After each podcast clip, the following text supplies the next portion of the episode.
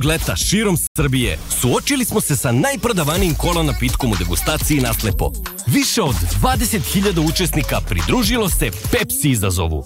Pitali smo koji kola ukus vam se više dopada.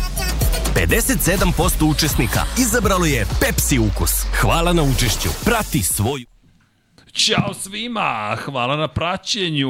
Ćao svima i dobrodošli u 99 yardi. Ko zna koji izdanje, vratno 170, ako mene sećanje se dobro služi. Jeste. Opa, godine nisu učinile svoje. I naravno, dobrodošli u emisiju posvećenu američkom futbolu, najjača ekipa na Balkanu, zahvaljujući kome, Crkiju velikom, budimo realni, s ovom ofazivnom linijom lagano je, ali da vam predstavimo našeg trenera, Jimmy the Coach, Sunday, Ivan Nedeljković, uh, čoveka koji je jedini ušao u finala konferencija ljubičasti Gavran Mihajlo Miksa Stefanović sa znakom Infinity-a. Standing ovation. Standing Samo ovation. jako do kraja. Samo jako do kraja. I čovek kome čestitamo, možda i najsrećniji ove nedelje, dobio je Ne može da trener. bude najsrećniji, Ne može, dobro, izvini, izvini. Ale. A Izvini. kako ti... u- A? A? ne. Nisam ukrao grom, nisam ukrao grom.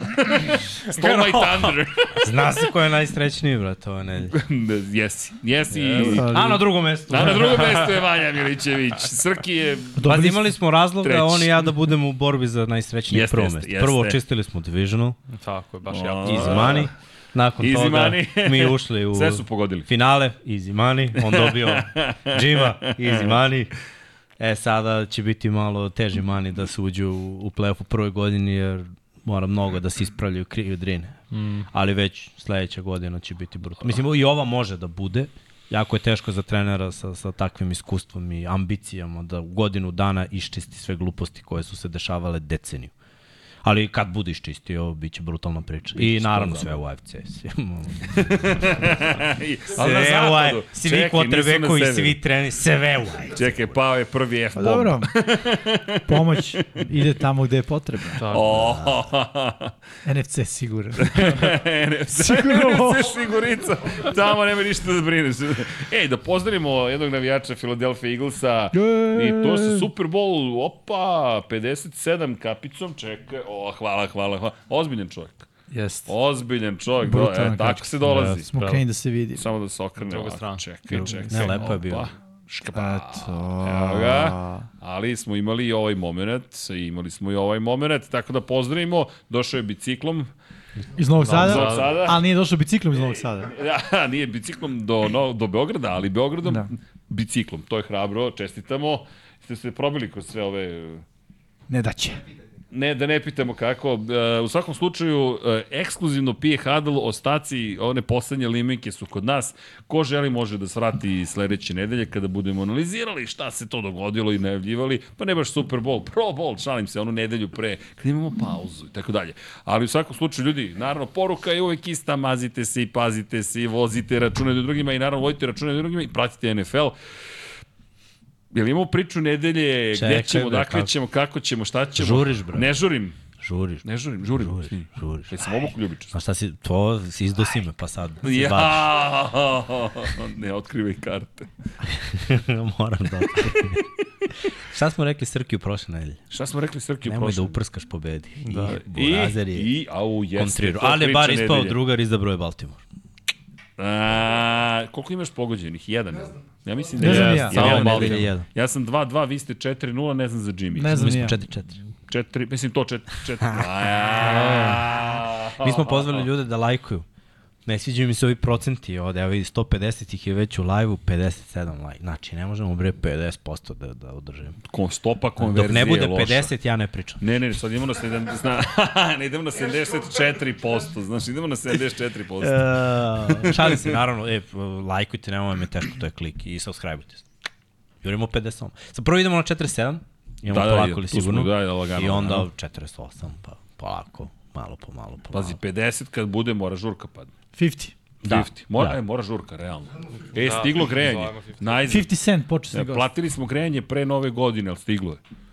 Vanja koji je rekao da na lotu, već bismo bili dole. E, Vanja, mora da dobiš tri loto da, da, da, da, da ubrzamo ove stvari. Ali to je pozitiva. Eno, dole se prostor zagreo, fino je, toplo je.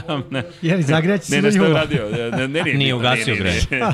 Ne, ne, ugasio je. Ne, ne, dogovor je bio, aj pustimo grejanje da vidimo kako će biti kad neko, nekoliko sati da. sve to radi.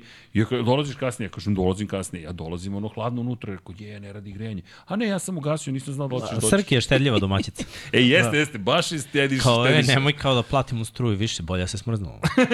I klasičan da se- zbaj iz Wisconsina. A Da, to, ne, on je mazite se, pazite se, shvatio bukvalno, zagrlimo se i onda tamo radimo zagrljeni. Tako se gremo. Grejna tela. Grejno te.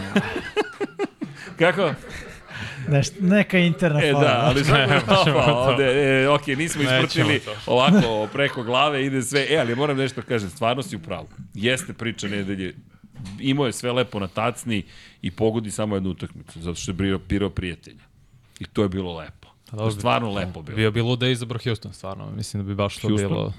Bilo je takih ludaka. kako? Molim, zašto? Ja sam bio. Pogreš čovjek. A, a, jeste, ti si birao Houston. Pa dobro, hteo sam da, to mi je delovalo kao da može da se desi. Mislim, na polovremenu je delovalo. Ali Fiokica je pala. Aj kad smo kod priče nedelje da kažemo ove trener koji su potpisali. Da. Rahim uh, Morris je otišao u Atlantu. Tako da je on sad tamo head coach, bilo raznih priča. Bil, baš je bilo otvoreno mesto u Da. Atlanti. I bilo je bio dva puta u Atlanti. da. I imamo pitanje uh, kako nam deluje prva godina potencijalno bez Bila Beličeka na poziciji trenera. Pošto može da se desi. Atlanta je bila jedan od kandidata, Chargersi su bili drugi, Jim Harbaugh je otišao ovamo, Morris u ovamo i sada sve manje i manje. Uh, Dobrih scenarija za Bila. Pa imaš samo dva U, scenarija. u Tennessee je, da, i- isto i Tennessee je rešen. Callahan Uh, New England tamo. je, je rešen takođe. Imaš. Seahawkse i Commanderse kao scenariju. A Raidersi su rešeni isto. To, ne, samo ove dve ekipe, dve franšize, ali realno, koliko ja znam i koliko sam načuo par stvari, Commanderse će preuzeti Ben Johnson. Čim budu Lionsi završili svoju sezonu, sve više se naginje ka tome da on bude glavni trener, što ima smisla. Ideš opet u smeru nekog mlađeg, ofanzivno orijentisan trener, draftovaće quarterbacka sa drugim pikom i krećeš iznova. Imaš najviše u cap space-u skoro 75 miliona u međusezone, znači možeš da trošiš da uložiš i u odbranu koja je lošija i u ofanzivno ako nešto želi da menja Ben Johnson, što samo ostavlja Seattle Seahawks. A imaš i Vrabela i dalje koji je bez posla i to isto zanimljivo i da imaš možda Dana Quina, ne znam koja je situacija sa njim bila Beličika. i Arthur Smith. Arthur Smith, mislim da će on OC biti. I bio je na nekoliko razgovora za poziciju ofenzivnog koordinatora, ali iskreno budem imam teoriju i mislim da ako zapravo Eaglesi budu loše započeli sledeću godinu, tipa u prvih 7-8 odigranih utakmica imaju 2-5, 3-5, to ne ide na dobro, da će Sirijani dobiti otkaz da će ga naslediti Bill. Mm, ja imam drugu teoriju. Može se. Da Dallas neće da pobedi u play-offu i da će da šutnu McCarthy i tu dolazi Bill. Moguće. A mislim znači da će celu godinu sedeti. Da. Kao, isto kao McCarthy što se da. Hoće sigurno, ja očekujem da će sedeti cijelu godinu. Jer prosto ima smisla. Bill da- ako dolazi, Bill gradi o, o temelj. On kreće od početka. Nema kod njega da dođe da preuzme pa da ispravlja tuđe krive drine. Ne, nema toga. Znači, takvi treneri dolaze i prave svoju priču. To, zato dovodiš Bila. Mislim, ne možeš da dovedeš Čistiš sve. najboljeg trenera svih vremena i kao, e, Buraziru me karti ti ovo sve postavio, pa ti Dobro. vodi tako kako on mislio, a mi ćemo krivimo tebe Pa kada svi na ne budemo pobedili. zato što ti se upoznaš sa ekipom i ako ti ne odgovara bilo ko, a redko kad se baš uklapaš u nekoga, ti dovodiš svoje ljude. To tako uvijek funkcioniš u kompanijama, u timovima, da od, ne, ne smenjuje se zato što neko nekog ne voli, nego dovodiš ljude kojima veruješ da bi ubrzo ceo proces, jer tebi vreme teče čim si potpisao. I onda ne znam, ti sutra si glavni trener i dovodiš da ćeš da angažaš Jimmya i Miksu. Na, iz moje perspektive da. Zato što ih znaš ne samo šta šta? znaju, već u dušu i znaš da koliko možeš da im veruješ. Ko, ko zna na vreme da parkira, ko ne. Znaš, tako stvari. Da. Šalna strana, Afera ali parking. afera parking. A ti bi zvao vjerojatno nekog iz Chiefs pre mene. Je, vidim da ću za ove poglavice da platim. vidim da kreće to. Daj mi taj Mahomes E, dres da ga obučem. Daj mi tog Mahomija. A kao- a kao to. pukao sam tvoje A je boje, li da. Taylor dolazi uz, uz, uz Odmah sam ga izvalio. Dolazi AI verzija Taylor Swift. Aj, hvala ti Vanja, dakle, prešao sam u geekove, nerdove skroz, dakle. To je realna priča da se... Ne, stvarno je izašlo, ma to je AI slike su izašle neke Pera radio. Moguće da je Fera radio.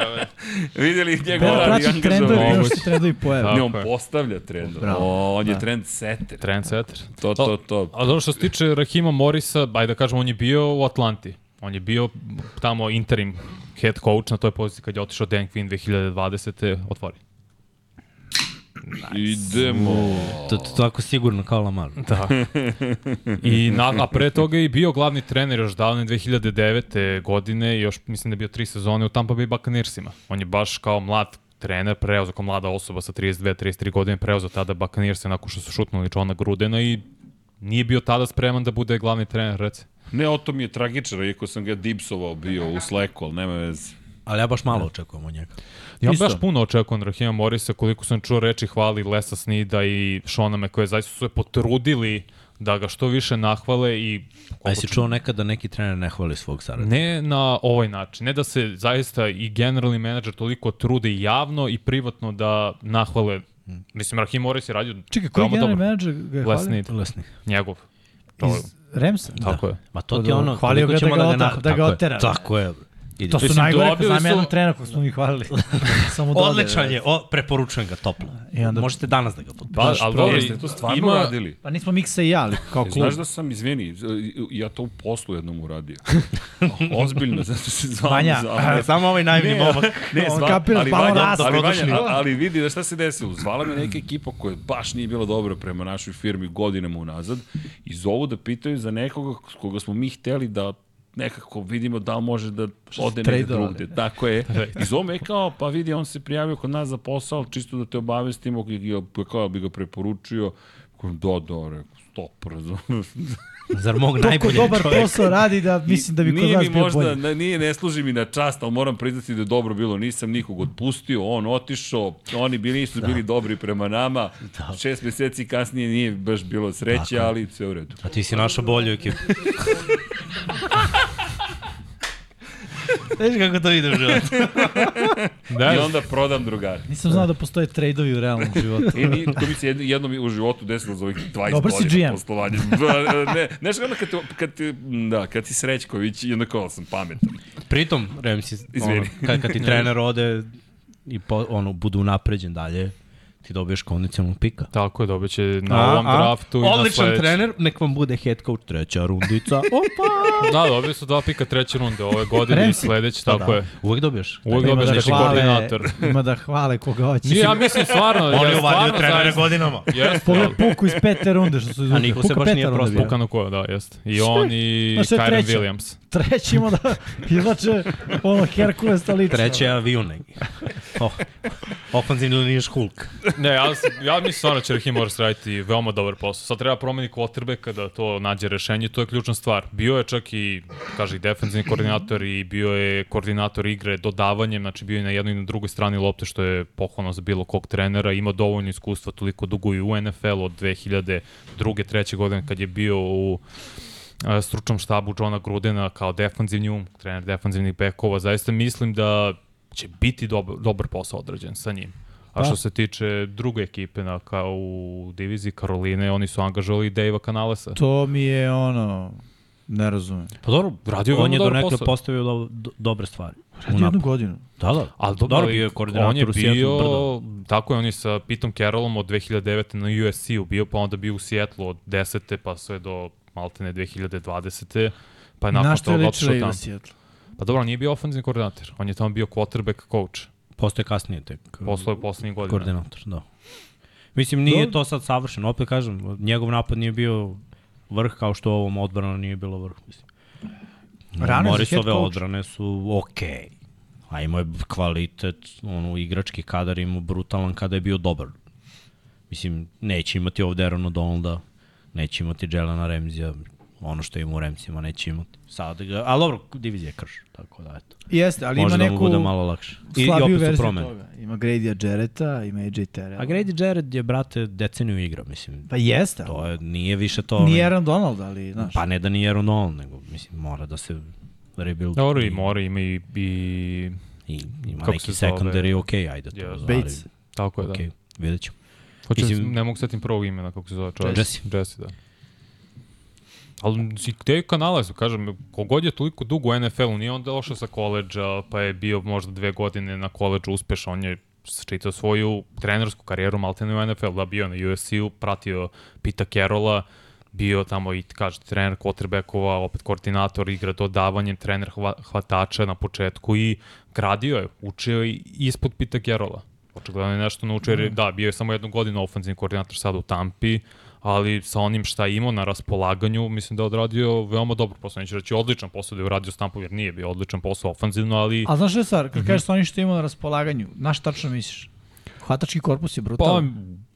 Pa, onako, bio je brutalan na kraju. Mike Evans je brutalan. Nije imao, Gadvin je Gadvin brutalan je kada igra... Nije mislim, znao ga iskoristi. To ti kažem, znači Gadvin je ne iskoristi. Nije znao da online trčanje. je upitan bio, 7-300 na vrf, Virsa, pardon. Jeste, ali on kao, znaš, ofanzivni um, treba da zna šta ima u online i da kreira akcije na osnovu Ok, toga. ali I kao iza Bakeru je Bakera. najbolja ova godina bila u njegovoj karijeri. Znači, on je izvukao najbolje iz Bakera. Što je Izvukao je zato što je bilo bunarenja mnogo ka jednoj opciji. mislim. Nije, nije mi savršen napad. Nije, trčanja nema. Znači, hiljadu yardi nije uspeo da, da stigne White-a, trebalo, jer dobro trči jako. Jeste. O, pa je onda provalio malo te screenove, ok, to, to je bilo bar neko rešenje. Gadvin nije ispunio ono puno očekivanja, a stvarno može mnogo više i niko od ovih drugih hvatača koji videli smo ih da mogu. Nisu došli do nekog nivoa da kažeš ok, on je razvio nekog sad. Naprimjer, Palmer koji je ono speedster, odigrao je bolje, razlačio je teren, imao je ovo, ovo, ono ne. Pamtit ćemo ga po touchdownu u play-offu protiv Fila. Mura verovatno isto po tome.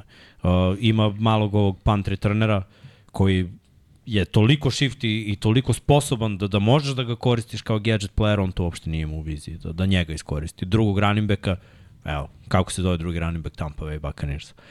Nema ih pokretno Bio je u traka. Arizoni, Edmundsi, šta je uradio? Ništa. Mislim, nije znao da, da odradi pravi posao, sad dolazi u ekipu koja, ajde da kažemo, ima opet te slične opcije. Ima jednog tight enda, ima jednog hvatača i ajde ima neki backfield, ali ja ga nikad nisam. Seattle je uvek patio, nikad nisu imali dobro trčanje kad je otišao Marshawn Lynch.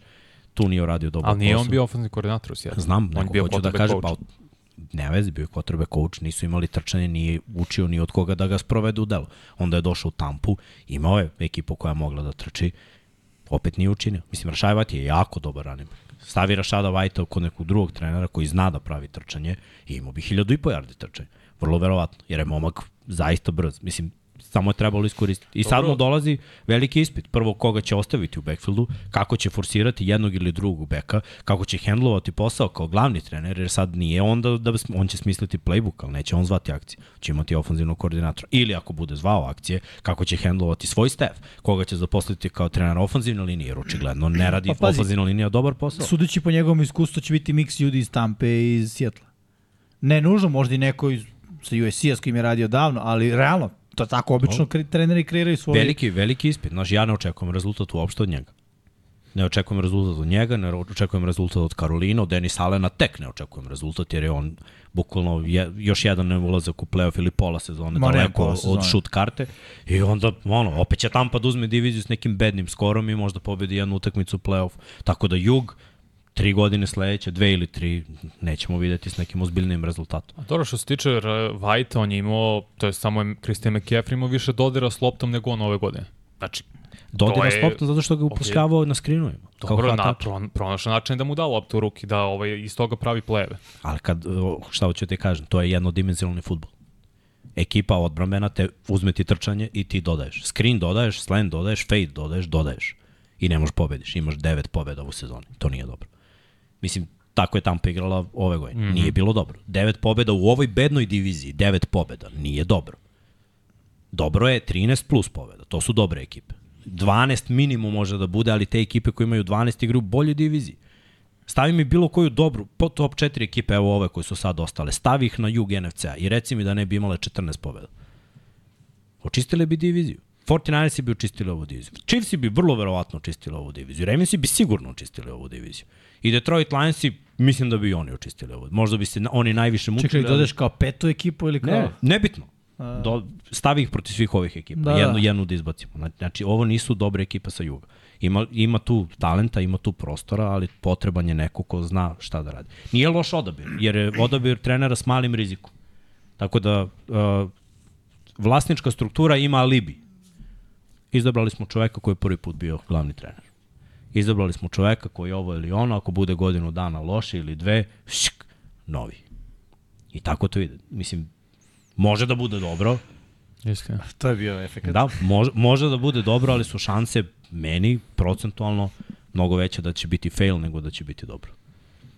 Dobro, i to je normalno svaki put kada neko je prvi put na nekoj poziciji, poziciji glavnog trenera, pogotovo u NFL-u, veće su šanse da bude veliki fail nego da uspe redko ko je Demico Ryans, Shane Steichen i tako dalje. Baš što tiče ti kalibri ili čak i Zach Taylor, opet Zach Taylor je bio loš dok nije došao Joe Burrow. Tako da ćemo vidjeti što se njih tiče kad smo već kod Zeka Taylora, njegov ofenzivni koordinator Brian Callahan je glavni trener sada Tennessee Titansa. I on potiče iz isto sistema. Gary Kubiak bio je toliko dugo godina u Denveru, pa posle Vegas malo, pa onda poslednje četiri godine kao ofenzivni koordinator ispod Zeka Taylora. Da li je to dobar potez za Tennessee Titans opet? Ima smisla, mlađi ofenzivni um, da vidiš da li možda razvijaš Vila Levisa i koliko možeš. On je učio od Zeka Taylora koji je pomogao, neću reći da je najzaslužniji jer nije, ali je pomogao donekle Joe Burrow da se razvije, da igra odmah na ovom nivou što se tiče NFL-a i mislim da je isto to pametan potez. Pa gledaj, šta on nije znao da uradi, isto da iskoristi Miksona. Ali Tennessee hoće da više ne koristi running backa, tako da je idealno za njih. Oni hoće sve na kvotrbe kada vide šta imaju. Znači, ovo je njima idealan izbor. Biće dodavanje, biće mnogo više dodavanja, biće sazrevanje kvotrbeka i za godinu dana ćemo videti dalje Will Levis. Kapacitet da bude starter u NFL-u ili ne. I niko neće suditi njemu na konto prve godine, jer će, ako Levis nije dobar, sk, idemo drugi. Ako ne može da razvije ni Levisa, ni drugog, onda je u njemu problem. Sk, Da, on ima barem dve, tri godine Da. u tenisiju. Zato što je drugačija situacija. Oni hoće da menjuju Identitet. identitet franšize, ka, Da. kako igraju futbol. Hoće da nema trčanja, hoće da budu spread, hoće da budu skill, jer divizija će vrlo verovatno ići u tom smeru sa Houstonom, koji imaju sada CJ Strauda, pa ajde da kažemo Indianapolis će i dalje forsirati trčanje i balans, ali će biti više dodavanja nego što je bilo, više dobrih dodavanja, bo- boljeg game plana nego što je bilo u eri Franka Reicha i kad uzmemo Jackson, mislim već ove godine smo videli odustajanje od trčanja i Trevor Lawrence show, Da, da, da. Doug Pederson pokušava da njega gurne u top 10 priču i, i da on bude dobar quarterback. Tako da oni prate trend iz divizije i ne žele da budu anomalije. Mislim, trenutno je jedino sever anomalija u AFC-u. Svi ostali idu više na skill, na dodavanja, manje na trčanje. Pa mislim da će to promeniti donekle Jim Harbaugh. Time što je došao u Chargers. Vidjet ćemo. Vidjet Mislim, ćemo. gde god da je došao, imao je uspeh franšiza, univerzitet, koje god, na koje god scena da je bilo u pitanju, situacija se poboljšala nakon godinu dana ili nakon čak dve, u vrh glave dve godine. Uzeo je katastrofu, preuzeo katastrofu u San Francisku, bili su jedna od najboljih ekipa u NFC-u, imao je u NFL karijeri 44 pobede, 19 poraza, što je za 4 godine, 4 zone sjajno. Preuzeo je Michigan da je bilo blaga katastrofa, popravio čitav sistem i eto, od šest puta u osam sezoni imao dvocifren broj pobjeda, stigu do play-offa, sve razumem, koleđe u pitanju, imao je savršenu sezonu ovu prošlu, to redko ko je uradio. I naravno, pomogao je im Andrew Laku da se razvije. Kad je bio na Staffordu, Lak je bio Heismanov finalista u drugoj godini, Stafford je opet imao 11-1 poslednjih par sezona, igrali su sjajno, bili su na jedna od boljih ekipa na koleđu, ako ne jedna od najboljih, tako da gde god je išao imaju uspeha. Pomogao je Kaperniku da izgleda kao NFL quarterback. Ali o, ono što je teško njega trpeti, to će Chargers da shvata u prvoj godini. Jer Moraju. uh, pričao je Edri do tome kad je John Harbaugh došao da bude trener. Sa njegovim stavom my way or the highway. I šta su skupio? Edri, Dre Lewis i ekipa su se skupili bili ono. Kad je coach krenuo da baca F-bombe po treningu, bukvalno su ga okružili bili u fazonu, ono, coach, mi smo, nismo debili, znamo futbol. Ne može tako. Taj stav, ne, mora se promeni. Uh, dobro je što želi pobednički mentalitet u ekipe, ali mora da zna da pristupi ekipi. Sad, Chargersi nisu klinci. Ima tu dosta veterana.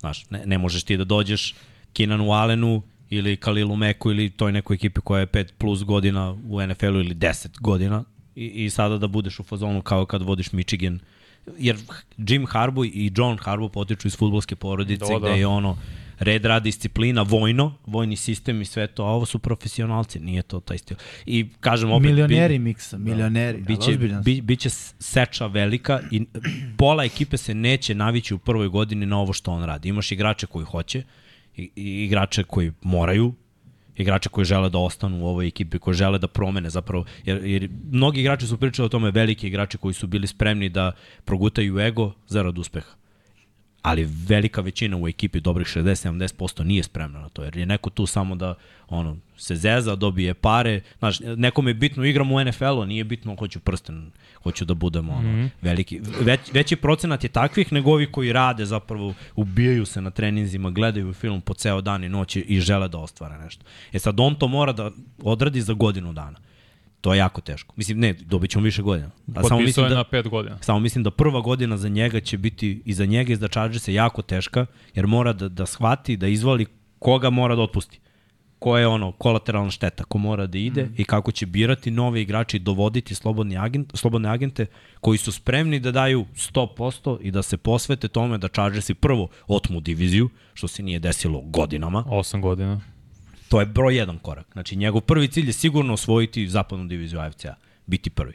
Znači, to se postavlja kao cilj u sledeće dve godine. Pa nakon toga, ulazak u playoff, pobeda, igranje na domaćem terenu, da, da ono, ljudi u Los Angelesu shvate da se ovo nije samo za Remse, već da su tu i Chargersi, to da se shvati i onda može da se napadne ono što se nije desilo deceniju plusa, to je eventualno finale konferencije i, i možda taj Super Bowl. Jer trener ima kapacitet, bio je u NFL-u kao head coach u Super Bowlu sa 49ersima, isti ti 49ersi su bili u ozbiljnom paklu yes. i isti ti igrači 49ersa su bili u fazonu Gene Harbaugh je problem. Je jedno se ono muči, tre, terao da trenamo. Singletary je došao pre njega, Otišao je zbog toga što je bio vojna disciplina. Harbu, Harbu su nekako istrpili jer su stigli finale konferencije Super Bowl, pa opet finale konferencije i onda je bilo ono, e, ovo je mač. I ja mislim da su igrači još više danas razmaženi nego što su bili nekada. Pritom, I da je stvarno teško. I on mora da nađe balans više da bude drug, manje da bude tiran. Da. Pritom to je ekipa 49 da igrao Frank Gore i da igrao Patrick Willis. Vernon Davis. Ok, Vernon Davis je... On da se žalio najviše. Da, da. Navarro Bowman, Dobro. seti se Smitha, jedno, da, da, da, drugo. Navarro Bowman, da, da. Imali su brutalne igrače tada. I igrači su bili u fazonu ovo je tumač. To je ne, Vernon Davis mi nije merilo za to. On je lik koji... On je ona suprotno slajsna. Singletary rekao, on can't coach him. Da? To je to, ne može da ga, ne može da ga coachaš, brate. Lik je ne, uncoachable. A neverovatan atlet. Da, samo što je velik. Pa jeste, opet i 49ers su baš bili u mnogo teškoj situaciji godinama unazad pre nego što je on došao. Loša situacija u kepu, prosečan quarterback u tom momentu, Alex Smith je bio bast. Bio je bast. Nisu pa znali šta, je, šta će biti, proigro je, posle ga nasledio Kapernik, odbrane krenulo da kida i shvatili su, oni mislim da su i progutali ego prvih dve godine, dok su videli, samo kad su videli uspeh. Samo zbog vođa. Da, da. Ali vi nemate te vođe. Nemamo. Tamo je mogao da podvikne Patrick Willis, ajde da vidim. Oni Navarro Bowman kad podviknu, ko će da kaže, ja neću da treniram 100%. Boraziru, nisi tu. Izbacit ćete oni, ne, ne mora trener ništa ti kaže. Jer ta ekipa je bila svesna sad ili nikad. Koliko je igrao Patrick Willis? Nije ni 10 godina igrao. On je znao sad ili nikad. Od 2007. do 14. On je tamo, mislim, bio realno, nije ni veteran bio, što je bilo četvrta njegova godina. Ali je bio spreman, to je da, bilo da. sad ili nikad. Svi Tako ti je. igrači su bili sa Frank Go. Razumeš? Ti, ti igrači pomažu treneru. Vi nemate tog igrača. Nemam. Vaš Herbert je vrhunski, najbolji igrač kog imate, a on je u fazonu vladovina. A nije čak ni Herbert u fazonu, Herbert je mlad, Herbert ne deluje kao neko će da ih povede. Ali, znači... Znaš, Keenan Allen bi to mogao, ali Keenan Allen nije taj lik. Ja sam ubeđen da nije taj lik. To mora bude Khalil Mack. On mora da ostane. Jedino on. Jedino on. On mora da ostane i da ali bude taj lik. Ali da li on on board. I to je, da. I, 35 godina. Tako, vrete, I da. jedna strana lopte i sad Harbo mora s njim. Znaš, znaš koliko je teško za godinu dana doći do rezultata. Ali ja verujem da je druga godina ona godina za Chargers. U drugoj godini će Harbo sve da iščisti. Sad samo treba biti strpljiv i, i sačekati, da, jer stvarno mora sve iz temelja da se menja. Franšiza je u velikom problemu podrška na ali jeste stvarno yes. je tako ne, ne, ne računamo talenat da ne računamo talenat uh, i, i na papiru i to kako oni igraju neke utakmice koji potencijal imaju Znaš, sve, sve je to džaba ako nemaju svi zajedno isti cilj Znamo, i isti plan da Mislim da si ti lepo objasnio cijelu situaciju, pogotovo kada je reč o tome ko će ti bude vođa. Da li ćeš da imaš tog nekog ko će na kraju da galvanizuje celu ekipu i da kaže, vidi, mi, ve, moraš da veruješ na kraju. Znaš, više nije pitanje love, svi će na kraju da dobiju neku lovu. I to ne malu lovu, lova više nije mala nigde. Nego je point u tome koji će ti biti motiv da uspeš u ovome što se događa. No. Naravno, pazi, e, loše stvari s ugovorima sa svima dešavaju. To što je JC Jackson bio potpuni debakl potpisivanje mm. i bosa povređen svake to, godine. Ne to, to, da pogodiš sve. To ne možeš da pogodiš, to, to, je, to je normalno. To je normalno. To, tako, tako je. To nije ni trener, niti je GM. Dešava se. E, nije dobar fit, možda će negde drugde da se uklopi, pa. tu se ne uklopa, ideš dalje. Ali sad imaš priliku da, da vidiš Kenneth Murray, Šta s njim? Ostaje, ide. Bosa, ostaje, ide. Mac, ostaje, ide. A Santa Samuel ostaviš kao jedinog kog si ti izabrao, a stvarno se dokazao u prvih nekoliko godina. S ofenzivne strane, Mike Williams, Ostaje, on ide. Ostaje, potpisuje ugovor, ajde da ga vidimo da, da, da bude zdrav. Ajde Ne, i nekako, potpisan je on, on Da, da, mora da smanji ugovor. On mora malo da se menja ugovor. sedi, Keenan Allen ostaje, ta veličina stiže sad ili nikad, to je to, daj mu šansu, igraš ti je franšize, za, zadrži ga kao što si znao i pre velike igrače, kako je Antonio Gates ostao celu karijeru. I, istu priču napravi. Nek ti ostane on. Ekeler, iskreno, pošto je prošle godine rekonstruisao ugovor, ta, menji. Draft. Idemo, d, A i- draftovaće svog A? Blake Corumu, verovatno u drugoj rundi, ako bude pao, verujem da hoće, uzet će running backa sa Michigana, ko Meni. zna, i to je to. Malo, mlada snaga, može da bude horseback. Ej, teče vreme, šta da radiš? Da, Nije Dobro, uspeo.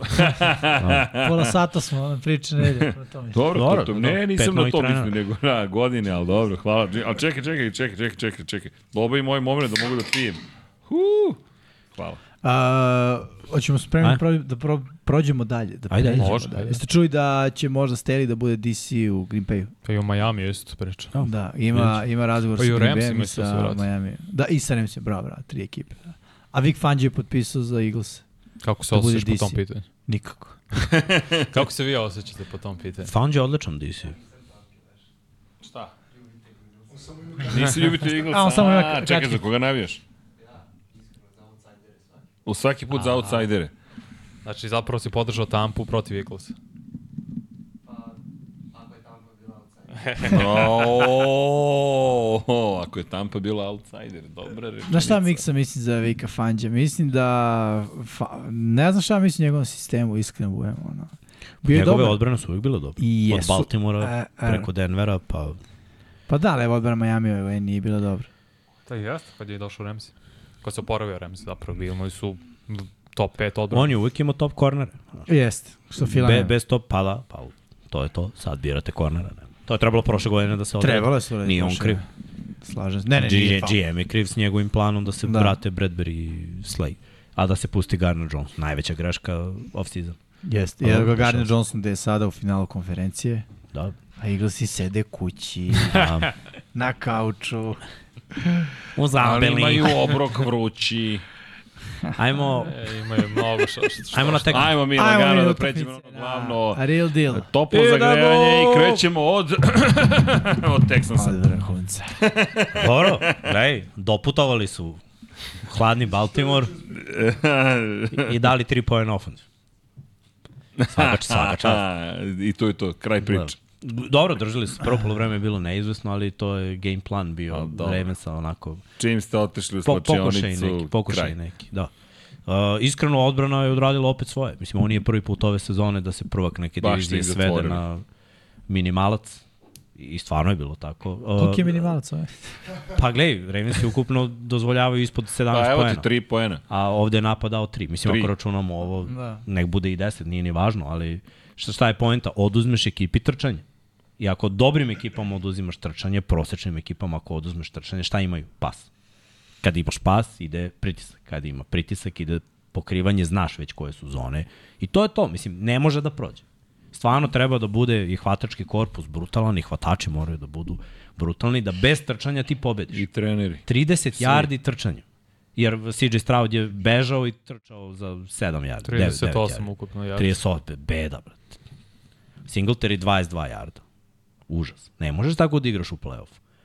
Koliko god da je Stroud dobar quarterback i nije on igrao loše uopšte, jednostavno je bio u situaciji, uh, pričao je on sa ofenzivnom linijom. Pokušajte da me zaštitite, to je rekao. Ono, pokušavam da, da, da ostajem clean, da imam clean paket, da dodam loptu, jer ja vidim ko je otvoren, ali nemam još taj jedan sekund da oni prođu taj, taj, to mesto gde trenutno nisu otvoreni da bi se otvorili. A on je quarterback koji ne greši. I ovde nije grešio i to je velika pohvala. Mogu je da bunari i da da Jasno. loptu taj sledeći prozor, ali možda bi bio interception, možda je već imao za malo jedan interception mm. kada je Hamilton imao loptu u rukama i, i tu je onda počeo da igra konzervativno, što je velika pohvala za mladog quarterback. Nije forsirao, verovao je u proces. Verovao je da će odbrana zaustaviti Baltimore. Odbrana Houstona je dobra, ali mislim nisu imali prave ispite. Kolci su im trčali 200 yardi. Mislim, ako su kolci trčali bez kvotrbeka koji trči 200, što ne bi trčao Baltimore 200 kad imaju Lamara koji može da istrči 100 ako se malo potrudi. I ostatak backfielda je radio svoje, preko 200 yardi trčanjem. Mislim da da i dodavanjem nije bilo toliko loše. Nije, nije bilo previše yardi, ali je bilo ono, aha, prazno, quick game, paf, izvoli. Malo, malo, malo, prvi down, prvi down, prvi down, crvena zona, fan, ono, savršeno. Ako tako igraš u crvenoj zoni, daješ poene, postigneš preko 30, teško je pobediti. Ekipu koja daje preko 30, a ima ovakvu odbranu. I ono, moglo je da bude malo neizvesnije, Texansi su bolji od ovoga, ali prva utakmica 9, druga 10, mislim. Ajde da se ne lažem. Ovo je njihov maksimum za ovu godinu, što nije loše. Niko nije ovde nezadovoljan, jer niko Texansa ja mislim da nije ni video ovde. Da osvoje diviziju i da dođu do divizijske runde. Tako da je ono, super stvari. Videlo se tačno neiskustvo njihove. E, Radio sam ovaj i Game Day i Mike Up i ti vidiš da je Miko Rajans kako sve vreme komunicira s njima. Malo smo šire nego što treba. Nismo na mestu, ne skupljamo, fali nam brže da odreagujemo na to. I tačno je, tačno, ono, igraju quick game, kao morate brže da dođete na određeno mesto. Tačno se vidi, on vidi što je iskusan i kao igrač i kao koordinator sa boljom ekipom znao je mm. kako mogu da se oduzmu te neke stvari ali Texansi su previše bili Lamar, i kad ti Lamar, a moraš da gledaš kad si mlad, jer, jer se pašiš i istrču ti 100 yardi, i onda on krene da bocka, ono, sit, 10 out, slant, kratke te rutice, ti si fokusiran na, na hiljadu stvari i onda posle kad odradiš dobar coverage, nikomu ne priđe, on raširi odbranu iz sredine, iscepa 30 yardi i onda tek si iznervira Demi Ranska, quarterback na draw istrači 30 yardi, a nikog nije bilo da, da ga pogleda. Posle stave jednog igrača koji će da bude špijun, jedan manju coverage, tako je bio ta žal Nagolora i mislim, stvarno uh, outcoachovani su. Ali, ok, Bobby Slovik je izgurao maksimum, mora da uči. Ovo je za njega važna lekcija. Ne može bez trčanja. Ove godine je bilo, forsirao je u nekim trenucima, u nekim nije, forsirao je mlado kotrbeka. Sad mora da nauči za veliki uspeh u NFL-u moraš da imaš izbalansiran napad. Mora da znaš da ga vodiš i mora da znaš da ga forsiraš i moraš da progutaš neka kad istrčiš 0 yardi, 1 yard, da nastaviš da forsiraš da bi imao više uspeha. Tako da je s te strane bilo loše. A za Baltimore, mislim, meni je ovo bilo znam da, da, da, da si ti bio fazon 60 ili 65 ili pe, koliko si rekao? 55, 45. 55, 45. Mislim da je to bilo nerealno. Mislim da, da, da je ovo realnije. Pa dobro. Ovo je bio prevelik. 100%. Da. Nije, ne, ne 100%. Znaš, bi, 30% za njih i odradili su prvo polovreme, to je ono. I posle toga da. su nestali. I ofanzivno i defanzivno su nestali u drugom polovremenu. Istina, istina. Pošto je 24-0 bilo u drugom polovremenu. Prevelik zaloga je bio ovo za mlade Texanse i to je skroz okej. Okay ostvarili su svoje ciljeve za ovu godinu, moraju da sad da se fokusiraju na draft, da draftuju running backa koji će biti taj workhorse, znači da ima po 15 do 20 nošenja ili dodira makar sa loptom, da imaju tu na toj poziciji dubinu, po, dubina na poziciji ofanzivne linije koja se često rotirala ove godine, imali su i tu problema, našli su svoje hvatače mlade, možda da nađu jednog tight enda na draftu, pošto vidjet ćemo da li će zadržati Šulca, možda je neophodno makar još jednu godinu da ima CJ Stroud tu čovjeka kao, je, kao, sigur, ovaj, kao sigurna meta. Dalton Schultz je iskusan tight end, veoma dobar, kvalitetan, ali svako draft, draftuješ na toj poziciji. Što se tiče odbrane, mladi su previše i ta defanzivna linija i imali su probleme s povredama i vidi se da im prosto fali, da im fali iskustvo, ali odbrana Ravensa grmi. Mm -hmm. Da, htio sam da kažem, e, meni je ofenzivna linija Texansa podbacila na ovom meču. Previše prekršaja. I to u ključnim situacijama, na Frkic. trećem downu, na drugom downu. Pet znaš, puta full start. Potpuno besmisleno. I ja bih investirao u ofenzivnu liniju Houstona. Upravo to što je Miksa rekao, on, imaš fenomenalno quarterbacka, daj mu sekund više. Daj mu sekund više i do, počeće se dešavaju dobre stvari. Realno, imamo još, još jednog brutalnog hvatača koji nije igrao ovde, Tank Dell, povredio se. Mm -hmm. Imaš odličan hvatački korpus. Što se mene tiče, ja ne bih investirao u, u trkač. Mislim da Singletary radi odličan posao, ali on ne može trči kada ofenzija linija ne otvara rupe. To je prva stvar. Uh, druga stvar, čak i Damian Pierce, koji je pitanje da će ostati ili neće. Nisu ga koristili uopšte ove godine. Tako je. Mada on je na ruki u goru, bit će tu, da. dakle oni žele da bude tu. Ovaj, ali mislim da uh, backfield nije problem, problem je ofenzivna linija. Uh, istina i malo dubina i malo generalno kvalitet. Ono, Leremi Tansil, ne znam, ja nisam fan njegov od kako je došao u ligu, on je dobar tekl, ne mogu da kažem da je da nije dobar tekl, ali znaš, daleko je on od Trenta Williamsa. Realno. Daleko je on od Majlate, da, daleko je on od takvih igrača. Znaš šta, Realno. oni su, oni su napravili online, očigledno i za, za ovu utakmicu game plan je bio da Strau će izbaciti loptu ako mu igraš tu. Mislim, nije bilo seka, ali on imao intentional grounding i bacio je šest lopti kada mu igraš bio na, na ono metar od, bukvalno ide seka, ali on je pametan i zna da baci I loptu i da ne bude grounding, bio je jednom grounding. Da. Ali je to bio game plan, ali run blocking im je bio užasan. Jer Jeste. nisu mogli da otvore ni jedan gap, nisu mogli da se izbore za gap protiv Ravensa koji imaju, da kažemo, malo krupniju defanzivnu liniju. Oni u svojoj diviziji nemaju problema. Bi, bilo je dobrih utakmica trčanja, ali nisu videli dva defanzivna tekla od 150 plus kila, nisu videli stalnu rotaciju na defanzivnim endovima i dvojicu ubica na linebackeru. Njih šestorica zatvore trčanje. A gde je Hamilton koji se spusti, gde je Molet koji se spusti, često se defanzivni bekovi uključuju tu odbranu protiv trčanja. I znaš šta, i blicevi. Znaš, Baltimore radi blice na vrlo karakterističan i specifičan način, to ne radi puna ekipa i onda je to još jedna stvar koju nisu videli kada govorimo o protekciji. I stvar koju sam teo da dodam, CJ Stroud je u prvom polovremenu imao i sreće, seti se dva puta je dodao, jednom je pokrivao, ja mislim, uh, Rockwan Smith, Šulca, Da. i da se samo okrenuo Smith je lopta bila balon. Da. To je bila sreća. To je treba bude interception za Baltimore. Tako da bi prvo polovreme izgledalo drugačije da tih par situacija nisu bile malo ne mogu da kažem na sreću, ali ajde da kažem da je odbrana Baltimora bila malo opreznija, igrala sa malo više uh, uh, Hamilton da je uhvatio interception ne bi dali ni trojku, tu su izvukli Philadelphia. Tako je. Tako da, eto, ono, Ravensi su apsolutno izdominirali na, na ovom meču. A što se Houstona tiče, sve smo rekli, mislim, realno, odličan, odličan uspeh za ovu godinu. Jeste, i evo da pokolimo još malo Lamara Jacksona, prvi igrač, što je mislim da je Mikser rekao kad smo radili sledeću utakmicu sa dva touchdowna trčanja, dva touchdowna dodavanjem, makar 100 yardi na zemlji i pase ratingom preko 100. Niko nikad to nije uradio. Odbrana Ravensa, mislim da je najbolje u poslednjih 5 godina. 10 prvih downova su sad dozvolili, ti si rekao, 3 Ne, ne, samo poena, sad je ubedljivo najbolje. 213 yardi svega, Ali to je za, Texansima, to je brutalno. sve počinje od uh, šta, svaka Smith. ekipa dobra defanzivno mora da ima. Dobrog linebackera, defanzivnu liniju koja zna da radi, čak ne moraju da budu izvrsni rašeri i da imaju ono 15 plus ekova, nego samo da svako zna svoj zadatak da budu dobri i u run stopu i, u- i u rushu i dobar safety. I, i već, već je bolje, za Baltimore naročito. Roquan Smith je promenio mnogo toga. Mislim, vidi se. Tako da, eto, Bersi su ispustili jednu priliku, dobro, odradili su i oni solidnu priču, Ravensi su uboli, ovo je bila premija. Mislim, ja sam se radao oko malo dete kada je došao prošle godine. Mislim, setite se. Meni je ovo bilo Uhu! Jeste. i desilo se na kraju. Tako da, možemo dalje. Ovo je bilo lagano, Ravensi prvi put u istoriji kao Ravensi dočekuju ekipu u finalu AFC-a. Prvi put su domaćini kao Ravensi, poslednji put su bili kao Baltimore Coltsi, domaćini finala AFC-a.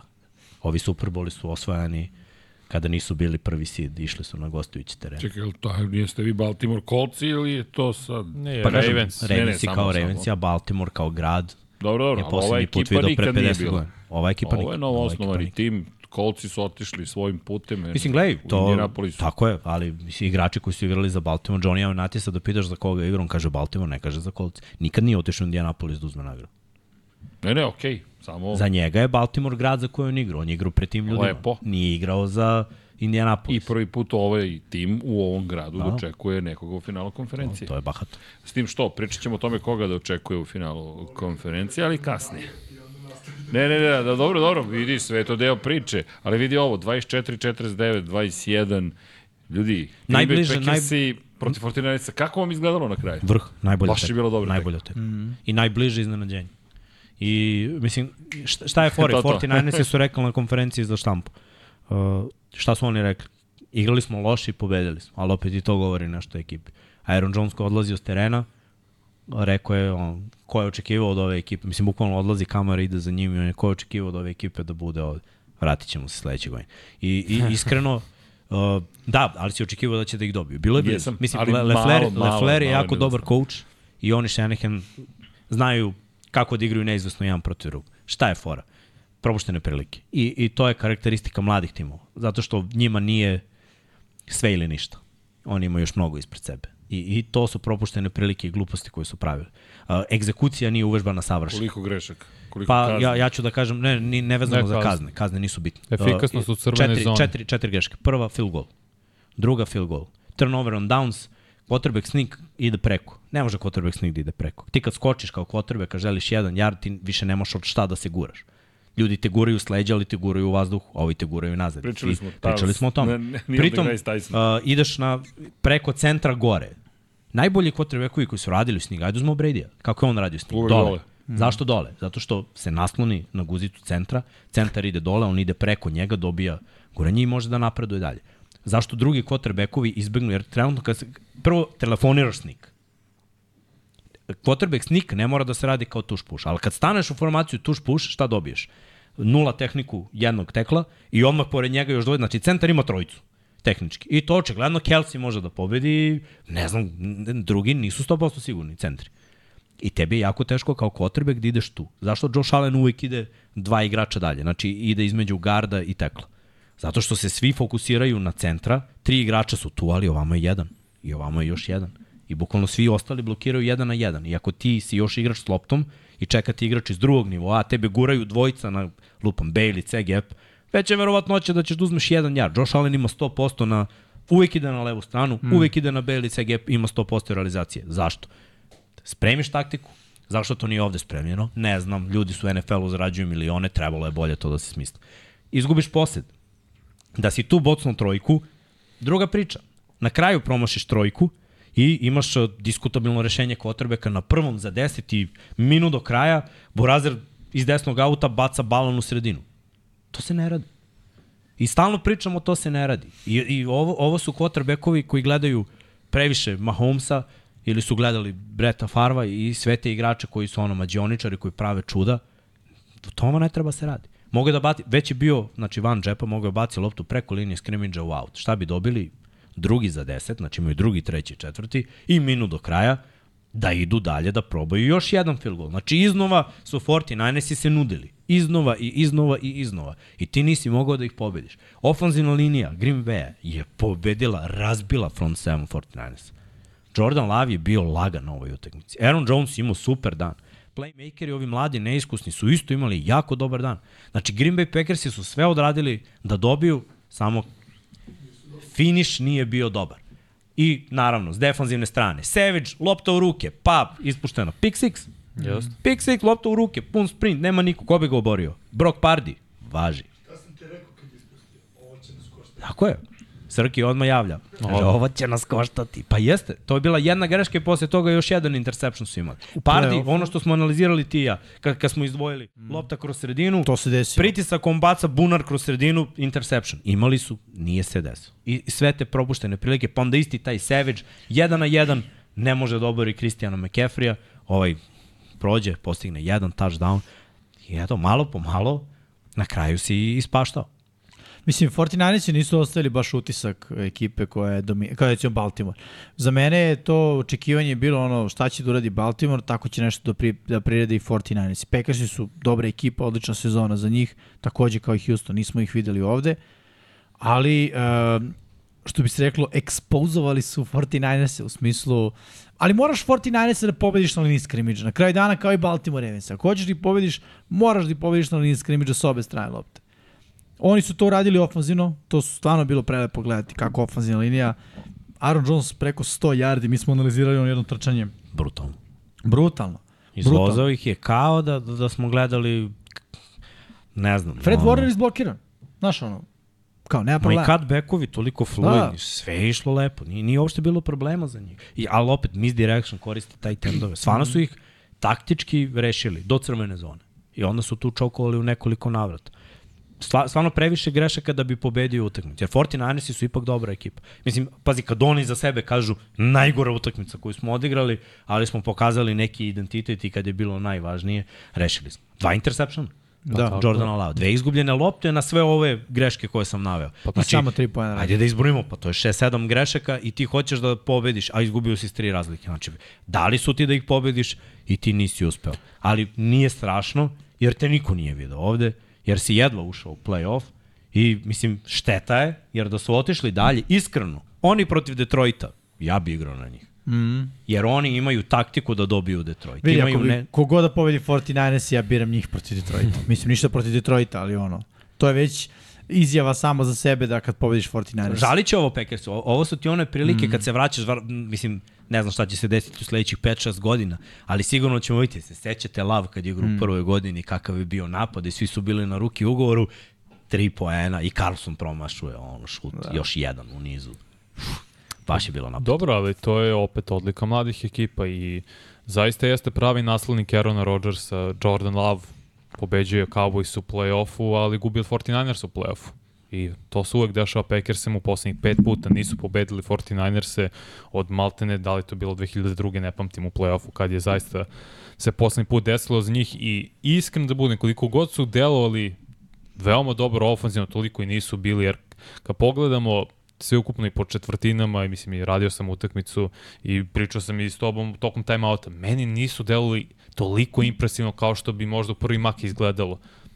Zadovoljavaš se sa 3 poena konstantno, postižeš 3 poena u prvoj četvrtini, 3 poena u drugoj četvrtini, onda eksplodiraš u poslednjoj, u pardon, u trećoj, prvo eksplodirao si zato što si touchdown postigao nakon odličnog poteza specijalnog tima koji je vratio, uh, kako se zove, Kishon Nixon. Nixon, i fumblovo sve pohvale za Erika Wilsona koji je pao na onu loptu, ne znam ka, kojim čudom jako je padala kiša, tu si dobio posled Maltene na 20 yardi, postigo touchdown, to si iskoristio. Iskoristio si to što se ofanzivno 49ersi nisu sastavili sve do poslednje četvrtine. Dibo nije igrao. Mislim, Dibo se povredio, tako je. To su 49ersi, nema Dibo Samuela problem. Pardi je opet, zašto ga ja ne stavljam u top 10 kategoriju? Iz ovog razloga. Jer Brock Pardy kada je sve na njemu, da se razumemo, ima je maestralan poslednji drive. Stvarno je bilo prelepo vidjeti, lepo se povezao 6 od 7 i to je na kraju krajeva pobednički drive. Donio im je pobedu, bio je sjajan, Christian McCaffrey je igrao ispod svojih standarda, ali opet je bio najbolji igrač na terenu. Preko skoro 130 yardi s linije skrimidža, dva touchdowna, brutalan touchdown kad istočio za 30 i nešto yardi,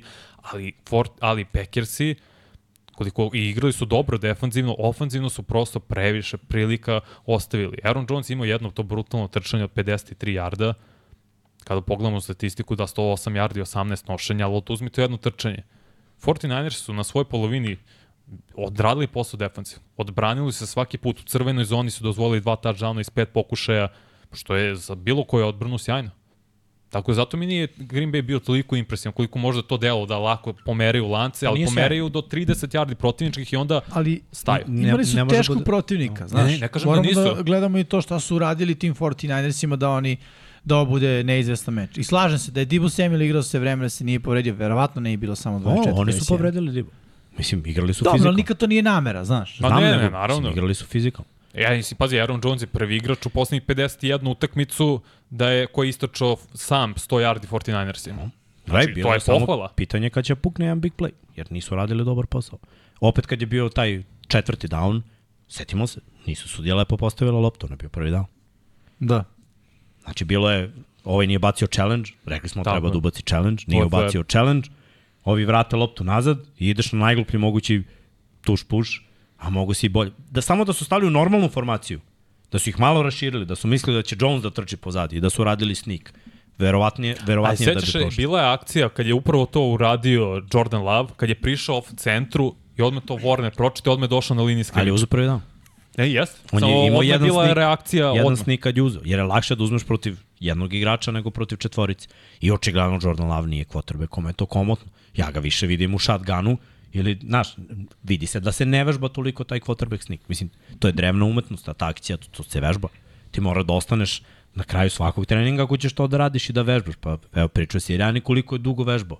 Brady je pričao o tome koliko su radili na tome da bi taj procenat bio 96-7% za karijeru. Da. Pa Nije koliko imao je, jednog centra, promenio ih je. koliko je Jordan Love sa svakim. realno ispod centra? I tokom običnih akcija. Pa ima. Ima, Nije jer puno. igraju, igraju dosta play action, ali nije puno. Nije, nije, to njegov bo, Upravo bolji to, je kada se navikne na to. Mislim, pozitivna stvar za Packers je možda za njih odbranu otpustili su Joe Barrya sada. Ja verujem da oni imaju poprilično talenta defensiva, pogotovo u front sevenu, jer su uglavnom pikuju prve ili druge runde, igraju veoma dobro, imali su svi pojedinačno u nekom momentu u svojoj karijeri odlične sezone. Sad, da li je filozofija druga potrebna, neophodna? Pa ne, samo konstantno. Dosta je tu, opet imali su promene. Rasul Douglas otišao, bio dobar prošle godine. Pa ubaci klince, pa klinci se razigrali. Ok, sledeće godine imaš bolju priču. Nekonstantnost, to je problem. Nekonstantnost... uh, Povrede malo isto. Tako je, isto. J. Alexander tu i tamo, pa Devondre Campbell tu i tamo, pa... Pa i uh, Walker. Tako je. I, ima tu igrača koji su dolazili i odlazili. Ali opet sve u svemu jedan dobar utisak. Malo je falilo, Jest. šteta. 49 su se ponudili, nisam siguran koliko će se nuditi do kraja sada. Jer, znaš, ovako dobra ekipa ne može da bude ne bi trebalo da bude loša. Ovo je malo možda njih zateklo i pljuštala je kiša i dve nedelje nisu igrali starteri. Sve, sve to možda se skupilo i došla je ekipa koja je nezgodna. Njima ova ekipa je nezgodna. To je, oni pobeđuju u play-offu, ali Lefler i Šenehen imaju iste zamisli i to je nezgodno braniti. Pazi, sedmo finale konferencije od 2012. godine, to je 2011. sezone. U NFC-u oni su glavna ekipa. Jesu, Znači, a promenili njih moraš su... da prođeš da bi išao do Super Bowl, uglavnom. Tako je. Su, super je ekipa, mislim, st- stvarno ne, sve rade kako treba. Mislim, nismo ih džabe ili kotirali pre početka sezone da. u sam vrh. Zato što su stvarno ozbiljna ekipa i, i delovalo je da, da će ovo biti to. E sad, samo je fokus. I mislim, ako neko zna da, da spremi defanzivni game plan i ofanzivni za sledeću utakmicu koja sledi, gde su apsolutni favoriti, to mora da se reši. Ako Detroit Lions ih nadcoachuju, onda i Shanahan mora ozbiljno da razmisli šta dalje. Ono, menjaj. Do, da. Znaš, promeni. Gub, gubio si, izgubio si dva defanzivna koordinatora. Znaš, ne može Jared Goff da te nadigra ovde i Gibbs i Montgomery da te Možda pretrče. jeste do Steve Wilkes onda. A? Nije ovo bilo savršeno defanzivno. iste je u suštini personel defensivno. Da. Da. Ako ne malo bolje čak. Pošto Hargrave je doveden. Nije bolje jer je secondary, meni je secondary 49ersa bez Kufange lak za pobediti. I to će kvotrbe koje je sposoban pokazati. Sada, ako ofanzivna linija da Goff, pričat ćemo posle o tome. Dovoljno vremena, Goff je sposoban da im pokaže. Jer, glej, dobar coach ne bi uopšte napadao Vorda. Što je, što je probao Lefler jednom i nije prošlo. Ne znam što to uopšte. Kad je Thompson prolazilo i bio interference Embry, i, da. i bila su i do danas, brate, sve vreme njega. Šta, je- šta je bio ono kvalitet petiroca pre? Nađu ti najslabiju kariku i unište je na utakmici. 10 hvatanja za redom ide na tog lika dok lik ne bude demoralisan i onda ga neko izvede iz igre, uđe novi i njega roka i sve vreme. Ne ideš na najbolje. Pa jeste, to, znaš, to ti je kao u košarci. Ako ti je centar dobar protiv lošeg centra, nećemo šutiramo trojke, nego ćemo da izgradimo da mu spustimo loptu dole. Da, Da. da zide i da pakujemo lagane poene. I onda cela ekipa pada u depru. To se ovde nije desilo i to je greška. I to Detroit mora da, da zna bolje da iskoristi. Pa ćemo da vidimo njihovog ofanzivnog koordinatora Ajmo dalje. da razmišlja tako. Sledeći meč su nam upravo Lionsi protiv Buccaneersa. Lionsi su igrali kod kuće, pobedili 31-23. A, šta znam, sve vreme su bili u, da kažemo, u kontroli situacije.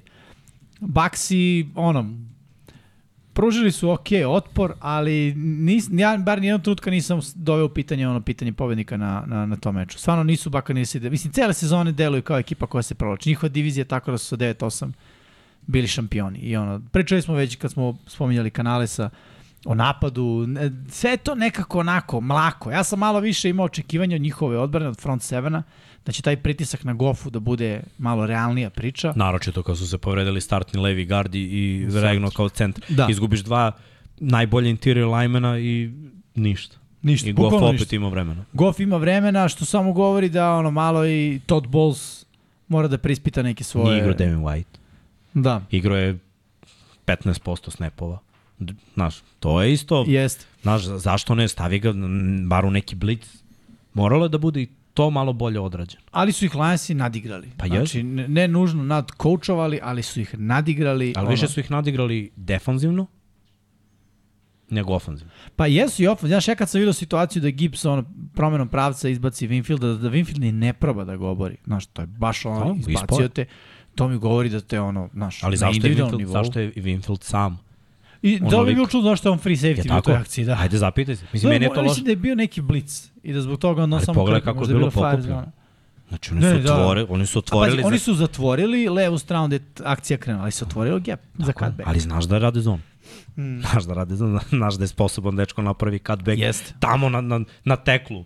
Desno, a ne kroz, mislim, ne možeš Da, da. ovako da postavljaš protiv takve ekipe. Morao si da pogledaš koje ekipe su neutralisale trčanje Detroita, kako su napadale, kako je pritisnuti Goffa. Mislim, i samo je bilo pitanje osvojiti jednu loptu, dve u par navrata rešiti i ti ćeš pobediti. Jer, kao što si rekao, Tampa je limitiran. Oni su imali ideju. Mislim, gledaj, Mike Evans je izdominirao, ali je Jest. izdominirao na tri fejda. Da. Imao jedan fade za mnogo yardi, drugi fade za još više yardi, treći fade za touchdown. Da, digi, ali okej, da. vertikalna ruta bila. Mislim- da. To, to je bio game plan. White, ok, bio je jedan screen, to mi je bilo jako lepo pozvano, jer su primetili blici sredine i izvuci running back odradi screen, ali svesem toga je bilo bunarenje. I Baker, naravno, preko 40 pokušaja dodavanja. Dva interseptiona, prvi nije njegova krivica, iskreno, prvi je bacio u ruke. Da, Evans nije Meni očekivao tu, loptu na a meni digu. tu miksa, to sam ti u prenosu rekao, meni tu krivica koordinatora. Ne možeš na trećem za 17 da zoveš dig od Isto. 12 jarda. Tako je. Ja Brate, nema, znači šta radiš? nešto konzervativno, slenti, ne, nešto Doviđenja, uradi. ili probaš bombu vertikalno. Ne zoveš, brate, dig na 12 yardi s idejom da šta, da će Evans da uhvati loptu i da uradi šta s njom Da tačno. osvoji još 10, sigurno. A I 10 četiri, četiri igrača oko njega odmah. Brate, čovjek iz, ono, odbija loptu u vis, interception, kažem si za svoju nepromišljenost. Odigraš konzervativno, živiš za sledeći I odmah je bio touchdown, taj drive. Tako je. Izgubljena lopta, touchdown, tu si već izgubio jedno i na kraju opet uh, interception Bakera, drugi. Dve izgubljene lopte, Jared Goff igra ono, clean football. Ima dobru je- protekciju, nikoga nije tako od Remsa. Ovde isto, imao je dovoljno vremena kada je dodavao, trčanje je išlo i ovako ako igraju Lionsi, mislim, ne možeš da ih pobediš. E sad, šta je problem? Nema više ekipa koje igraju ovako. Sad dolazi ekipa koja ima bolji pritisak. Ekipa koja bolje zaustavlja trčanje. Ne gledamo talent na papiru, nego protiv kojih ekipa su igrali koliko su sposobni ti igrači, koliko imaju playoff iskustva i tako dalje. I ne igraš kod kuće. Nema više halica, veštačka travica, ne duva vetrić, sve je lepo, nego dolaziš, znaš, Santa Clara, live- možda bude kiša. Možda bude kiša, možda bude drugačije vreme. Skill ne dolazi do izražaja na prirodnoj travi ako pada kiša. Jer oni imaju mnogo zujelica, Gibbs je zujelica, ali sporije trčiš. Reynolds, tako je. Williams. To su sve igrači koji na veštačkoj, to ono, grade show on turf. Ali ovo nije turf. Da. O- Ovo je prirodna trava. I, i tu sam- 49 imaju prednost, jer njihovi igrači su se navikli na to. Oni treniraju tako, igraju tako, godinama su tu, bukvalno svi. To je njihova šansa. Da, htio sam kažem, rezultat 31-23 deluje kao dobar Lions su bili kontroli. To je realno 8 pojena razlike.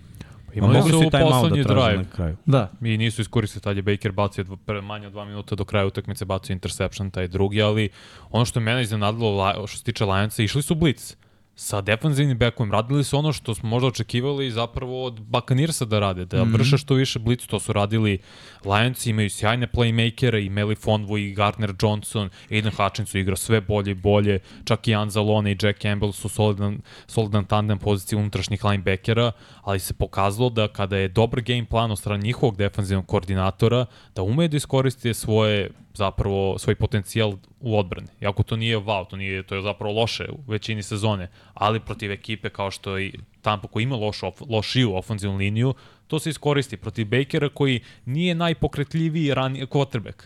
Ali znaš, nije ni. Brock Pardy. Ajde, doćemo do najave tog meča. Mm, ali opet Ima neke smisla. zamisli, neke zamisli. Jedan na jedan, Saturn sve vreme sa Evansom.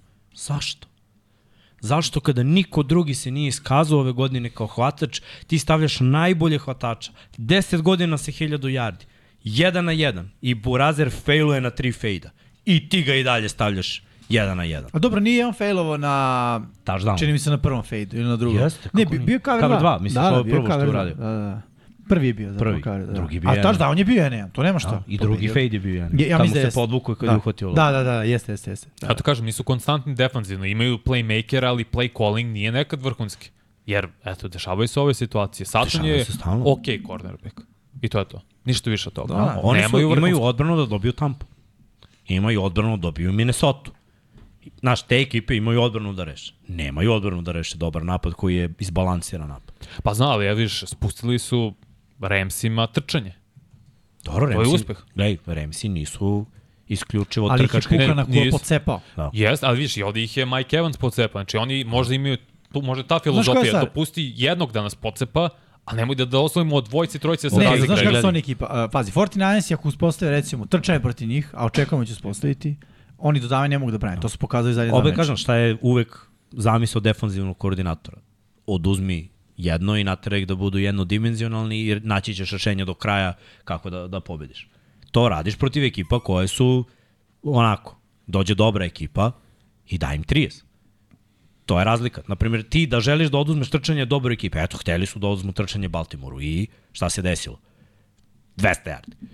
Uh, može isto da se desi, kako ćeš da oduzmeš trčanje 49ersima na levu stranu? Eto, Nećeš. kako ćeš da oduzmeš? Prvo morat ćeš da promeniš čitav game plan za Hutchinsona koji je uglavnom na desnoj strani ofenzivne linije. Znači on voli da ide protiv desnog tekla. Ko će da podrža? To moraš da izmeniš. njima, Kittle može izblokira svakog igrača Lionsa, uključujući defanzivnu liniju. Znači, palačinke će padaju na sve strane. Linebackere nemaju elitne koje mogu da pokrpe, a tek safety je, znači Gardner Johnson će ima pune ruke posle kada, kada krenu igrači da prolaze. Dobro, po konstituciji jedino Jack Campbell je možda čak malo veći od Kitla, možda, ali su vrlo Nema slične konstitucije. Ne, znam, ja znam, znam, znam. Kako baca endove na zadnjicu. Nisi njegova tehnika Često. je malo te nesavršena. A gde je Jušček, a gde je ceo game plan, Znaš, i suviše su opasni trčanjem da, da bih pomislio da Detroit može da zustavi. Jer taj čekaj. isti Detroit nije smo Chicago ne, znao. Da, Ne, to- to Ne, sam ne, te- to sam čekaj, te- Znam, čekaj, ali, govorimo da, da, pazi, ova ekipa im nije pokazala to. Je li tako? White Da. ima 50 yardi trčanja. Ali šta, to smo navikli od Tampe, tako? Da, da, A šta smo navikli od Remsa, isto. Kad ne ide trčanje, zaboravi, imamo Stafforda i na Ku i Coopera Kapa, ču, ču, ču, ču. Evo, mogu da se vratim na Lions. Goff, sve hrabre i hrabre igre. Zaista nisam video, evo istina, zove me Vasu. Nikad nisam video da Go, Jared Goff igra ovoliko dobro u play-offu. I konstantno ne gubi lopti. Kad je stizao od par tih pritisaka, stao je hrabro u džepu, sačeka udarac, izbacuje loptu, gleda ka svom hvataču, nije se uplašio kao što zna, imate momente i zna to da učini s druge strane Lions i opet ovo je istorijska sezona koja se nastavlja Kako ne? prvi fina, pro finale konferencije od 92. godine. Dve pobede u play-offu prvi put od 57. godine. Znači, ovo je njihova najbolja godina u franšizi. Mm. Nikad nisu igrali Super Bowl, na korak su od toga, daleko je to korak i bit će skoro nemoguće stići, ali tu su. Jeste. To je Pričamo, najvažnije. pričamo o tome svakako kasnije. Mislim da možemo sledeći meč. Ovde smo dali analizu. Srđanić, bi ti dodao nešto? Pa nemam šta da dodam, znaš kako, ja sam malo više verovao, verovao u bakse i to ću i u najavi da pričam o tome, znaš, sve u redu, film, analiza, sve, ali znaš, taj moment je takođe i psihologije, ušao si u neku utakmicu, znaš šta mene tu više brine, da se ne desi, ali pričat ćemo o tome, meni se čini da se Tampa ovde zadovoljila, da je rekla isto kao i Green Bay, ko je ovo očekivo od nas i mislim da je Miksa savršenu stvar rekao malo pre kada je rekao će Green Bay da pati za ovom utakmicom, tako i Tampa, znaš, najlakše reći, pa dobro, ko je ovo očekivo od nas? Pa stvarno, je li to, je li to dovoljno? Ako ima šansu. Ne kažem da, da znaš, talent u jednom trenutku dođe do izražaja. Iz, izroni, ako nemaš dovoljno talenta, mislim da nisu imali ni šansu, ali takođe, znaš, nisam ni vidio taj magični moment, čekaj, možemo mi ovo. I ono što si rekao, rekao dig ruta u kom trenutku i šta radiš. Kao da ne veruješ, kao da igraš po automatici. Vidi, mi smo to isplanirali, mi ćemo to sada bacimo i to će tako da bude. Znaš, malo mi je toga nedostajalo kod Tampe, jedino to, jer ja to volim da posmatram, ja šta da dodam na vašu analizu. Ja gledam, znaš, taj moment, ono što Miksa kaže često, neopipljivi i nevidljivi gotovo. Znaš, volao bih da se vidio ne, nešto ludo. Čekaj, ušao si u, u ovu rundu, niko ne očekivao. Pa šta sad, kaže, e, mi smo zadnji, niko ne očekivao. Pa daj, napadni iz svih oruđa, napadni sa svih strana, uradi nešto. Pokušaj da slomiš taj Detroit. Pa kao, na, sigurno bi dobili, ne bi dobili. To mi je nedostajalo. To je jedina stvar koju... I zato se nadam opet da će finala konferencija biti malo drugačija. Tu se, tu se uzdam i u, u Dena Campbella. U smislu bar nek show napravi, nek da sve od sebe, nek pokuša. Ali ajde ne ulazimo u najavu. Vidjet ćemo. Ajmo Vidjet ćemo. dalje, poslednji meč koji si igrao u nedelju uveče. Ali vidiš kako Chiefs se i protiv Billsa. polako, izvini, skida. Da razumem, razumem. Vruće, brate, zagrali ste od ovog do, od ovog do vrata. brate. Približavamo se najavama. da, da, da. Ajde, Miksa, kad se du. skinuo, otvaraj. Bravo, Vanja. Što nisi igrao ovo da se obogatimo? A, šta je? Pogodio tačan rezultat. Ali iskreno. Stvarno? Da, da rekao je prošli podcast 27-24. A, očekivali smo da će biti ovako. Očekivali smo da će biti na jedan Smo posjed. svi rekli da će Kansas City da pobedi ili neko Mislim na da, da je... Buffalo? Da. Da, da. Ali za stolom smo svi rekli, i bilo je pitanje prošlog puta zašto ne verujete u Bilce kad su oni favoriti. Nama nisu Pa, bili. Playoff je. Ima home je. I to je to. I to je to. To je to. I, isto to može i Baltimore da sačeka sad. Isto Da, da, to. Zato što da. da. su ovo Chiefsi, zato što su oni preživjeli sve ovo. I uh, ko misli, nisu igrali, znaš, kad krenu ti narativi, nisu igrali nikada van Arrowheada na nekom drugom terenu. I Pa, Ne, nisu u play-offu, ali to Znam, ljudi, ne, ne, znam, znam. ne, ne, hoću da kažem, to, e, da, da, šta znam da kao znaš, hladno je u Buffalo, oko njih nije. nisu videli to kao. Šta ako nisu šampionska ekipa? Ne, ne znaju kako se Mahomes ne zna da pobeđuje. igra futbol. Pa okej. Okay. Tako su pričali o nekom drugom. Inače, mogli su da čovkuju debelo. Bilse su najveći tragičari. Jesu. Fake punt na svojoj polovini na četvrtom za pet. Pritom, kažem, radio sam Mike Tapp i sve to. Bolton izlazi iz terena, ulaze specijalci, on zaustavlja i kaže, pazite fake. Chiefs staju sa šest igrača u frontu, ovi staju sa osam i u glavi im je ono, dva blokera više. Snap. I osvajamo. Nije. Chiefs uzmu loptu, dođu do dva jarda, već su igrali jedan reverse i Miko Harman je fumblovao. I Andy Reid zove opet reverse. Andy Reid, da nema Mahomesa, bi bio još jedan, ono, ne Bio bi bi ono osvojio bio Super Bowl i bio bi Bio ono što je bio u Eaglesima. Mnogi bio bi pričali o tome da je Andy Reid I da najbolji trener, najbolji trener, svojih. najveći choker. Pa pričali smo mi o tome ranije o njemu. Pričali o smo. njihovim, o njegovim I odlukama. onda je našao Mahomesa i sada ima klač. Neponištivi klač Da. ima kod sebe. I to je to. Zato mu nikad ništa ne kaže, zašto, zato mu nikad ne pridikuje ni za šta. Mahomes može kroz noge iz skoka da baci loptu, Andy bi rekao, sledeći put će biti bolje. Biće Pa super. probaj za Proći leđa. će. Lepo izgleda u svakom slučaju. Uh, iskreno, doktorska utakmica od strane Mahomesa. Josh Allen je igrao dobro, ali na kraju jedan potez. Jedan potez. Uh, jedan neulazak ka liniji skrimidža, jedan pas koji nije dobacio, jedan touchdown koji nije postigao. I svi ćemo ovde pričati o tome da je best promašio na kraju šut, ali mogli su da imaju i touchdown pre toga. Mogli su da pantuju kad je bio ovaj Fake uh, punt. fake punt, čisto da, da ekipa ne bi krenula da sumnja. Jer nije to promenilo rezultat. Da, Chiefsi su stigli do end zone i posle je bio opet shift momenta kad je bio fumble, kad je bio touchback. Ali ti ekipu koja je već deprimirana od poraza protiv Chiefsa u play-offu, ekipa koja je samo jednom bila u finalu konferencije u eri McDermonta, ti ih stavljaš opet da oni sumnjaju. Sigurno se nad, znači najbolji igrači ne sumnjaju sebe, to je činjenica. Ali većina je sigurno bila na sideline-u čoveče, opet ćemo da izgubimo Chiefs. 100%. I videlo se, videla se ta nesigurnost, videla se ta strepnja sve vreme. I onda su Chiefs samo priveli utakmicu kraj.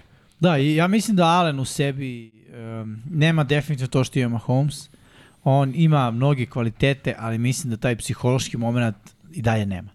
I onda njemu takvom fali još jedan, Batman ili Robin, kako god da ga nazovemo, koji ne mora to da ima nešto previše nego on. Mogu da budu na istom nivou. Ali kada su dvojica, onda mogu da alterniraju. Ovako, Diggs ove sezone, to je njemu bio Diggs ranije. Diggs mu je bio baciš loptu, Diggs hvata sigurno. Diggs je ove sezone nestao. Uh, sa Kincaidom jeste napravio konekciju, ali Kincaid još uvek nema to. Kincaid je u glavi lagano, tek sam ušao u ligu, ne mora ove godine, bit će prilike. Naš za Alena već počinje da se lagano steže obruč, iako je mlad quarterback. Ali već počinje da nam, ono, barem meni, znaš, da upada u kategoriju Daka Prescott, a to je ono, dobar, ali nećeš ti u play-offu najesti leba. Mislim, u mojoj glavi je tako. A, zato što naleće na Chiefs. Pa naleće na koga god miksa. Budimo realni. I prošle nedelje, s kime su beše igrali oni? S Pittsburgh. A dobro, nije to bilo toliko. Ok, nije bilo toliko strašno, ali uh, generalno kroz sezonu bilo je mečeva u ovom poslednjem delu gde su vezali pet pobjeda, tako vanja? Tako bilo je utakmica da nisu zaslužili pobjedu. Okay, od četiri učešća u play-offu, četiri puta su eliminisani, tri puta od strane Chiefsa i jednom od strane Texans.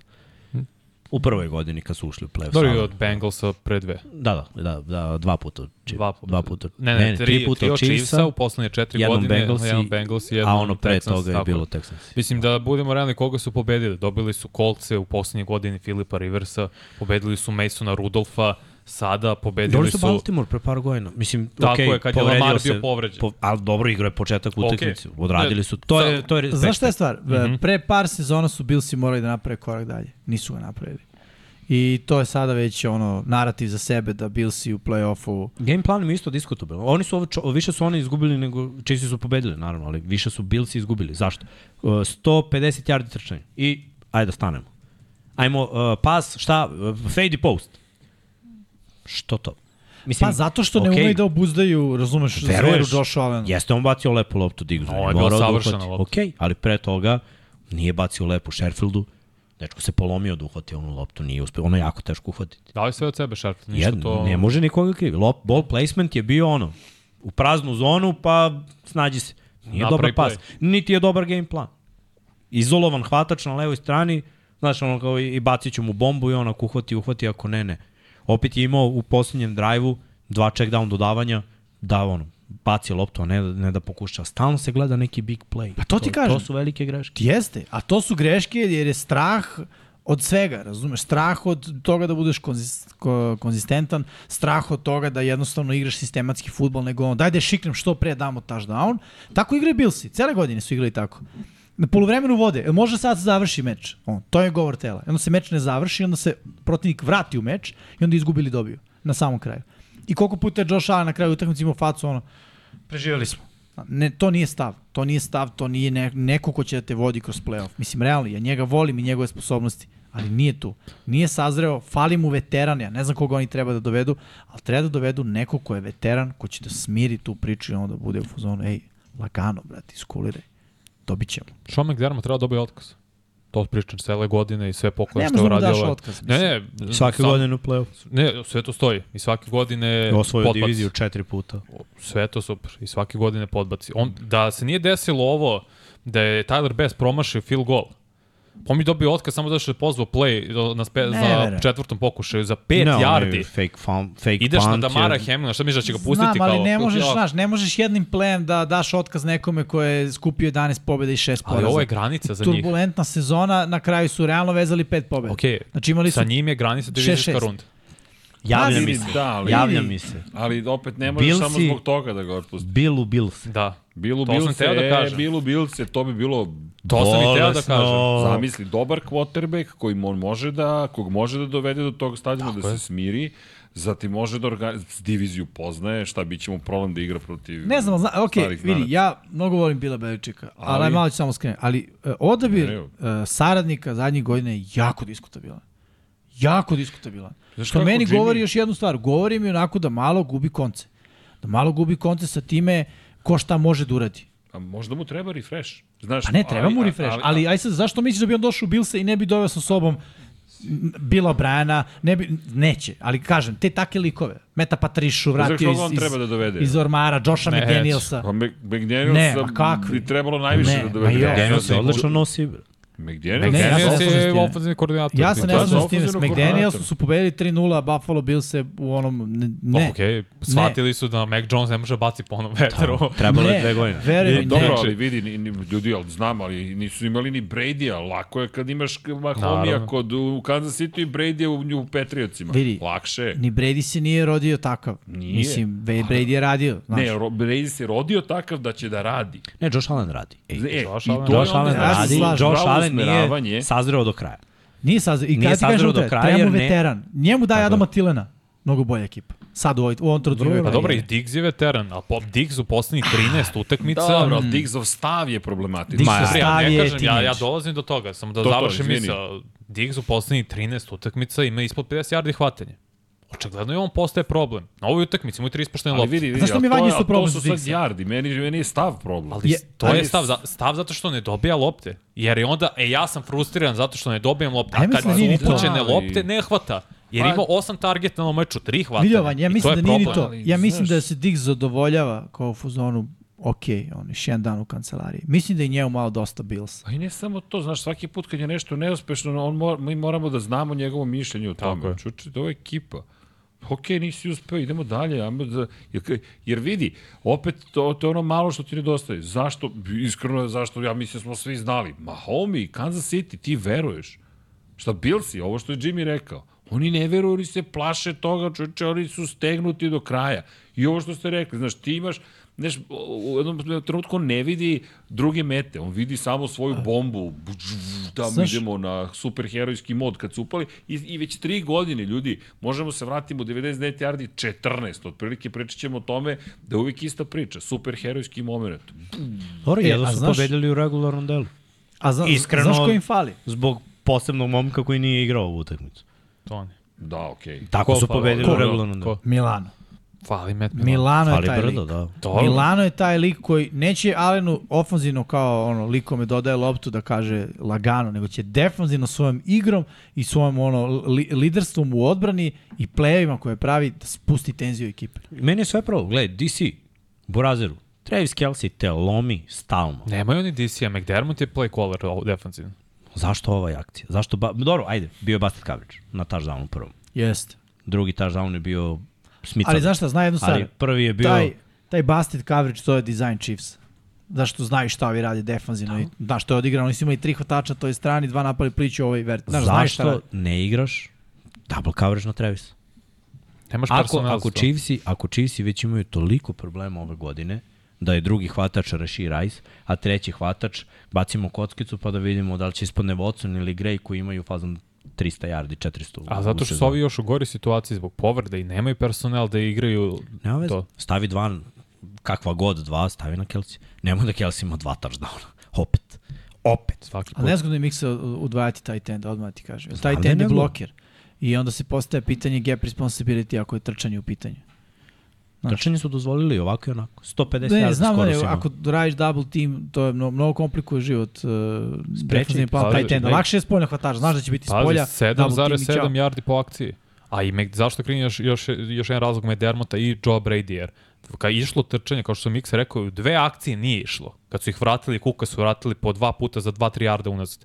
I onda je bilo fazon, aha, ne ide više, sad stajemo kompletno s time. To je Brady.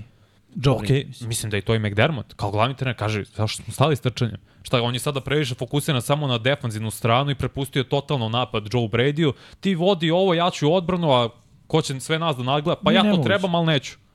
A dobro, nije nemoguće, Izgubio, znaš. gubi konce i on. Jer ako je on striktno defanzivni play caller, koliko se on fokusira na napad? Evo, va- vas pitam kao trener. Pošto je on zove o, o akciji odbrane. Ma ne, I onda on odustane Ne od trčanja. fokusira se, mora da veruje. Ovo mu je drugi koordinator, pa ne može onda ispravlja tuđe krive drinac. Čovjek je bio sam u svojim problemima. Nije uspio da ih reši defanzivno, zaustavio ih je dva puta za, za celu utakmicu. Mislim, Chiefsi su imali malo vremena poseda. 22 minuta. Bilsi su umarali prvo bre, 14 akcija, pa 15 akcija, pa i do, to su bili konstantno mm. lepi drive-ovi, izbalansiran mm -hmm. futbol, lepo su igrali. Chiefs uđu, z, z, z, touchdown, čao. Pa to je ta smirenost koju Billsi nemaju. Ta zdravost koju Chiefs imaju s druge strane. Pa vidjet ćemo sad u sledećoj utakmici koliko druge ekipe to mogu da imaju protiv Chiefs. Šta je rekao Lamar na konferenciji za štampu? Ne, Kao ne, ne volim da igram. Ne A? volim da igram protiv je, Mahomes. je se ra, ono kao, je se raduješ tomu što igraš protiv Mahomesa? Ne radujem se što igram protiv. Ne volim da igram protiv Mahomesa. Ono. Mislim da je ono, Da. vrhunski. Ko voli? pa to ti kažem. Future Hall of Ko Fame. voli? Niko ne može to da voli. Znaš, i, i, i ima titule i prošao je već dosta toga. Ljudi, on, on je već veteran. Brate, Šest on je u godina svojih prvih redom. šest godina najbolji u istoriji NFL-a. Da. Bio je u tri Superbola, osvojio je dva, dvostruki MVP sezone i sad može da uzme treći A gde je gubio protiv Brady-a u finalu konferencije Super Bowl? protiv Buro. Jed- I u i jedan jedno Super protiv- To je Da. to.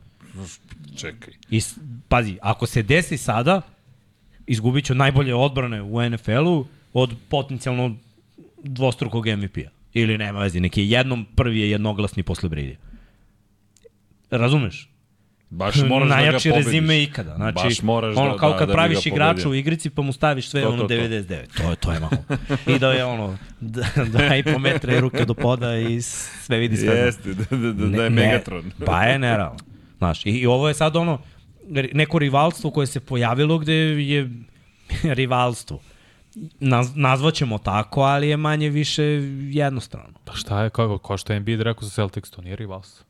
On je svake godine praše. Šta Tako je je. tu rivalstvo? Nije ni ovo. I zato Baš je vreme za promene, promena za Bills. Pa ajde ovako, evo ja ću kažem šta Billsi treba da urade, pošto njih odjavljamo za ovu sezonu i, i to je to. Prvo Von Miller cut, uzmi cap, znači sve ono što si mu obećao, jer je ugovor zapravo bio potencijalno na toliko mm -hmm. godina, ali zapravo je bio godino sk, pare, idemo. Šta? All-line, pojači interior. Uh, Milano se vrati, okej, ajde da, ajde da biramo mlade igrače. A što online, izvini što prekidam? Draftovali su i Garda, i Osirusa, Torrensa i online radi dobar Ne. posao. Ne, Josh Allen radi posao za online. Ok, ja mislim Josh da Allen online... radi posao ko za šta, online. Koju poziciju bi menjao? Desnog tekla. Ok, Odmah, na keca. Ok. Na keca. Zašto? Spencer Brown, ok. Odmah, na keca, bez razmišljanja. Tight endove mladi imaju i idemo hvatač u prvoj rundi. Pap, odmah. Nema dileme. Mladost, dobar hvatač, dobar prospekt i polako da se zahvaljujemo Digsu, polako ali sigurno.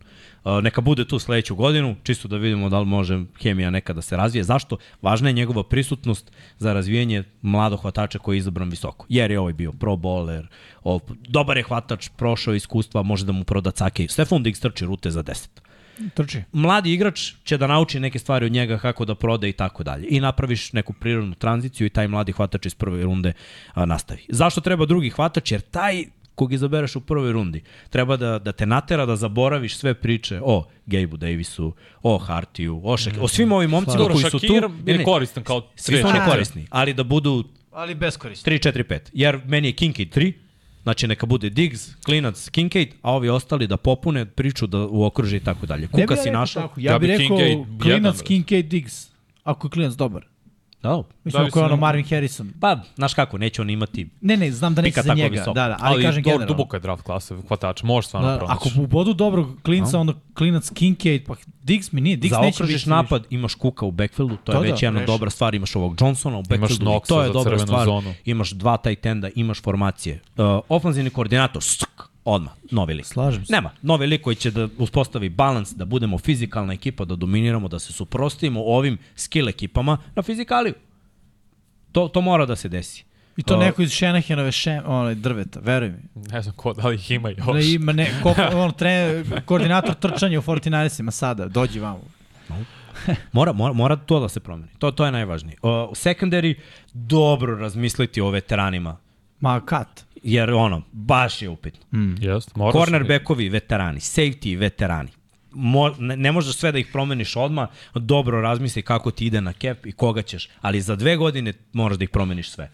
Znači Da, ko- sledeće godine ostavi nekoga. ko I radi najbolje Douglas, sa Zitra, mladima? Devios i Hyde i uh, Poer, svi moraju da idu za dve godine. Jer su, pojelo ih je vreme, bili su super, E, imali oni su, su nivo filinog sekundara. imali su svoje vreme i nisu Yes. bili su iskoristili to njihovo vreme. To je to. Prošlo je vreme. Dalje.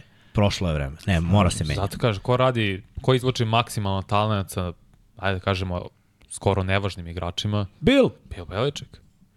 Nek mi ljudi u komentaru bez gledanja napišu dvojicu u sekundariju trenutno u Patriotsima. Kojim prvi pada na pamet. Neće sigurno napisati, mogu napišu Johnson Jones. Da. Pošto ih ima četvorica. Ali, ali Bill ima opet top Gonzalez. 10 odbranu. Ne, ne, gledaj, zato što defanzivno To to. uh, rade stvari onako kako futbolski treba da se postave. I vrlo verovatno da McDermott, znači ako ostane, imaće onako pod, pod lupom i sledeće godine je poslednja za njega. Ako ne, ne bude došao To do, do smisla. nekog uspeha. To, to je to. I nakon, pod a, ja meni- ti kažem, to je jedna godina koju je bilo odmara.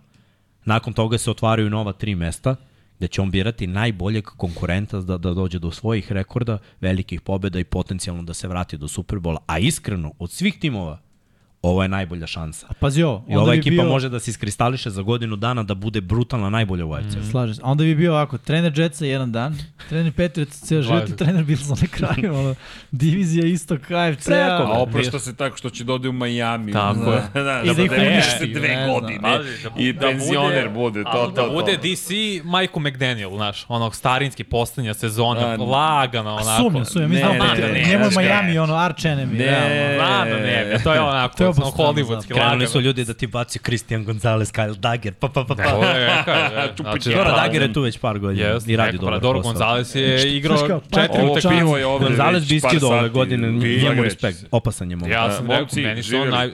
Hadla više nema u radnjama, ali ga ima u studiju. Golden Reserves. E, ajmo, ajmo mi dalje. Da. Ajmo da pričamo o... Ne, ne. A, uvek, a? A, požuriš, a? Htio sam da kažemo o herojima. Teo si, a? Da, da. Teo si, HGT. Ali pre toga gledamo playoff sliku. ne, ne, E, Izvini, ali izvini, ej, ako je procedura i procesi, znaš ga, če, ovo je ozbiljna kompanija, šta ti? Knjiga se svela trenutno na četiri slova ili ti dve utakmice. Već smo uh, to spomenuli, ali ajde da ovde SDKB. istaknemo. Detroit Lions idu u Santa Clara da igraju protiv 49ersa, a Kansas City Chiefs idu na M&T Bank stadion da igraju protiv Baltimore Ravensa. Jedno je finale NFC-a, drugo finale AFC-a. Takozvani championship vikend je pred nama, a pred nama, a pre nego što uđemo u championship vikend, HGT. idemo na heroje. HGT popularni. HGT, popularni HGT. Moj heroj nedelje je Mahomi, Patrick Mahomes. što vi- Pa, mislim, vidi, nije bilo Mali teško. izbor, četiri ekipe, to jest četiri utakmice, četiri pobednika. Šta je rekao na kraju? Good luck. 17 od 23, 215 yardi i dva touchdowna. Za mene je stvarno on glavni razlog zašto su Chiefs i dinastija u nastajanju. Čekamo još jedan Super Bowl da kažemo dinastija. Da, Ja čekaj, sad meni nazivam. su dinastije. Ja isto. Vidi, dve, slažem se, ali ajde da budemo sigurica. Meni su već sigurica. I ono, Imam noćne more, brate, od crveno-žute, bele boje. Mahomi je i dalje fantastičan u play-off. Stvarno, mogu Chiefs da počnu kako god, ali kada dođe play-off, Mahomi ono igra kao da je Mahom, to jest da je kao da je kod kuće, bukvalno, ne, nebitno gde. Tako da ono, za mene je Patrick Mahomes heroj nedelje. Srki, Ja, da, da, Meni gospodin Dan Campbell, zašto? Pazi, doveo si Detroit do finala NFC konferencije. Tačka. To ovde bi mogao da završim kompletnu priču i mislim da treba da dobije da je, da je heroj. Znaš, ne nedelje, ovo i više od toga, ali možda je ovo poslednja nedelja da ću moći da kažem da, je- da, je, da je heroj i želim da, da to kažem. Čovjek je promenio kulturu ekipe, pričali smo o tome, mislim da sad stvarno možemo to da kažemo i da stavimo tačku na priču o kulturi. Ko je mogao da očekuje Detroit da će da dođe, bez obzira ko su protivnici, koga su peli, ej, ti moraš da dođeš do Pri čemu imaš konstantan napredak. Prva, prva sezona, 3 pobjede, 13 poraza, zatim 9 pobjeda, 8 poraza, sada 12 pobjeda, 5 poraza i dođeš u se sad izmešati. kao neki crossfit trening, bre. 3, Tri serije, 13 ponavljanja. 9 serije, 8 ponavljanja, 12. Ej, vidi, ponavljanja, ali, ali, ali realno, znaš, pogledaš, tri pobjede samo ima u prvoj sezoni. Ko je očekivao da ćemo sada, da ćemo dve godine kasnije gledati ga u finalu konferencije? Tu su baš ozbiljne promene. Ono što se meni dopada, on nije odustao od sebe. Nije odustao, njegova priča je ista prvog dana i danas. Jeste, ali na šta ga je zateklo? Šta ga je zateklo? N- najgora franšiza u svakom smislu, ekipa mlada i mogao je da svoj stav, svoj stav, okay. svoju energiju Da prenese na oblikuje njih. glinu. Tako je, da, baš je to uradio. Bukvalno. Ne dobiješ uvek takve Nije scenarije. lako. Nije lako. Da. Ali vidi, odradio. I, ali opet, I imao je jedan ključni potez, da to je bilo kad se odrekao nekih svojih pomoćnika prošle godine, kad su uvatili ovaj pobednički niz, jer ne bi oni završili 9-8 prethodnu godinu, da to nije uradio, jer su bili užasni na početku sezone, setimo se samo, a opet su utakmice bile na jedan posed i onda je samo promenio klik i sve, sve je bilo dobro za ovu godinu. E, sada da ga vidimo sledeće godine kad mu ode pola stručnog štaba. Dobro, vidi. To, to će biti ispit za njega, ali opet ovo, ova sezona je istorijska za Detroit. I bravo, ovo što bravo. su radili, Ne, ne, on. grad je Ja, drugačiji. ja obožavam takve trenere, znaš, on je super coach. I ima jasan stav, ali to ti kažem, da, sve, sve razumem, ti si dao objašnjenje stvari kako smo došli do ovde, ali opet meni to počinje s njim, počinje s tim stavom, počinje s pričom, jer on od prvog momenta priča istu priču. Ej, mi ćemo da se borimo do kraja. znaš šta, šta je najviše doprinao? Što je bivši igrač i zna futbol. Šta je prvo ojača? Liniju skrimidža. Da. To, to je bilo najbitnije. Tu, tu je prešao igricu već, kad je prvu stvar uradio. Jer kada to uradiš, samo je pitanje vremena kad će sve ostalo da klikne. I kliknulo. Ima tu naravno još, još dosta da se radi, ali Jer, ali vidi, odlično. ali Za opet, sad je odlično. Finale čast. konferencije, bre. Pff, Ajmo dalje. Moj heroj je naravno Lamar Jackson. Dva touchdowna dodavanjem, dva trčanja, već smo ispričali ovu statistiku, preko 100 yardi, preko 150 dodavanjem, 16 od 22 nije mnogo ni grešio, bez izgubljene lopte, savršeno vodio tim do pobede i 34 poena, stigao je do prvog finala FC-a u, u karijeri i to je taj korak dalje koji je trebao da, da prestanu neke kritike. Da, da, mnogi će kažu sad samo je još jedna pobeda, ali dobro, bio prvi seed, zato je odmarao u wildcard rundi. Znači, uspeo je sa ekipom koja je kompletna, u novom, sa novim koordinatorom, opet nemoj da zaboravimo, ovo je prva godina sa novim koordinatorom. Uh, što nekako govori o svim onim problemima koje sam napomenuo prethodne tri godine. Loš game plan. Konstantno je bio od Grega Romana, osim 2019. kad je bio dobar do play-off. Jer je čovjek mislio sve ćemo isto i osvojit ćemo. Uh, navići će se na novi game plan igrati bez najbolje hvatača, igrati bez jednog hvatača koji ima 1000 yardi i biti ovako uspešan ono, zas- zaslužuješ da budeš carry. E sad ide najteži ispit. Ono, kraljica na kraju, ili kralj, mislim Mahomes, to ako pobediš uh, i uđeš u Super Bowl, već si uradio Baltimore je bio dva puta u Super Bowlu, dva puta su osvojili. Ovo bi, ako se desi pobeda, bio Jasno. treći put da uđeš u Super Bowl. To je već istorijski. Mislim, već je veliki uspeh. Osvojio, ne osvojio, već je mnogo veliki uspeh za mladu franšizu u 25 godina da budeš tri puta u Super Bowl.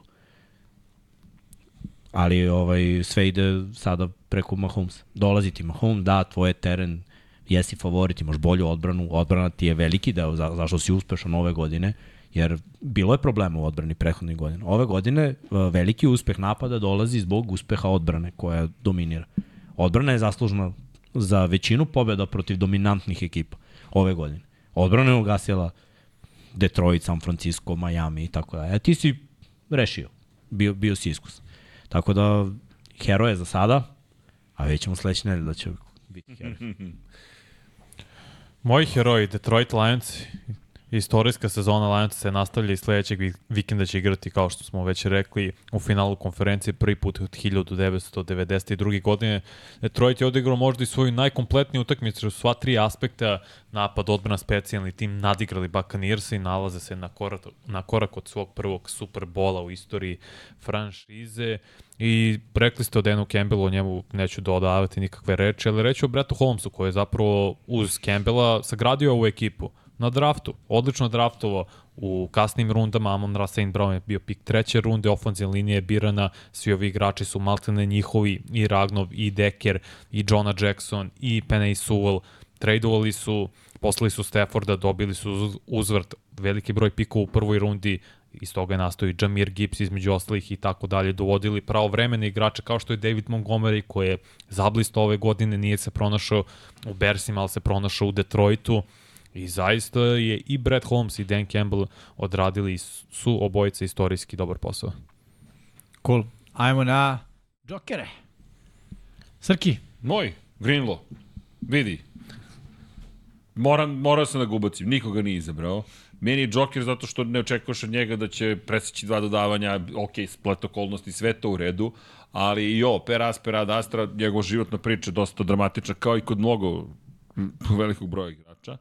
Ali ovaj dečko je proživio sve i svašta, dečko, čovek i dođeš u situaciju da si jednom heroj San Francisco. Da li je to opravdano ili ne, to je ipak timski, timska situacija, nije to samo njegov uspeh, ali opet, dva presečena davanja čoveka od koga to zaista ne očekuješ. Nije baš da je nekog gde kao, aha, bit će presečeno dodavanje kod Greenlaw, a bilo je fenomenalno videti ga u toj situaciji, jer nekako volim te ljudske priče, pa neki trenutak slave, mislim da neće biti trenutak slave da idu u Super Bowl, ali opet neka je to taj trenutak koji si proživeo. Inače, zašto kažem da je priča dosta dramatična, on je dete iz porodice koji imao, on je jedno od 12 braća i sestara. I onda su se u jednom momentu roditelji razveli, tata je preuzeo petoro dece, sedmoro dece, mama, mama vremenom nije mogla više da izdrži sve to, polako odustaje, on završava u domu, trener ga preuzima u srednjoj školi koji, kao filmska priča, koji odlučuje da mu pruži podršku, daje mu priliku da živi kod njega, gasi se dom u kojem je on bio i oni ga usvajaju formalno, to jest ne usvajaju, daju mu dom zapravo, postoje njegovi staratelji, nisu mu roditelji, puni 21 godinu i onda on kaže da li hoćete mi budete zvanično mama i tata. No, lu, lu, nije luda priča, već dramatična priča i čovek od problematičnog deteta do toga da je si sad u jednoj ekipi koja ide na korak, korak od Superbola.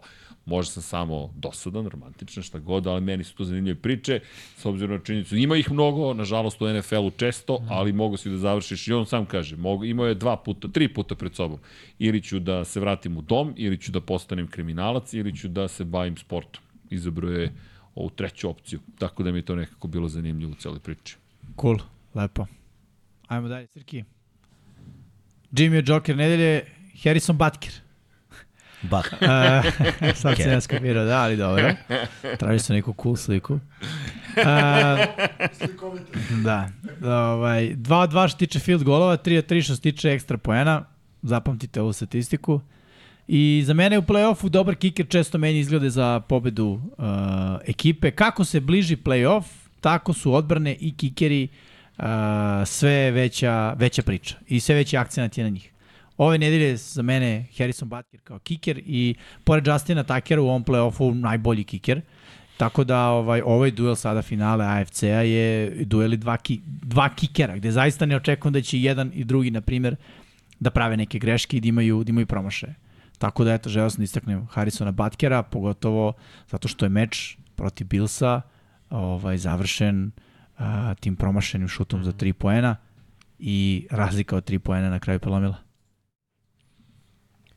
Miksa. Moj džoker je Roquan Smith, vratio je uticaj Rea Luisa u Baltimore, predvodio je odbranu koja je ugasila trčanje još jednoj dobroj ofanzivnoj ekipi i hvala Bersi. Hvala mečke moje. Niste znali da ga iskoristite, ali ima ko zna. Dečko je ubica. Kratko, Iskreno, ali dečko slatko. je old school linebacker ubica u današnjem NFL-u i pokazuje da i takvim stilom možeš da igraš. I, i stvarno sam mnogo srećan. Lepo. Znao sam od prvog dana kad je Da došao. je to to. Vanjin Joker nedelje. Travis Kelsey. 5 hvatanja, 75 yardi, 2 touchdowna. U tri playoff meča protiv Buffalo ima 26 hvatanja, 289 yardi hvatanja i 5 touchdowna, apsolutna dominacija. I Mahomes i Kelsey imaju najviše broj kombinovanih touchdownova u istoriji playoffa sa 16, prestigli su Toma Brady i Roba Gronkovskog, što je stvarno za svu pohvalu. I neke stvari su prosto sigurne. Rođenje, smrt, promene i Kansas City Chiefs i u finalu konferencije. Idemo ka porezu. Možda ponoviš to, ali sad... Rođenje, smrt, promene i Kansas City Chiefs i u finalu konferencije. Šest godina za redom igraju. Samo su. Ohohoho. Pa ne, mislim, ako ćemo realno. Iz Smrt jeste kao takva. A, za rođenje se. Da, pomuči. možeš iz epruvete. I veliki pozdrav za sve Pa ne, naše ozbiljno. dame. Da, po, One to muški izguraju. Čekaj sad, to je ja. brate, sad si baš zapetlju priču. Yes. Ne, Znači, brate, izguraju ga ženski. samo Ne, da završimo znači, nakon ne. moje rečenice. Izguraju ga ja. I to bi bilo to. Devojke, Nemoj to, To je način izražavanja. Šalio, ša, da, nije, se- nije da, to, A, ra, ra, ra, ženski ra. vi to izgurate. Ne, mi to ne razumemo to. Ne možemo nikad da razumemo. Tako da, Da, da. šala. Ali jeste čudno, ono kao... Mogli smo Vanja, samo da završi. završimo na Ja tome. ništa nisam vidio. Znači, Umesto na ravnopravnost da podržavaš, to sam od tebe očekivao. Nema to danas. Nije tehnički ravnopravno Pa kad jednom polu kažeš da liči na da- drugi. Vidi, Nisam znam rekao da liči, nego da vidi, ga ne možeš urade da ja. rodiš, ne bi pokušao shvatiš, ali A, ne radi znam. tako. Da, Ali kad ga pokidaš, ko žena, šta? O, e, eto ti, a, a, to vidiš. Ajmo dalje, ajmo dalje. Da, tragičar. Idemo na tragičar, Tra- miksa, šaj se. Ovo sam ja upisao u Slack da je moj tragičar bio. Dipsovao sam ga. Šta to znači? Što je Dips? Rekao sam odmah da je moj. Ne razumem. Ne možeš da kažeš, postoji tabela, ja, srđane Erceg, znači... Tabela nije očišćena tabela. bila još. Pa šta da radim? Čekaš, znaš kad sam ja popunio? Pre Pet sati. 5 sati, 6 sati. Popuni si juče. Ajde. Nisam juče, nisam Danas danas. je vidio sam kliknuo je Da, tamo. znam tačno. Klik to, Klik klik to je kad ja. Rekao sam vam da za Harrisona. Batkera zapamtite statistiku. E pa ovde je 2 od 3. Što se tiče field golova, jedan od jedan ekstra poen, ali taj jedan promašeni field goal je, mislim, Packers se na kraju koštao prolaska. Surov je život kikera u NFL-u, jedan promašaj i postaješ antiheroj. Ali budimo realni, uh, cele godine je bio nekonstantan i u play-offu je to koštalo ekipu potencijalno prolaza, čak i sam uh, Lefler rekao svaki put kad iđe na teren ja se pomolim. Dobro, to je malo izvučeno iz konteksta. Rekao je posle Lefler na, u pre Pa dobro. konferenciji. Znaš, Može se kad svi izađu na Ali je teren. rekao, Da, malo je izvučeno ali iz je konteksta. rekao, nisi vidi, realno, Srki, jesi ti moliš gdje iđe on na teren? Eto vidiš, brate, evo ti. Znaš kako Znaš, smo ga nema najavili? jačeg u- u- konteksta, u- Ovo je teško bilo. Borazdar će malo, malo pa... Pa ne, Promašaj. jeste. Mislim, vidi, znaš, i sad jeste malo surovo da kažemo, eto, je, on je jednu sezonu tu, je tako? Pa Novajde. Ovo je prva sezona. Jeste. Sad kao treba menjati kikera. Surovo je. Brate, tako je, brate. Mlađi brat Daniel Carson iz Raidersa. Da, da, zna, pa znamo, to mu ne vredi. brate. Mislim, oni burazda i gramatika, njih trojica šutiralo u NFL-u, samo je NBA Martin. Ovi ostali su bili braća. Znaš, kada ne postane mlađi brat, Stvarno sam Martin? Martin gramatika. Da. Ne, ja sam nešto drugo mislim. Posto... Zar nije postoji jedan Anderson kicker pre svih njih? Postoje da. A kak je nije on bio sa gramatik. gramatikom, brate? Ne, ne, kako se zove? Možda mu je dobro išla gramatika. Ne mogu da se setim. Morten. Bio je baš zove. Tako, e, Morten da, Anderson. Mortensen, Mortensen. Ljudi, znam sve, pitati samo, brate. Igrao se sam. Meden. To ti kažem. Uzem se mi reči za... A, Anderson je lomio. ajmo dalje. Ovo je Anders Carlson. Sebastian Janikovski. Ja? Pa, Tyler Bass, vidi, ja sam mu rekao, sigurno će ga neko izabrati kao to tragičara i, to, i onda sam na kraju to bio ja. Ja još sam rekao namjerno Green Bay, jer sam ja tipovao na Green Bay, pa mi je to nekako bila veza. Ali vidi, još jedan od izašutera Bilsa koji mi je slomio srce. To postaje već istorija za Bilse, tradicija, nažalost, pogrešna. I citirao sam Srke, ne Crke, Znaš koje sve. su zabranjene reči u Buffalo? Ko je? Far right. Wide right. Wide right. Far right. O, surovo, surovo. Na, dakle, jedan zadatak i samo jedan zadatak. Čuveni, nažalost, život dramatično promenjen trenutno, uz pretnje smrću čovjek je obrisao sve, sa društvo, sve društvene mreže, naloge i tako dalje, malo dok se smire strasti, ali baš je, što ti kažeš, težak život u tom trenutku. Ali isto tako, vidi, imaš zadatak. Imaš zadatak, spremi se za taj zadatak. Ne znam šta da ti kažem, vidi, ti si deo ekipe, vidi, nosiš u jednom trenutku na sebi sve. posao nije lak, što bi lak. ni ja ga ne volim. Ilovača, ilovača. Ni ja ne volim. Ajmo ali- dalje. Dobro, prostali su mu navijači u, u, donirali su pare za njegovu kao... Navijači Kansas. City-a. Ja mislim da su i Bills isto učestvovali. Jesu neki, Ma, ali ne, su prvo Chiefs i navijači Dobro. Chiefsa počeli da doniraju za njegovo, zapravo za e, Fondaciju fondaciju koja ja. vodi račun o mačkama koju on podržava i neko je to otkrio i onda je pola Kansas City-a počelo da uplaćuje novac, pa su onda Billsi uskočili da pokriju, ali dobio i pretnje smrću, znaš, nije ti sve jedno, neko zvoni ti telefon i kao, gotov si. Ali Čekaj. pravo pitanje dakle neko je njegov broj. De, pa vidi. Koga ima u prijatelju? Pa kad, Bravo. ili neprijateljima sada. Pa, si, Znaš, bravo. vidi, pa Možda je potvrdiš. Josh Allen. Zbog tebe smo izgubili. Ne, podržao ga je Josh Allen, baš sa tešio ga kartice koju je kupio na trafici. Naravno da ga podržao javno. Tešio, pa nije bilo javno, bilo Pa kad to, su to bili u kao tunelu. javno što kažeš, To dobar je- trener. Kao porodičnog blaga. Kao, nije javno bio Mike Up u tunelu. Nije, Da, bio je da, u da. tunelu, nije bilo javno ono Sa pred Mike svima Tapom, na da. stadionu. Matori svaka Mačo, čast. super, uz tebe smo, uz tebe smo. Šalim se. Možda Josh kao, Allen, a ne, kao Deadpoolu, kao. možda je Josh Allen platio neku babu da ga zove. Ko u porodičnom blagu? Ne, vidi, Gotov si. Vrati pare. Koliki je njegov udarac sa kep? Ne znam. Nije, ima dobro. a. Far right. Pa produžili su mu ugovor prošle godine u međusezoni. O, pustio se malo. misliš da će mu sada... Neće. Ko je Ne, čaša piše je Jimmy koja mu je kep u, udarac, ali... To je udarac na kep njegov ugovor, ali ne znam ko je. Znam da su mu produžili Ljudi, prošle na godine. Ajmo kraju dalje. dana čovjek je, čovjek je Tragičan. promašio i tragičan. Pogledajte ovo lice. Uf, čoveče. Što Bobby, ja i- muče Što? Tri poena, brate. Ima da bude tragičar i da peva. Njegov napad je postigao 3 poena protiv Baltimora u play-offu, 9 poena u prvom kolu, bez touchdowna ove sezone. Mora bolje. Mislim, si neki ofenzivni koordinator, daj Protiv touchdown. Baltimora. ovaj sezon. Ako ispadne da touchdown ove sezone. Protiv Baltimora. Vidiš, piše gore protiv Baltimora. Pa. A, a, a. Nije dobro postavio trčanje. Bez Straudovih trčanja koje nisu bilo dizajnirano, Houston bi bio na mizernih 30. I jako su kruže priče da bi mogao da bude negde head coach, nije spreman. Kao ni većina ofenzivnih koordinatora. Ne može to jedna sezona, sve ide lepo i ajde glavni trener. Po razeru, 30 yardi, 3 poena. Tragedija. Amin. Imamo još jednog, tako? kratak, Je, je. ali jasan. Vanjinog tragičara. Buffalo Bills. Treba se treba ovaj čovjek što je na kadru Sean McDermott, ali ok. Treći put u poslednje četiri sezone Buffalo Billsi završavaju svoju sezonu porazom od Kansas City Chiefsa u play-offu tri poseda u četvrtoj četvrtini Buffalo imao izgubljen posed ispucavanje i naravno promašan field goal i Stefan Diggs se nije pojavio na ovoj utakmici. Ne vidim šta piše dalje jer To je tačka. tačak. Dovoljno, nema. E, Strašni sud je blizu. Stvarno mislim da velike, velike promene očekuju Bills u međusezoni, jer ne može da, nast da nastaviš ovako. Dolaziš do određenog limita, to je divizijska runda, posrećilo ti se jednom da stigneš do finala konferencije, ali ti očigledno iznad toga ne možeš. I okej, da se zadovoljavaš tim uspehom, to je sve u redu. Naravno, može mnogo gore, uvek može, ali može i bolje. Može Super Bowl koji nisi vidio od kada je to bilo poslednje godine, 93. Mm. druga. Treće. Tako da idemo korak po korak. Imaš frančiznog quarterbacka, imaš dobre delove ofanzivno, moraš da promeniš filozofiju i kulturu sada. Dobro.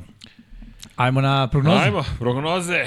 Da Ajde, vidimo. pre One prognoze koje- ne, samo da prognoze kažem, prethodne nedelje, da, da. da pohvalim Raju, svaka čast. 266 u live-u, a 194 lajka više. Bravo. Ajde ljudi. sad i ovi koji nisu čisto. Idemo na 300. Jurimo, ma ne, mislim, Preko. Hoćemo da imamo, znaš, bolji procent. Subscribers. Uvek hoćemo. Da, subscriber je to naravno. Ako niste, subscriber. slobodno. Moram da napravim majicu. Ja sam subscriber. K, Infinity Lives. subscribers, I'm, I am a subscriber. Di- Jimmy govori, ej, ljudi, ima nešto na ekranu, nemoj da mi sad subscribe-ujete se. Ajmo, Jimmy, Houston je igrao u Baltimore. Šta si ti rekao?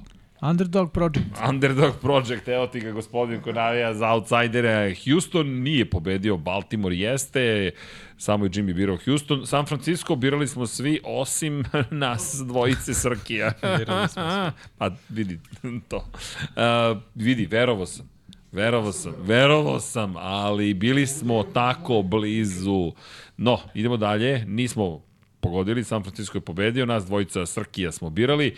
Uz nas Jimmy nam se pridružio izboru Tampa protiv Detroita, međutim Vanja Miksa i Dom Pablo su bili u pravu. I na kraju Kansas City smo birali svi osim Srkija Velikog koji ima tri promašaja u četiri pokušaja. Jimmy i ja dva promašaja. Srki kao da je iz Buffalo, brate. Kao da je iz Buffalo. Wild card Da, runda i posle toga runda. Wide right. E, ali vidi ga Dom Pablo što isto On je Pablo, ja ćemo da popričamo i to ozbiljno. Kako je ovo širenje u play-offu, brate? znači, vidi ga, vidi ga. Opa! Na prvom mestu. Dom Pablo, e, 70% uspešnosti ispred Vanje i Mikse, ja vam za petama, tu je to, Jimmy, šta je ovo? 40%, toliko Kao čak i ni ja Fila, nisam bio loš. Baš tako. A ponestaje utakmica, da se vratimo u igru. Ponestaje utakmica. To je to, gleda me, gleda me. Miksa je značajno, ali dobro. Pričat ćemo to. A publika, gde nam je publika? Kakva je situacija? I vidi ga kako je spreman, samo je kliknuo. Džikara na prvoj poziciji, 195. Nismo obrnuli. Kansas, jesmo obrnuli? Nismo. Nismo, do, dobro, dobro, dobro, valjda. Ne, Nismo, jesmo, nismo. opet smo obrnuli. Jesmo. Pa mislim, mi smo obr- obrnuli kako treba. A nismo obrnuli kako treba. Pa treba poeni 203. 203 poena. 203 poena Džikara, Ka Kansas ima 201, Bogdan S1 198 kao i Miho, 1911. godina 197, Steelers 196, Kobayashi, Kamui, Kobaj, opa, ovo je formulaš neki moj, 195, sedma pozicija, Gangula Lagano, gradonačelniče, na sedmoj poziciji izjednačen sa Kobayashijem, a onda He Hate Me 17, zajedno s Magilanom i Emir E, sad je Ludom. ovde, ja mislim, Sto dobro stavljeno. A ne, Ne, ne nije. da, ovde, ne, ne. Jest, jest, ne, sad su Kobayashi i. Gangula Lagano Tako je, imaju tako isti je. broj. Magellan je dobro. Ovaj ovaj I poen. legendarni traktorka, pošto kaže da je muško, ali da se potpisuje kao traktorka, valjda, ne znam, je Ivan 96. To je moj pseudonim. Šalim se neki. važi, važi. Ja sam se vađao. Ja, rodio se 96. Pa toliko i pseudonim. Tad sam smislio pseudonim. to, to, to, to. Ali dobro, ej, pa pazi, dobro, Dom Pablo stvarno vidi neprijatno. Pričat ćemo. Znam gde živi. Znam telefonski broj. Ajde ga zovemo na fiksni sad. Znaš, znaš si fiksni. Strašni sud je Strašni sud. A šta ako mu se javi maloletno dete? Nema maloletno dete, ne vredi, Onda ima punoletno dete. dete. Pa reći će nam šta misli o našim šalama. Ko Tyler Bass. Mi ćemo da kažemo. Josh Allen je zvali. Čekaj. Josh nam da je ono dao vaš broj. broj. Dobro, daj tu porica bas. Počeš Mogu da dobiti gospodina Tyler. Josh me uputio na vas. Ajmo na najave. Jednog dana neko će ovo da, da Dve transkribuje utakmice i najavljujemo. Playoff sliku smo već videli, ali još jednom da se podsjetimo kako izgleda. Lepo to pera crta. Bravo pero. Srki, pucaj najavu. Klikni. Klikić. Chiefs Ravens, krećemo od AFC Krećemo spektakla. od, krećemo od jako, jako Od idemo. prvog Gledamo meča- našeg Gavrana. Prvi Gavrane. meč u nedeljnom programu. 21.00. Nedelja. Dugo nismo igrali sa Chiefsima. A? Par godina već ima. I? Pa ovo je najbolja naša ekipa. U, od uh, Kalj Lamartu, ovo je najbolja Dobro. ekipa. Mislim, ekipa kao ekipa E, kompletno. Uh, jer možda je najslabiji specijalni tim u eri Lamara, jer se dešavaju greške naročito na kick-off i punt ekipama, ali odbrana je najbolja od kada je Lamar tu. Uh, Dobro. Rekao bih da je ofanzivni koordinator najzreliji, da Lamar ima veliki udeo u pozivanju akcija i ima potpunu slobodu da promeni ono što vidi, uh, da je mnogo smireniji i da mnogo bolje vidi ne, nego što je to bilo pre, da čeka u džepu, mi smo analizirali jednu akciju da je ono, džep bio toliko mali da ono, možda imao dva jarda oko sebe, ako i toliko. Bukvalno imao korak i po oko sebe, on je čekao do poslednje sekunde da baci flat corner, što je u dijagonali dobrih 25 yardi, 30 čekati da dobiješ udarac leđa za, za takvu rutu koju kompletiraš govori o tome da apsolutno veruješ i u sistem i hvataču i ofenzivnoj liniji i da, i da si spreman na to. Što, što govori o sazrevanju kao dodavača, što je ove godine i pokazao, jer nije igrao sve utakmice, ali mu je najbolja godina ikada, što se tiče yardi dodavanja. Uh, greške, interceptioni, nije bilo mnogo, više je fumblovao, to, to su greške, ali sve iz neke želje da se produže akcije. Mislim, isto to ima i Mahomes. I onda kad imaš ovakve quarterbackove, pa, ok, možda je i potrebno da oni malo više rizikuju da kupuju vreme, da, da trčkaju levo-desno, da čekaju do poslednje sekunde u džepu, da iz trka bacaju lopte na mesta koja nisu baš očekivana i, i nekad, naravno, je greška. Obe odbrane su jako dobre i ovo su ključevi do pobede za, za obe ekipe. Uh, prvo za Chiefs uspostaviti trčanje, što Ravensi znaju da oduzmu jako brzo. Uh, odlična je odbrana, imaju ogromne teklove defanzivne, dosta igrača se uključuju u tu odbranu protiv trčanja i cornerbackovi i safety su jako sposobni na obaranjima, što smo videli čitave sezone. Znači, uspostaviti trčanje, pokušati fizikalnom igrom doći do pobede. Zašto će to biti teško? Tuni ne igra. Tuni im je jedan od najboljih ofanzivnih linijaša koje imaju i sada je Najbolji levi guard u NFL-u. interior deo ofanzivne linije, taj unutrašnji deo, oslabljen, jer Tuni često puluje, često zna da bude lead blocker, oni Hemfrey imaju te zadatke. Sada ideš protiv jače ekipa bez svog, pa da kažemo, najbolje garda. Uh, neko mora da se pojavi osim Rajsa i Kelsija, što znači, evo, prošle nedelje se pojavio Vaske. To je jedna ona utakmica kada, kada on stvarno izgrmi. On, Watson, Gray, neko od njih trojice mora da odradi posao. Sumnjam da će bilo ko drugi, osim njih trojice uraditi, ali neko od njih mora da iskoristi, da iskorači, da iskoči, jer će Mahomes imati neki scramble kada će napraviti neko čudo. Uvek to radi, uradit će i na ovoj utakmici. Usporiti trčanje Baltimora, to je mnogo lakše reći nego uraditi, ali odbrana je jako dobra i pokretljiva. Imaju uh, dobre igrače u defanzivnoj liniji, linebackere takođe, imaju defanzivne bekove koji su agresivni, dobri obarači, moraju da izbegnu blokove, moraju da se fokusiraju na Lamara i da probaju da osvoje neku loptu. Lamar protiv Chiefsa grešio je, eto, prethodnu utakmicu nije imao ni jednu izgubljenu loptu, govori to malo o sazrevanju, vratimo se posljednjih mesec dana kroz regularni deo, igrao je zrelije nego ikada. Znači, za Baltimore čuvati loptu, za Chiefs osvojiti loptu, jer ta jedna lopta može da napravi razliku kao što je ovaj fake punt mogao da napravi ozbiljnu razliku protiv Bills. Za Ravens zaustaviti trčanje i držati Mahomes u džepu. Uvek game plan, jako teško uraditi, ali ako uspeš to i ako Mahomes krene da beži kroz sredinu, konačno imaš linebackere koji mogu da ga stignu. Patrick Quinn, Roquan Smith, imaš dobre safety koje mogu da pomognu u baranju da Mahomes nema velike jarde trčanjem. Što je imao i u wildcard rundi, što je imao i prethodne nedelje kada je jednom protutnjao tamo pored leve out linije i osvojio veliki broj jardi. Izbalansirani napadi, forsiranje trčanja i više minuta posljeda lopte. Isto što su Billsi radili, ali samo polovreme. Znači ima i napade od eh, 10 do 15 akcija, gde trošiš 8 minuta, da Mahomes sedi malo na klupi. Da li će ga to poremetiti? Sumnjam, ali je dobar game plan. Da Chiefs imaju što manje napada, što manje šansi da postignu poene, a mislim Baltimore igra taj smarački futbol gde, gde se trči dosta i da ideš ono 3 yarda, 4 yarda, 5, prvi down, još 2 minuta, t, t, t, t, t. To je jedna šansa. I opet Lamar mora da odigra bez izgubljene lopte.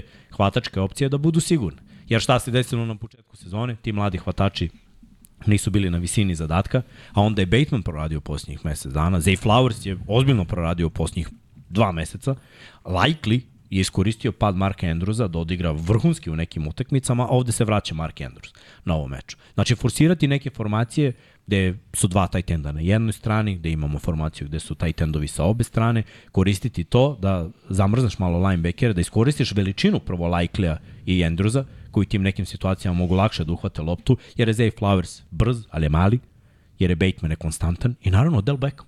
On je imao jedno hvatanje na prethodnoj utakmici, ali kod kuće je Odell imao uh, tri utakmice sa preko 100 yardi i ovo je ipak najvažniji mer. Za ovo si ga doveo.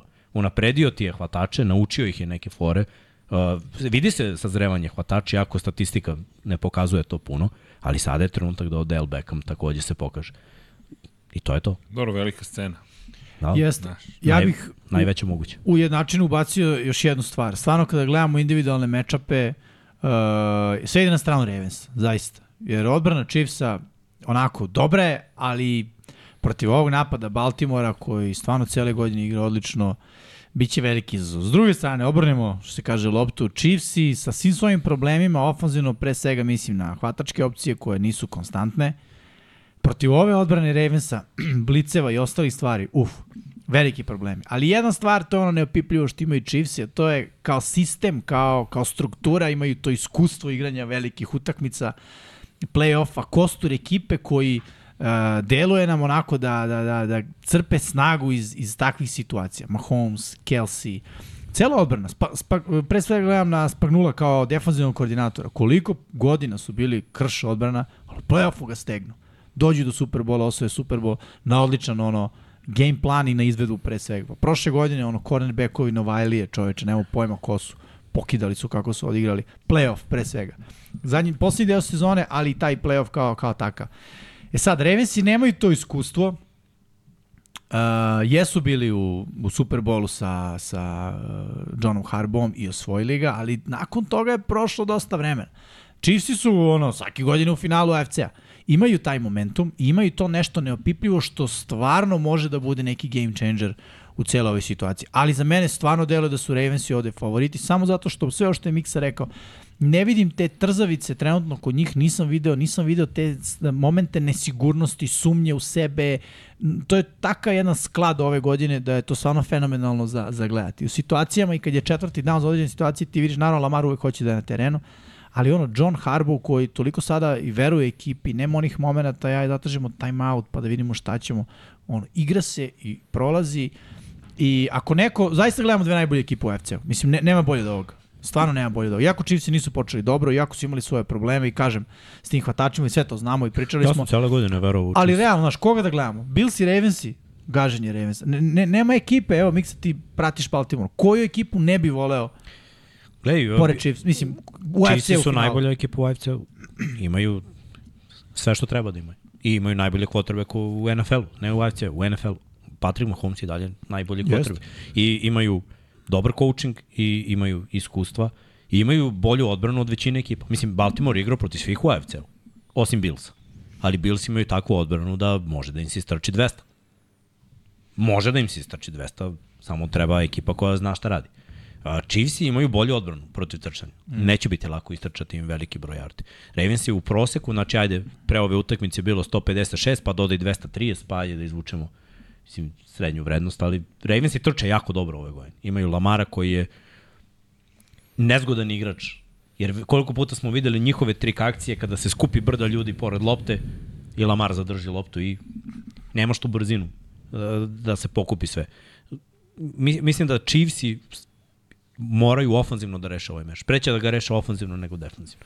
Uh, šta je loše za Baltimore? Vole da blicuju, Mahomesa ne možeš da blicaš. Blic Mahomesa se pretvara u brzo dodavanje ka pravoj opciji. Uvek. Lik je nerealan. Šta može da se desi dobro za Baltimore? Da neko ne uhvati loptu. Eto, to je... To je Zato što- kažem, ključ je da, da hvatači Chiefsa rade posao, da svi hvataju lopte i onda će ovo biti pravi derbi. A Chiefsi naravno ako zustave trčanje i nateraju Lamara da juri rezultat ili tako dalje, to može da bude za njih jako dobro. Ali ja očekujem stvarno da ovo bude još bolja utakmica nego Chiefsi i Billsi. Mm. Hoće sigurno biti, ti si spomenuo Steva Spanola, Spanula, pardon, od defensivnog koordinatora, njegova odbrana, jako je ove godine top 5, najviše dozvoljenih, to jest najviše touchdownova od strane quarterbackova, trčanjem su i on dozvolio od 2019. od kad je DC. Znači, to mu je mana defanzivno. Da, zato što danas, danas je takav futbol da, da ovaj, mnogi, mislim, on je stari stručnik i, i radi odličan posao, ali danas a, ti stari stručnjaci zaboravljaju. Ti si se navikao na devet blokera, quarterback da loptu i 10 igrač trči. Mm -hmm. Sad je 10 blokera, quarterback trči. Mm. I uvek si nadjačan. Odbrana mora da ima jednog više. Mi uvek pričamo o tome. Idealna odbrana je kad imaš jednog igrača više za ono što napad radi. Naročito kad su play action i misdirection i to. A Ali jeste. ni, nisi spreman za ovo. Ali za ovakve šta, šta on ima sada u odbrani što možda nije imao prethodnih par godina, možda pošto nisu bili ti igrači tu. Bolton i Gay, ko- Will Gay je upitan za ovaj meč pošto se povredio protiv Billsa, verujem da će igrati. Gay pokriva čitavu širinu terena. Ono nešto što radi Patrick Quinn za Ravens, to radi Willie Gay. Bolton je sjajan run stopper, ali fali Derek Nadi, defanzivni tackle koji opet ne igra i videli smo koliko je uh, njegov izostanak uticao na igru protiv trčanja u prvom polovremenu makar. Da. Posle toga su se Pa konsolidovali, jesu, igrali ali mnogo bolje. 170 za tegu. Jeste, previše, zato će oni faliti na ovoj utakmici značajno, ali ofanzivno, s druge strane, šta će odbrana Ravensa raditi protiv Kelsija? Kako zaustaviti kad Mahomes krene da skremblu? Ima vrhunske linebackere, neko će verovatno biti špijun, ali ko će biti na Kelsiju? Da li će to biti posao Kyla Hamiltona? Hamilton. Upravo to, jer smo videli... Najviši je, an anomalija je. je, Videli To je to. smo prototip njega u Dervinu Jamesu, koji je čuvao odlično Kelsija kada je zdrav. Kada nije zdrav, to je druga priča, ali kada je zdrav, umeo da sačuva Trevisa Kelsey. I opet, Vaske je X faktor. Vaske, Valdez Kentling imao dva hvatanja preko 30 yardi protiv Billsa. Znači, im je dao im je tu vertikalnu opciju, raširio je kom, uh, odbranu Buffalo Billsa, znači da će morati jedan safety, vrlo vratno Gino Stone, me ako grešim, Ja, možda Marcus Williams i Williams. Stone su odigrali ove godine mnogo bolje od Poera Ali i... neko će morati Hyde. da obrati pažnju na njega, jer kogod da ga bude čuo na poziciji cornerbacka, Valdez Kentling ima tu sposobnost da ih pretrči. 4-3 je, čini mi se trčao na kombajnu. Ali i da spu, ispusti loptu. Sve to stoji, ali kada je bilo bitno, protiv Bilsa nije. Da, da. Ima on jednu utakmicu u play-offu, ja mislim da je bila prethodna. O, mo, vrlo moguće, ali treba na to Ali da tu obrate i, i pažnju. Watson isto radi iste stvari dobro i Watson je konstantni ove godine, Jeste. baš bio dobar. Ali o, s druge strane odbrana Chiefsa ima cornerbackove, Lajeriusni, Trent McDuffie između ostali koji ja ne vidim kako će hvatači Ravensa pobediti njih dvojicu. Prvi To je put, Zay Flowers ključ. ja mislim da će ga McDuffie zaključiti. Iskreno da bude. Jer prvo, evo, Snid je sad dozvolio prvi touchdown u, u NFL-u, to jest ove sezone. Ali znaš koja ima to jedna stvar, Vanja? Te- Baltimore igra te kompresovane formacije, dosta ljudi blizu lopte. I ti kao korner, tu imaš mnogo više pokrije. Ti kao korner, uvek se kaže ono, aha, hvataš stoji s polja na brojima, ti realno imaš 7 yardi do auta i vamo imaš sredinu i imaš pomoć u sredini. Okay. I lakši, si, lakši je život. Kad on stoji tako, ti, tebi je skoro pa Prethodno- jednako levo i desno. Prethodnu utakmicu Zay Flowers je išao svaki play u motion. Svaki play. Prvo ide Ricardo motion, a onda ide Zay Flowers u motion. Svaki play. Zamisli 50 play-eva, tebi igrač ide u motion. Dobro, to rešaš, ne igraš man to man. Prosto ono, ne, nema A, smisla igraš imaju, man to man. A imaju upravo personal da ne, ne, mora, ne moraju da igraju man to man, jer imaš dvojicu vrhunskih cornerbackova. Jedan je bio all pro team, Snid je trebao da bude i pro bowler i all pro, nije nevažno za njega, jer igra fenomenalno ove godine. Imaju dovoljno dobre safety-je, već imaju iskustvo, jako su izuzetno mladi od prošle godine. Neće sigurno napraviti neku kardinalnu grešku, jer, jer ih nismo videli da to prave. Dobro, nisu igrali protiv ovakve ekipe. Sve to ja zato mislim da će Mark Andrews biti X faktor za Ravens, jer ako ti imaš i Likely i Andrewsa, mnogo će biti teško premislim- za Boltona da koga god da izabere da ja čuva. premislim likely. Znaš, Andrew se vraća posle mesec i kusur dana neigranja. Znam, ali samo Nisam prisustvo siguran- njegovo nisam siguran koliko mo-. Koliko može, znaš. Pritom ko neće igrati oni sve snapove. Baltimore okay. će se ovde prvo likely kida. Nema razloga sada da mu ne daš veći broj snapova. A Andrewsa vraćaš u formu za potencijalni Super Bowl. Nećeš sada ga istrošiš i ako se prođe dalje da ne može da nastupi u, u najvećoj utakmici. Likely je u- prvo jako težak za čuvanje jer je drugačiji. Uh, dovoljno je krupan, jak, ali je mnogo pokretljiviji od Titanu. Likely se kreće najfluidnije od fluidnije od Kelsija se kreće. On je kao Darren Waller, veliki hvatač. Kao. Pitts, da. Kao Pitts, da. To, to je likely. I to se videlo odmah, to sam rekao još pred, ono, kad su izabrali Ravensi na draftu, samo sam se ovaj, nadao da će znati da ga iskoriste. Jer, jer on je jako dobar bloker i fizikalan je, ali njegove kretnje su jako teške za, mislim, jako je teško defanzivnog igrača staviti na takvog, ima ono skoro 2 metra, brz je, okretan, jako, jako dobar pivoter, ima brutalne ruke. Koliko smo videli ove godine, udater hvatanje jednom rukom, pa Evo pogledaj prošle nedelje ovaj back shoulder. On je uhvatio to prst, prstima lagano, ono, tako mekano. To, to je igrač ko, od kojeg se možda ne očekuje da ima brutalan meč, a, a može. Ali trčanje je osnova za Baltimore. Ne, Ako uspostave trčanje protiv Chiefsa, mislim da su dovoljno zreli da shvate. Ove godine se desilo nekoliko puta da smo videli da su dovoljno zreli da shvate da će trčanjem uh, postići poen. Evo, protiv 49ersa, seti se ti, analizirali smo. Mm. U crvenoj sezoni imaš gol pokušaj, četiri tight enda i all-line. I gazi. To, znaš, to je neki identitet koji ti imaš. Ne ide na prvom pokušaju, Roki na drugom. Pregazi ih. Misliš da si jači, dokaže da si jači. I, i isto tako igraju i defanzivno, to je zanimljivo. Isto. Oni veruju da su jači i dokazuju da su jači. Dobro, to je i Mike McDonald koji je već tu dve godine kao DC. Za njega bravo. Uh, iskreno zaslužuje. Odlična šema. Da, bruta, brutalan. Stvarno, ako neko Jeste. zaslužuje posao kao glavni trener, a da je koordinator, to bi trebao bude McDonald. Možda neće ove godine dobiti jer je opet nema više toliko pozicija za glavnog trenera, verovatno će čekati još jednu godinu, a zanima me Todd Monkin i plan u crvenoj zoni Ravens. Chiefs često igraju man coverage u crvenoj zoni unutar 10 yardi. Zato i daju touchdownove. Zašto igraju man coverage, quarterbacku, trčanjem. Tako Jer je. kad igraš man coverage, E, pa to- okreneš leđa. Tako je. To sad kako će rešiti, imali su u jednom periodu, loše su bili u crvenoj zoni Ravensi, pa onda bili najbolja ekipa, da li ćemo vidjeti tu tendenciju na loše da se vrati, da budu ponovo neefikasni unutar protivničkih 20 ili ne. To će rešiti utakmicu. Ako postižeš touchdown, konstantno stavljaš Chiefs-e, vraćaš pritisak sav na njih, 7 poena, pa možda im dozvoliš 3, pa postigneš još jedan tažan 14-3. Druga priča. Me, meni se javlja da se Lamar neće natočati na ovom meču. To je neko moje, ono... Ali jeste vi u pravu da kad igraju man coverage u crvenoj zoni, ali znaš, to smo uglavnom gledali poti Josh Allena. Josh Allen je druga priča i za Josh Allena postoji power shema blokiran za quarterbacka koja je sa pet hvatača jako teško, teško za branjenje. A Ravensi to ne rade. uglavnom. Rade. Ne rade uvek, ali rade protiv nekih ekipa. Da, ali oni rade u formaciji gde ono zbubaju veliki broj ljudi. Realno. Znaš, Ne, ne, razvuku sa pet hvatača. Bilo je to ove godine. Baš je najraznoliki playbook koji sam ikada vidio. Svega je bilo. Malo neke stvari su povučene od Romana što, koje su bile uspešne. Ova akcija je Romanova. Ovaj rollout što je bio touchdown za Likely. Mhm. Ovo Odradili su je tri puta u posljednje dve godine. Uh, imaju, ne koriste, u posljednje vreme ne koriste zato što ovo tradicionalno trčanje funkcioniše. Ali mislim, mislim da ćemo videti ono, full Arsenal na ovoj utakmici. Je, jer je sad trenutak. Mislim da Monken shvata, njemu je ovo najbolje što je odradio. Uh, Harbo nije imao ovakvog uspeha deceniju. Lamarova je sezona, odbrambenim igračima je sezona. Uh, mnogima su posljednje godine, Jadavian Clowney, Calvin Noy, to su igrači koji sadilnik, to je to, oni završe ovo i mogu da se šlepaju još par godina. Calvin Noy se ostvario već, ali Jadavian Clowney nije, nikad nije igrao ova, ovako daleko. Mno, mnogo, evo Morgan Moses, koliko godina u NFL, koliko je bio dobar. Pa ništa, na kraju. I, i za njega velika utakmica. Spoj iskustva i mladih igrača. I, da. I sad se ide all in. Ovo je all in. Je- Jedva čekam, iskreno. Mislim da, da je ovo Super Bowl pre Super Bowl. I šta god da se desi dalje, koja god od ove ekipe da ode dalje, i sledeća utakmica je brutalna. Znači dobijamo sledeća tri meča konačno, Jeste, jeste. ono, vrh, vrh, vrh, vrh.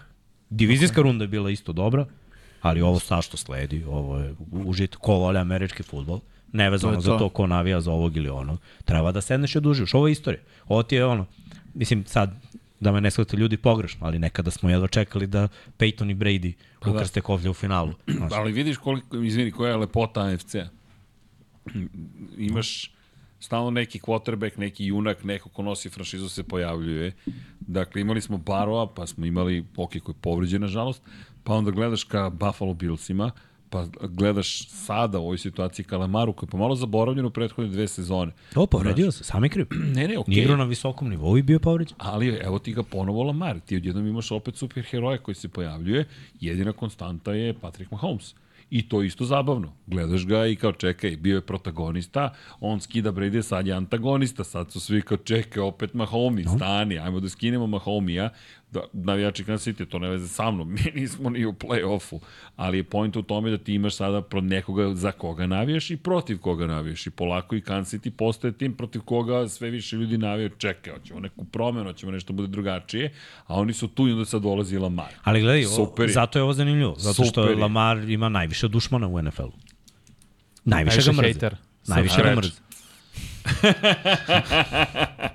Pretera ga Niksa, ne mrzi njega najviše. Nije baš. Vo, ne, ne, ne, ne mrze njega. Vole da ga kritikuju, aj tako da.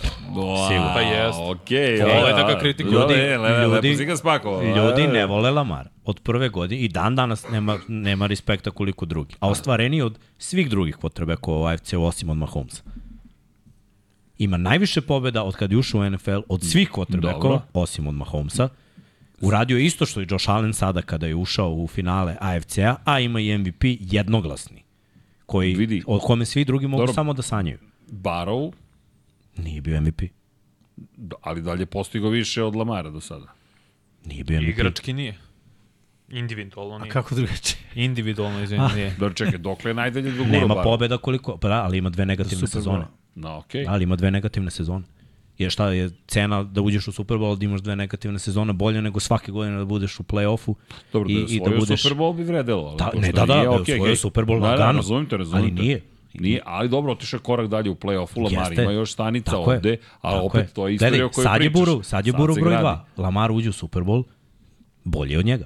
Da, da, tako? okej. Jer je Imamo bio MVP i svake da je godine u malo i play lično. Ja, ja Buro obožavam. Buro je bolji quarterback. Jasno Dodavač mi lopte. Ali u da, današnjoj ligi nije to samo važno. U današnjoj ligi je bitan pobednik. Dobro, čekaj, Lamar, vidi, pobednik da, Lamara, ne, pobednički ali- ali mentalitet još i sposobnost i glej, kada protivnička ekipa pravi game plan za Lamara, 10 puta je teže nego, nego za Vidi, Buro. hoću da ga pohvalim. Dakle, ti kada me, Ne ne, ne, ne, pokušavam da dođem, ali miksa je u zonu preventivna odbrana. Stani, imam preventivna. jednu bitnu stvar da kažem. Straight facts, homie. Možda nije bitna, ali moje mišljenje. Ono što, što pa ne, čekaj, ispada da ga braniš, nema čega da ga braniš, hoću da ga pohvalim, pokušavam uporno da ga pohvalim. Ajde pa kreni, bre. Ono što, pa ne, ne, ne, ne, nema reč. šanse. tu hvala Vanja, ali... Da se na konferenciji za štampu već bi te ugasili. Bre. znam, ali pokušamo da uspostavimo, jel te, taj odnos. Prošli put, evo, ispade da sam se... Vanja, ako sam se drao tebe, ja ti se izvinjavam. Da, baš mi je teško ne daš, sve ne palo. daš Vanji da dođe do reči. Rekao, Evo, po- okej, potresao ako se. nisam... Svi dalje vidim sam- čekamo. Da, dobro, Jimmy, daj sad i Srki i ti, ajde i ti, ajde sad tovari dok je ovde, dok su kolica tu, ali pojent u sledećem. Gledaš Lamara pre nego što krene u trčanje, on čovjek, jedini čovjek koga ja znam da stoji uspravno. Znaš, on ovako stoji i ti se fazonu, o, o, ovo će da ode na pogrešnu stranu za protivnike. Mnogo mi se dopada kad je u formi, dopada mi se kada nije povređen, imaš nešto posebno u Lamaru. Ne ti, nego generalno cela liga ima i lepo je gledati takvog igrača. Ozbiljno. Nešto, gledaš čoveka koji fazonu si, čekaj, ovo je baš igračina, može da bude. Još nije igračina, ali da vidimo rezultate, ali mi se dopada taj moment samopouzdanja koje je pokazao na ovoj utakmici isto. Gde on stoji ovako, otprilike samo što ne kaže, ček, samo da izaberem kuda ću i dopada mi se taj moment, baš mi se sve zajedno to svidelo i što vidiš da će da izmisli nešto. Što je opet nešto što Mahomi takođe ima. Da. Ima i Allen, imaju, Ne, ali... Mahomes je najsavršeniji. Jeste. Zato što kad praviš game plan defanzivno za njega, u problemu si. Jer može da doda sve, može da kupi dodatno vreme i ako ga zaboraviš da može da trči, a zaboraviš ga često. A zaboriš često, tako je. On uvijek u play-offu ima jedan, po svakoj, na svakoj utakmici ima jedan big run koji nije dizajnirano trčanje za njega. Imao je to I sada, produži. ove godine u obi I akciju, Svake i napad, godine i sve. I opet ima onaj rolling koji smo analizirali i da baci loptu prvi dan, stvarno bolesno. Jedva čekamo ovu utakmicu. No, će biti, nadam se da će biti lepo. Ti si izabrao pogrešnu ekipu, nema se javiti.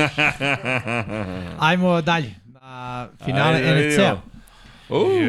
Lionsi će na nogi 49ersima. 12-5, 12-5 obe ekipe. Ali su 49ersi bili prvi nosioci. I samim tim su domaćini. Tako je. Ja se nadam, samo jednu stvar, da će Da. se pojaviti Detroit Lionsi iz većine ove sezone. To su ovi jaki Lionsi, naloženi Lionsi koji kidaju. Koji su ti ključevi za ovu utakmicu? Pusti Srki. Otključaj. Pobediti na liniji skrimidža za Detroit. To, je, to mora se desiti. Znači, Pardija mora da pritisneš. Znaju da vrše pritisak.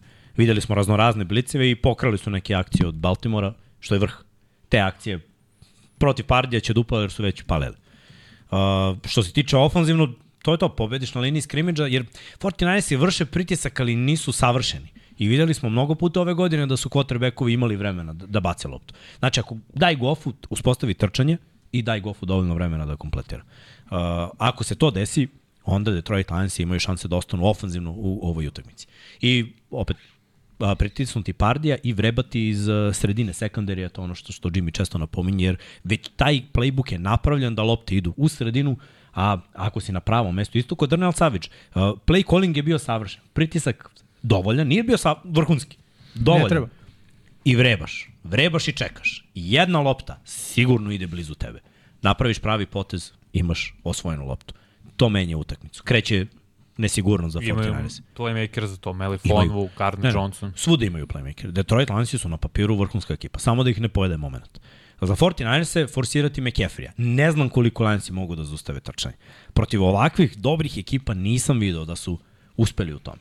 Ali ne moraš da ga zaustaviš skroz. Limitiraj ga malo. Ne, ne mora da ima utakmicu od 150 yardi i dva touchdowna. Spusti ga na 100 yardi i jedan touchdown i, mislim, probaj da živiš tim. Uh, trčanje i quick pass game, znači da Pardi brzo izbacuje loptu i da trče, to je veliki ključ za 49ers, jer mislim oni to igraju. Lopta ide brzo, playmakeri prave jarde nakon hvatanja. Pritisak na Goffa, svaki play. Ako ćeš da pobediš Gerarda Goffa, pritisak svaki play. Imaš ekipu koja i sa četvoricom može da vrši pritisak na svakoj akciji, ali moraš da ih stimulišeš, da ih motivišeš, da svaki play daju 100%, da Bosa da svaki play 100%, Young da da svaki play 100%. Javon Hargrave, toliko je vršio pritisak prošle godine za Filu, ove godine, znaš, na momente izdominira svoj duel, na momente ne. A on je u sredini gde je Regnu, koji je malo povređen, koji ima hiperekstenziju kolena. Mm. Sad je trenutak, znaš, da on napadne tu kroz sredinu. Opet imaju linebackere i defanzivne bekove koje mogu da koriste. Imaju odličnog cornerbacka koji može da zaključa jedan na jedan jednu hvatačku opciju. Kogoda da to bude, ako stave St. Browna u slot, neka to bude Reynolds, ali ga uzmi. Ako je Williams, uzmi ga, nema vertikalne opcije.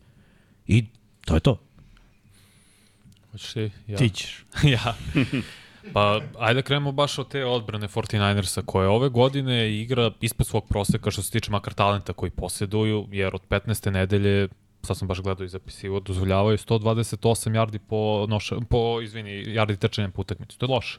4,8 yardi po nošenju katastrofa. Kako će oni da brane taj perimetar i spoljne otrčanje Detroit Lionsa, to će biti ključ za njih. Kako zaustaviti Gipsa. Montgomery će uglavnom ići kroz A, B gap, ali Gibbs ide B, C i posle ako ima D gap, on to gleda da Gibbs napravi... ide da oće. Bukvalno. U suštini je to tako. Kako će oni to da registruju, kako će da brane, to je znak pitanja, jer sa, šta radi još San Francisco često? Igra zonu.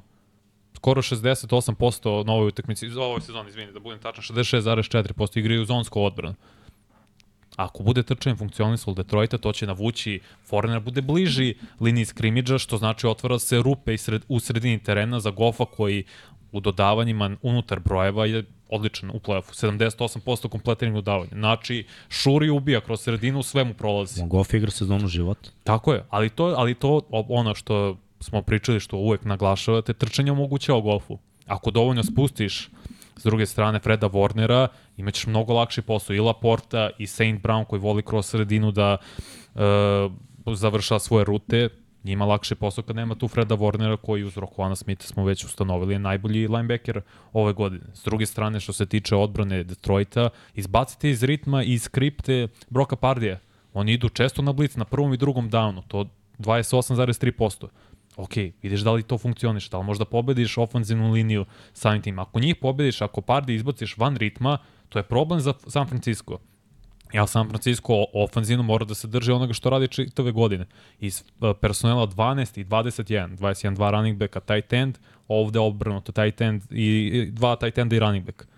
Znači, napasti iz toga i tražiti tako, a Juka, jako bude igrao Dibo Samuel. Jel moraš da ti bu, da imaš konstantnu pretnju trčanje, znači mora bude tu Juščik. Dibo igra. 100%. Igra, samo pitanje je na kom procentu da, da. je sposobnosti on. Da, da. To je zapravo najveće pitanje za San Francisco i za Broka Pardija. Jer I ako... za njih je još više sad ili nikad. Mm -hmm. Da. Jer uh, ako ne uđu u Super Bowl, a toliko puta su u finalu konferenciji, samo jedan da bude za Kajla Šenehena 2019. A ukoliko kritika i priča mm. kreće. Pritom, s, s, otvara se Pandorina kutija. Šta smo sve uradili ove godine? Doveli Hargreva, Younga, uh, vratili Bosu, pa došao Gregori. Pa, znaš, ono, toliko učinjeno da ekipa ostane na okupu i ne možemo da uđemo u Super Bowl u najslabijem NFC-u. Iskreno, ovo je najslabiji NFC bio ove godine. Jer nisu imali pravu, znaš, nije bilo više Toma, Remsi su malo potpustili, podbacili ove godine, mislim, jer, jer je bilo očekivano, Fila apsolutno podbacila. Mislim, otvorilo im se. Imali su nezreo tim Green Bay Packersa, nisu se baš pokazali, mm. ali opet bilo je lakše nego da igraš protiv Vratimo se prethodne godine kakve su neke ekipe bile. Pa Ili pre 2, 3, 4. Koja je realno najopasniji što prekne ekipa poslednjih 5 godina u NFC-u? Koje 49 49 ne, najfizikalniji su. Tako Sve je. imaju. Imaju liniju skrimidža, imaju odličnog GM-a, dobro biraju odličnog trenera, sjajenu zamisao, menjuju defanzivne koordinatore, ali mislim ništa se ne menja tehnički. Igraju istu stvar i, i dalje isti igrači dominiraju. Sve je to u redu. Zato ne smeš ovo da ispustiš. Ovo ti je zakucavanje. Jes, ali mislim, hvala sam pre nego što pustim tebe, Jimmy, opet, yardi nakon uh, kontakta. 49ers je predvode NFL po tome ove godine. A najviše yardi nakon kontakta dozvoljava odbrana Detroit Lionsa. Znači, loša tehnika baranja ili loše pokušaja baranja, šta god je u pitanju, to iskoristi, ali za to je neophodan zdrav Dibo Samuel. Jer očigledno i Ajuk se teško pronalazi kada nije tu Dibo. Videli smo u, sad protiv Packers nije bio ništa specijalno. Tri hvatanja, čini mi se da 30 yardi, on je dosta nedostajao. Da, loši vremenski uslovi. Tako je. Pravo nije otkud. I Kittle, da Kittle će da pokida i ovde. Rere McLeod ima par ispuštenih lopti, možda on može da doprinese malo više. Ma on je nebitan liko. Ali ako ne bude Dibo pa Samuel, pa je, mislim, u suštini Jennings, jest. Jennings je liko i će pravi razlik. Jest. Znači imaju broj 1 McAfee. Ayuk, Kittle, Dibo. Ako je 100% Dibo ulazi u to, znači oni su svi 2A, 2B, 2C, ali podjednako su važni i podjednako su sposobni. I onda imaš nepredvidivog igrača. To je Jennings. Da li će dobiti loptu, da li neće, ne znam, ali čovek je sposoban. Pokazuje da je sposoban, jako. I da možeš da, da se uzdaš u njega. Slažem Ne se. bi pobedili utakmicu prošlu da se on nije pojavio. Koliko brutalnih Evo, hvatanja Ne, apsolutno. Ali meni je jasno šta ne funkcioniše u odbrani 49ersa sa Stevom Wilksom. I to što loše brane trčanje s polja od tekla, 5,4 jarda po nošenju, to je katastrofa. Fali, fali Šta- šta je Hufanga, problem? Fali Ne, Hufanga, me nema, ne- nema šta, fali Hufanga. Fali, Fali, toliko u trčanju Kako ne? utiče Hufanga. Spuste ga dole i Jeste, spuste ga dole i seče. sistemu odbrane safety ima zaduženje da bude Mhm. dodatna, dodatna podrška. Ko je bio? Uh, Tart je bio pre, jel da? Jeste, Jeste. koji je imao ispušten interception. Dobro, ali Step. za trčanje je radio posao. I onda Hufanga ga pojao i mislim, stvarno je Hufanga vrlo važan ove godine za njih. I povredio se, nažalost. I to je to. Sad nema ko da popuni još. Treba ti safety kao podrška trčanju. Protiv Slažem ekipa koji igraju ovim personelima. Lionsi ćeš vidjeti iz dva tight enda. Pet dobrih ofenzivnih linijaša, hvatači koji blokiraju. Šta je dono Dan Campbell? Zalaganje. Timsko. Svi blokiraju. Nema kod njega da vidi. Jer da si kod Dana Campbella video hvatača koji kampuje do, dok je trčanje, taj ne bi bio u Kao timu. Pickens. Nema toga. Kod Dana Campbella Pickens bi trajao jedan dan. I nakon toga Da. bi bilo doviđenja prijatno. Da, mislim da je ključ za 49ers da igra Dibu Samuel, da budem iskren. Jer ako ne bude igrao i oni budu dali, to je priredili predstavu ko protiv Packersa, oni će izgubiti ovaj meč. Uh, jer prosto, ono, Lions imaju playmakere ofenzivni, za Lions je u ovoj utakmici ključ da trče. Da koriste Gibsa i Montgomerya, jer uh, nezgodno je malo taj sistem čak i sa play actionom dobar, dobar je fit odbrana 49ersa za taj, za taj play action jer imaju dobre linebackere koji su vrlo pokretljivi i koji mogu da, da isprate te crossing rute koje obično su deo play action šema. Ali ovaj, sa druge strane, što se tiče uh, napada 49ers, ko što rekao, Dibu Samuel, jer bez njega oni stvarno nisu ista ekipa. Ono, Brock Pardy će gotovo sigurno baciti interception, mislim, kroz sredinu. Takav je, takav je koncept, on će forsirati. Nije on toliki ključ po meni cele sezone. Ono, McCaffrey i Dibu Samuel, to je to. Ako Dibu ne bude bio na 100%, onda ono malo više im treba da Brock Pardy iskorači. Ako je tu Dibo i McCaffrey ako igraju u fullu, Kittle je, slažem se s tom miksa, Kittle je isto Pa veliki je man faktor. coverage, je, znaš? Isto kao e, Da. kako je Savage ispao na onom touchdownu Kitla. Ako budu igrali man coverage, Kittle je pre, presposoban tight end. Jeste, Brz je, zna da se zagradi. jeste, ali znaš šta, su, šta nisu radili Packers i radi, radi Lions, te blice s polja, Mhm. Nickelback i ostalo, znaš, to vraća Pardy u džep. Kad ga vrate u džep, on ne može baš dobro da baci Da, takvu to je šansa. polja. Da. To, je- to je dobar game plan. To je Baltimore radio i is- ispun četiri interception. Jeste. Jeste. Isplatilo se. McKivic protiv Hutchinsona. Veliki zadatak za desnog tekla koji je realno prosečan ove godine. Jer imamo superheroje. Kako to misliš? Pa, pa Hutchinson. Ne, superheroj kao što su sa druge strane Mahomes i, i Lamar. Da li ovdje imamo superheroje? Pa nemaš, jer nisu takve ekipe. Nisu Ne, takve ne, ekipe. okej, nisu, ali zato pitam da li postoji neko koga eventualno- bi izvo, izdvojio i rekao to je to. McCaffrey i Goff meni su ključ jedni za druge. To je, izvinjam se, Dibu Samuel vamo i vamo Goff.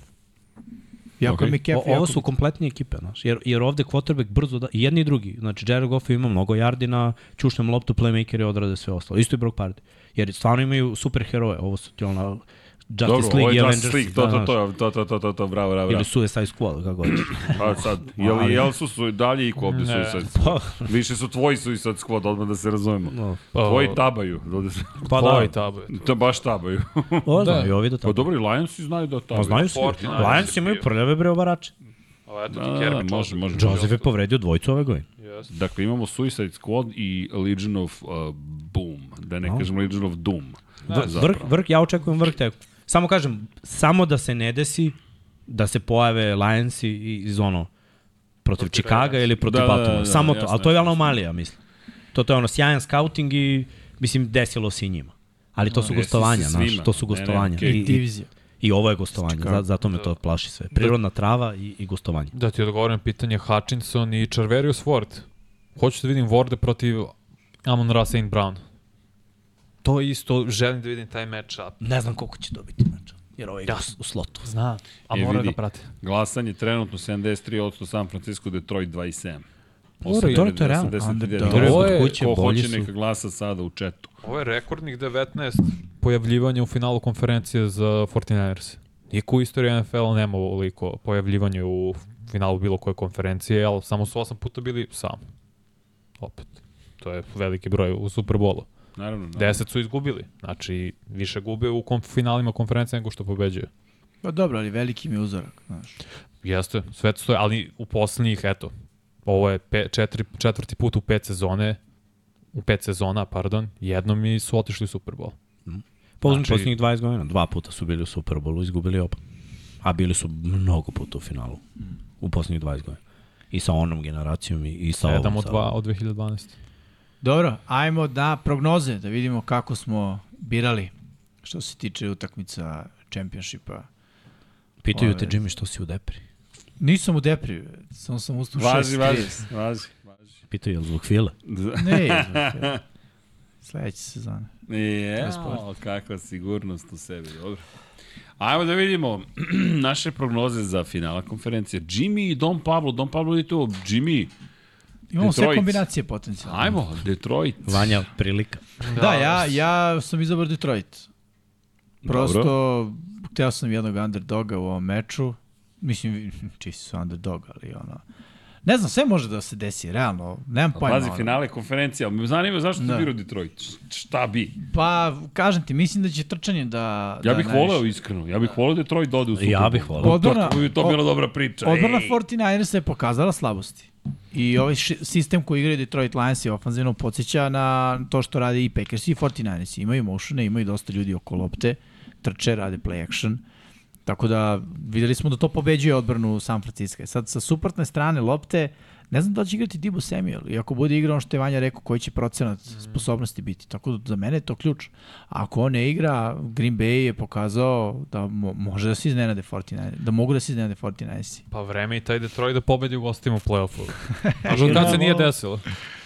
Eto, Od vidjet ćemo. 57. Dobro, u svakom slučaju Jimmy, opa, dakle, Ja i Pablo. baš dugo. Nije. Don Pablo i Jimmy veruju u Detroit. Što se tiče Kansas City i Baltimora, Jimmy Vanja Miksa, Srki, svi kažu Baltimore, pazi sad ovo. Don Pablo i ja kažemo Kansas City. Don Pablo je baš u kontri. Hvala ti za to, stara garda, ali dobro, u redu je. Ali da, pričat ćemo posle o tome. Pa znaš kako, Kansas City, Kansas City, Kansas City. Jednostavno, i imam osjećaj da će opet biti u završnici kad misliš da je sve gotovo, da će se opet izmigoljiti i nekako proći dalje. Voleo bih, kao što bih voleo Detroit da pobedi, iskreno, Baltimore da pobedi samo zbog Mikse. Ne znam da li da me teši ovo što. Srki kontrira, jer kakav mu je procenat ove godine. Dobro maš. ili, će, ili će da me izbaksuzira najstrašniji. Ne, ne, ali vidi, je ja se iskreno nadam da ćeš ići u Super Bowl. Volao Samo bi da zbog Detroit pobedi, ali biram 49ers. Pa zato što, znaš, sad, sad, sad, sad sam malo... Sad si uzbiljio. sad Malkice, sam ozbiljniji. Malo, Šta ti rade godine, a? Ne, ne, ne, hteo, mada hteo sam da promenim, ali već je bilo kasno, rekao, ajde Detroit da stavim, ali onda bih morao da stavim Baltimore i onda sve to gubi smisla. Da. Onda sam rekao, okej, Boje dođe u ljubičastoj majici za Beren Chiefs, a kaže da ih vole pobedi Detroit i vidi, ali ja bih voleo stvarno, čije su- iskreno, samo zbog miksa. Čije su prognoze još uvijek žive za super, one naše u wild card? Mislim, wild ja sam, Srki, ili imaš da, is, da moj final nije živ. Moj je živ, Ja, Kansas City mi je živ. Meni je Kansas City živ. Ja stavio bre. Remse i Kansas City. tako. Tako je, Kansas City. Kako je živ? Ja mislim ispali? ja stavio isto Baltimore i San Francisco, sam sam birao San Francisco na kraju. Ja sam stavio Kansas City i Rams. Ali Green Bay mi je bio finale konferencije. Jao, kako je. A smeo si mi se za moj izbor. Dobili Green Baya. 49ers. Jao. Smejali smo ti se, Jao, ne ja, šuteru, svi. moj šuteru. A sve svali na kikera, on je kriv. Nije, nije samo on, ali tako to da Scenario ispadne. postoji, bre. Ej, vidi, ali ako Kansas City uđe u Super Bowl, Ko Kansas City, šta? koga, čega, kome, koliko? Da, da, evo Srki nešto sad tamo klikće, nemam pojma šta radi, Može krenemo pitanje od... Ma da, ajde. Pitanje i pitanje Evo ga, odgovor. naš sam. E, ali čekaj, čekaj, čekaj, čekaj, čekaj, Srki čekaj. veliki, ali on je baš randomizovao, pošto nije išao ko, koga pobedi dalje, on je samo spajao slagalicu, tako bilo? Da, ima Jest, neke nije, greške. da nije Srki veliki je rekao 49ers i Baltimore Ravensi u finalu.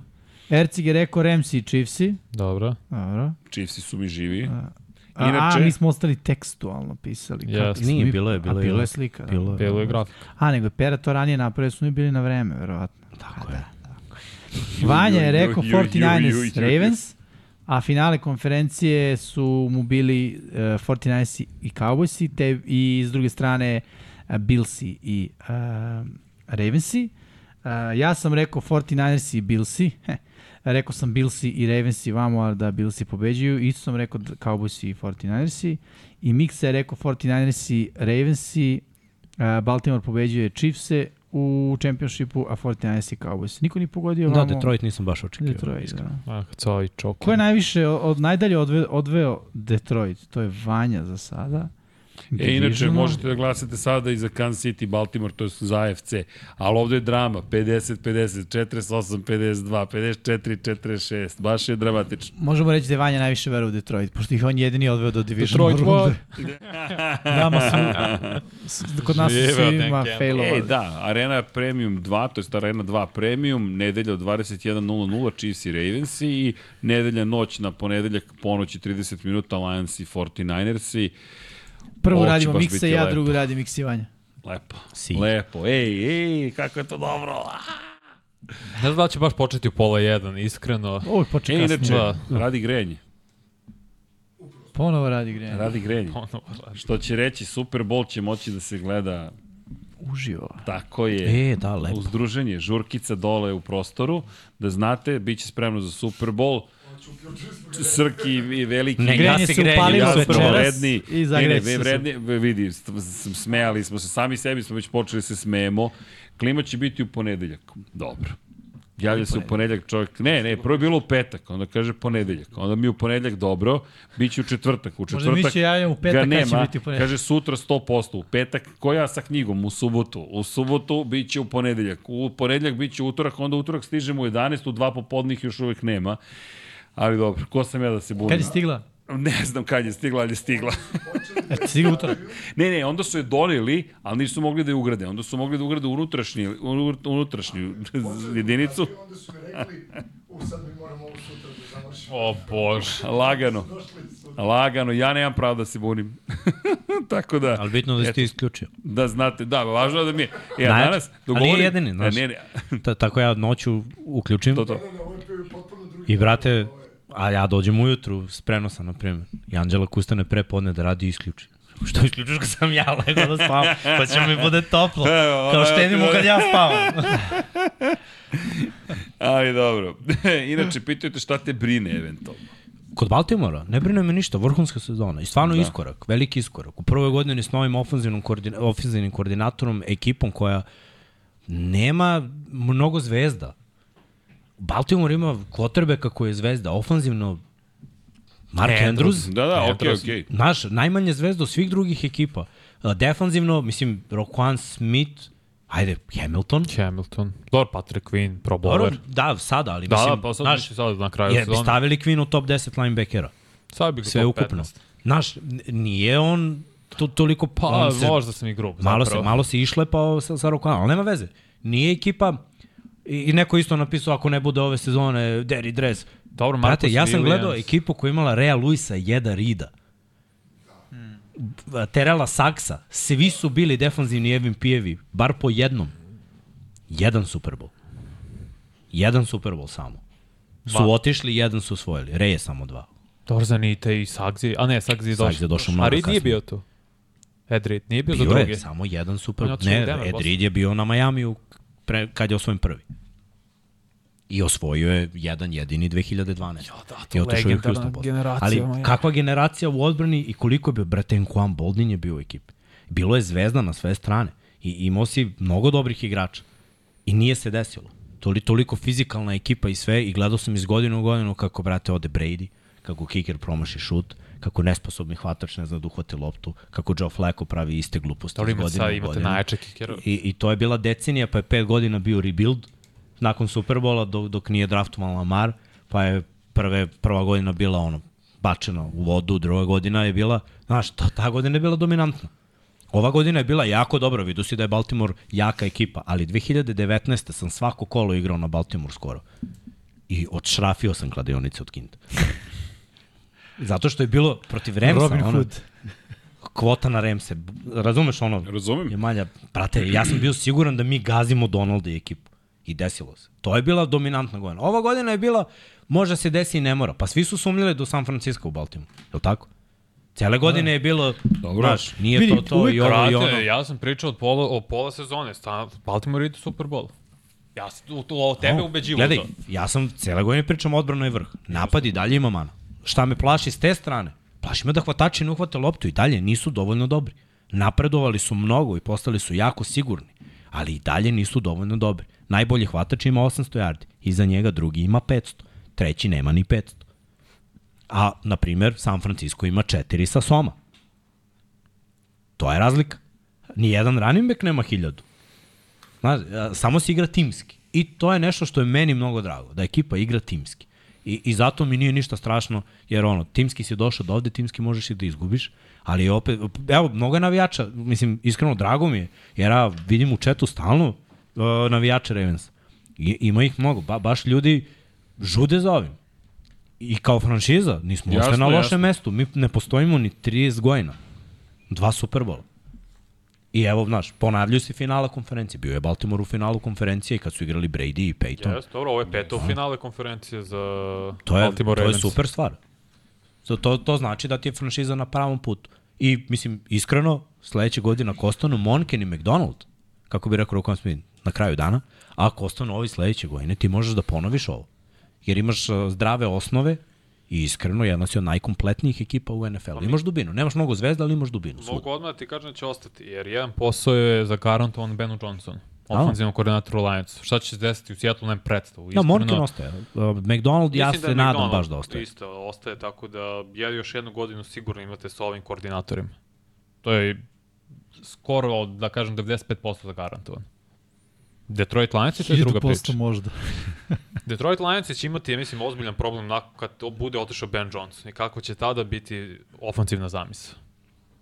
Kao što smo videli kad je Shane Steichen otišao za Eagles. Mm. Ovo je njih, mo- njihova najbolja prilika da uđu u Super Bowl. Jer će ra, raspašće se posle ovo. No? Vidjet ćemo. dalje s pitanjima. Tepe. Ajmo. Evo imamo pitanje iz studija na kraju univerzuma. Da čujemo. Što se tiče wild carda, da li mislimo da. Da. da je pošteno da četvrti nosilac ima prednost u odnosu na petog nosioca, iako i Šampion četvrti nas ima manji broj pobjeda. Pa vidi, to, to, to ti je malo i pitanje sreće. Ja mislim da je to u redu, zato što, kao što Jimmy kaže, šampion divizije. Šampion divizije, jer ti kad igraš svoje divizije, ti imaš e, šest mečeva sa ono, tri ekipe. I tu negde definišeš svoju sudbinu. Najviše se u tim mečevima definiše svoja sudbina. Redko kad vidimo da ekipa ode u e, play-off, a da imaju u divizion 1-5. Mislim, realno. Mhm. To se ne dešava. Tako da ti kao šampion svoje divizije, ako ti divizija slabija, kao što su bili Buccaneersi, pa ono, pobediš i Imaš malo sreće. Pa šta, pa ove godine nije sreća, nego znanje i znanje. su. Ne, ne, ne, ne. Imali četvrte, za četvrte ekipe godinu. sa lošim skorom su pobedile petu sa boljim skorom. Ove godine. Ali vidi, hoću da kažem, znaš, ponekad te posluži sreća, što je u redu, sasvim, šta sad. Ko što nemaš sreće ako si na severu AFC-a.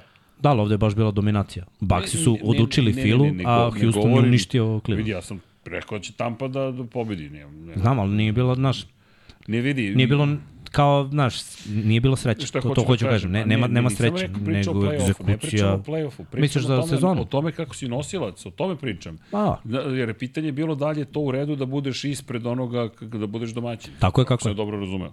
I Da, iskreno to je to. mislim da nije. To, o tome pričam. Tako je, tako je kako je. To je Treba da bude to. zastarelo pravilo, to je i bilo i u NBA-u takođe pravilo kako si šampion divizije, automatski si u top 4, ali pošto ima tri divizije po konferenciji, znači da neko može da te preskoči.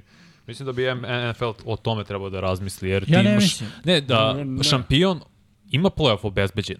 I to je to. Nemaš siguran top 4, Pa Budi znam, bolji. ali ono, koji je tvoj benefit ako si šampion? ideš u sigurno playoff. Pa da, ali treba da igraš kod kuće, realno. Svoju si diviziju. Pare. Zašto se Dobro. diže, da, zašto A, se diže budi ono, bolji. baner prvaka divizije. Cele gu, pa i dalje bi se dizao, samo bi ne bi bio nosilac. Samo Kako ne- se diže na tuđem stadionu, brate? Igraš playoff, zašto bi se... Pa ne, ne, je vidi, to je čast, ti si osvojio diviziju. mi Ok, hoćemo si da diviziju, izvozimo dobro, dobro, diviziju. Budi i bolji, pobedi više. Pa zašto? Ti imaš divizije su Ali ti najveće. Ali evo zato ti, Houston je pobedio Cleveland. Pobeđuješ u play-offu, brate. Da, je igrao Tampa je Houston u pobedila sa Clevelandu. 9-8 Eaglese koji Da je su Tampa imali išla u 11. filu, druga Zato priča. je izazov onima Upravo. drugima da se potrude više. Osvoji Da, diviziju. osvoji svoju diviziju, Znaš, brate. to ti je upravo to, to ti motiv da Dobro, budeš šampion zato je, divizije. imaju ekipe koje uđu u play-off sa 7-9. A to je isto u pa redu. dobro, i je da, ušla ekipa sa Svako je rekao da bi im dao pobedila. playoff. O da, ali ne bi dao domaći teren. Pa mislim, okej, ali š- moraš kao šampion da imaš neki benefit, realno. Znaš, Benefit je taj što uđeš u play-off. To ti je benefit. Pa ne vidim. Pa uđe i ovaj koji nije šampion. koji ima Pa u dosta potrudi da slučajeva više šampion. pobjeda nego ti. Pa nek Da. se Sve jedno, potrudi. ali zašto njemu daješ Vidi. prednost? Mislim, Nek se tvoje, nek se potrudi. potrude, nek se potrude da osvoje Potrudi, diviziju. Znaš, tako je. To je to, mora osvojiš diviziju. Nek ti to bude onda prvi cilj. Lako je. To je svima prvi cilj. A, pa Po znači... tome gradiš ekipu. Pa zna, ali znači onda treba da dobiješ nagradu. Ako je to prvi cilj, ti si ostvario prvi cilj šampionske divizije. Da, ali imaš diviziju gde vladaju Petrioci 20 godina, malte ne i ti nemaš sreće prosto. Nije Nije to da nemaš tebe. sreće, nisi loše. se organizovao. Pa dobro, te ekipe su bile bolje protiv ostatka protivnika iz konferencije. Da, Samo su pa protiv nije- Patriotsi. Radi šta- scouting da dobiješ nisu Patriots. prošli u play-off kada, je imao, kada su imali 11 Pet. Znam zato što je 2007. Brady je povređen. Znam zašto dobio, nisu. ali nije samo to, pazi, oni su imali 11-5, Vanja, nisu Tako ušli je. u play-off, što radiš? Neko ko je imao loši Hoćeš, o, Trebalo je da imaš 12. brate. Trebalo je 12, tako je. Što nisi pobedio? NFL je već popustio za krš ekipu. Miami Ubacio isto je ekipu 11-5. broj 7. Ima 11-5, ali su prošli zato što su Da. imali... Ali bolji- NFL je već poradio na tome što je ubacio ekipu broj 7 i samim tim mnogo olakšao ekipe koja je Meni seed broj skroz 2, okej. jer seed broj 2 igra sa jako lošom ekipom. Dobro, ali seed broj 2 nema više odmaranja u prvoj rundi, pa zbog toga. Ali A imali više- su pre. Zato je poenta da budeš seed broj 1, brate. Budi bolji. Bori se. Opet još jedna pre, nagrada za to što si najbolji u konferenciji. Tako je. Ti odmaraš, ne, ne odmaraju jedni i drugi. Znači već smo dobili nešto. Is, iskreno, wildcard runda kao WC runda ništa nam ne donosi. Donosi nam par iznenađenja i te ekipe staju, uglavnom. Da. Drugo pitanje. Uh, da, da li se sećate koje dve ekipe su odigrali prvi meč u ovoj sezoni, da li ćemo to odigrati posle? Chiefs i Detroit Lions otvaranje sezon, dobili Lions, sećam se. Da. Pitanje je bilo da li se sećam koje, koje meč otvorio Ja se sezonu. sećam. Da li može da I se da li može da se zatvori? Ja se nisam sećam. Pa može, da, gledaj, ni, ne možemo mi da kažemo u finalu konferencije ovaj će sigurno ili ove godine ništa nije sigurno. Svi imaju uspone i padove u svojoj igri, s jedne strane baš imamo derbija, s druge strane naglašen favorizam jedne ekipe koja je znala da se ne pojavi isto u par utakmica. Mislim, Dobro, ne ali- možemo ali... ali- zaboravimo da 49 se nisu pojavili na četiri utakmice ove godine. E, da, da su igrali ali- loše. Igrali su loše protiv Bengalsa, failovali su, gubili su lopte, igrali su loše protiv Baltimora, igrali su loše protiv Ali Clevelanda. je lepo pitanje, znaš. A. Lepo je pitanje. Detroit ima šanse. Detroit im samo procentalno su manje šanse nego u AFC-u. U AFC-u koga god da mislite da je favorit, šta god da se desi, ja bih rekao da je ono jako blizu. Iskreno ono 51-49. Da, Dobro pitanje. Da, je, dobro. ovde je malo drugačije. Hvala. Uh, uh, uh, Ne, ne, gracije mile. Dobro je pitanje, nije mi palo na pamet, iskreno. Da, nije jao mile.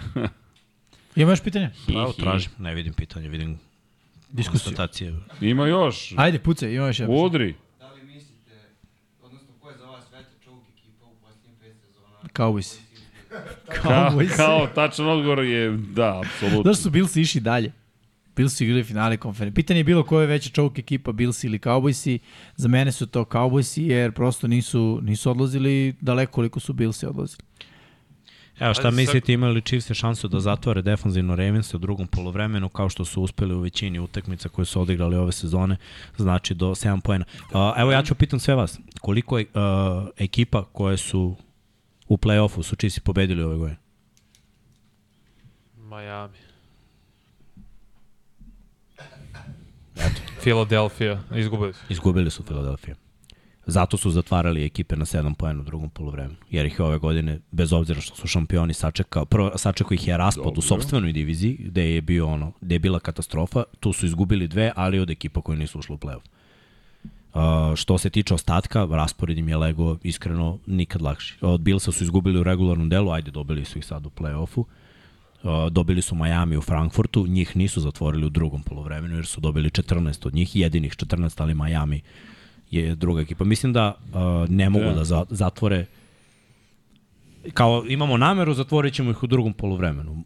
Može da se desi izgubljena lopta ili da uspore trčanje, to je jedan od načina, ali kao da oni odluče i, i da zatvore napad nije to koji je... stvar odluke, nego mislim da je to ono dobar uh, adjustment. Kao što su Ravensi na polovremenu, za I su Texans više se dobro napravili adjustment. ekipa Baltimora da ih ugase na 7 poena za, za, za polovreme. Prvo ili drugo. Ni- Nije se desilo ove godine da, osim Pittsburgha, ali to je divizija, da Baltimore, a pritom Baltimore je dobio 7 ekipa koje su u play-offu. Da mogu se nadovežati na ovo što si ti pitao, što se tiče season opener, baš sad gledao, nikad se nije desilo da ekipe koje igraju prvi igraju posle u Superbolu. A kick-off ovo, ovo je forma da imaš tu utakmicu Thursday Night od 2002. godine. Ali nešto mi se čini da su... Uh, Nisu. Igrali su Često su bile reprize reprize. Superbola Da. su bile, ali nije bilo da neko ko što je igra... realno mala šansa da se desi back to Nije back. se Mislim, ponovio. tako, uglavnom igraju u konferenciji, dešava Da. se nekad između konferencije, ali vidiš, sad imaju priliku Detroit Lions i Chiefs i da, Da, naprave da, tu istoriju. je ži, živa do sutra u 9. Nije sutra, već. Sa dva dana pre. Pa, To sam ti, to sam ti rekao. Za mene već Ali Witching ti si Hour. tipovo na, na, na Detroitu. Yes. Ali Detroit znači prolazi, ali... A zamisli ovaj Baltimore. scenarij. Da. Kad Darius Tony opet igra u Superbowlu protiv Detroit Lionsa i opet Mahomes baca loptu i... Pa i tri tačke, vred. Je Pa vi sad rekao ovaj u onom reklami Da, za nećete scenarij, verovati, Nećete kao. kakvi su mi moji, vred. I svi kao, wow, nismo očekivali. Gube Super Bowl što se Toni opet postavi u neutralni zoni. Zamisli, bre. Mislim da bi stvarno neko Pa bukvalno, bre. Gotov si. Bukvalno. Nemojte. to, Mahomi. Mahomi kupuje Nemojte novu to, karticu. ljudi, nemojte. Travis Kelsey daje Jasonu da ga zove. Uh, imamo pitanje u kojoj ekipi vidite kralja Henrya nakon Tennessee? Dallas Cowboys. Iskreno. Dallas ima najviše smisla. Ima smisla, nema takse, državne takse, hmm. Texas, sklopljen je tim. malte Dobar ne. online. Možda i Dan Quinn bude ostao, jer i dalje se ne zna koja je njegova situacija, jedemo mu šanse da bude glavni trener u Seattle Seahawks. Pa jeste, ali mislim da je Dallas spremniji nego Tampa. Miami ne verujem da bi išao već Ili imaju. Jacksonville. Pa Jackson ima ran Etienne. Ne, ne, samo, kaže, Maja, mada, za, zamisli kao u Majamiju. Pa ne može, imaju već dvojicu. Ne, nije, nije to taj igrač za taj I nije taj sistem. Just saying, just saying. sistem. Baš Dallasu treba. Pročitaj, brate. Koje ekipe po vama imaju najgoru budućnost? Najgoru budućnost, Uh. koje ekipe? Volimo to. Znači, ovo je noć ovoga proročice, brate. Pa pazi, vrlo je lako iz ove perspektive. Najgore ekipa Karolina. Zašto? Opet uh, nepoznato. Ni, nisu odradili dobar posao i dalje su daleko od toga. Da, uh, nađu quarterbacka, naprave sistem, da coaching staff bude kako treba. Uh, jedino dobro za njih je divizija. Ali osim toga, ništa nije dobro. Um, ja ću kažem ekipu Patriotsi. Isto, novi Moraju da coach. imaju lošu AFC je toliko dobar da ono... Divizija njihova. Da, nema šanse. Billsi, Dolphinsi, Da, da. Jetsi, kad se Rodgers vrati. Vi se samo smejte, Ali... Da se ne smejem, u fazonu šta je sledeće. Saleh će se povrediti sledeće godine. ono, I na jednako je sideline. isto tu da ih uključimo u isto Arizona, mislim. Pa dobro, Arizona... Može da bude mislim- dobro, ali isto može da bude fail. Kao što smo videli u nekoliko navrata.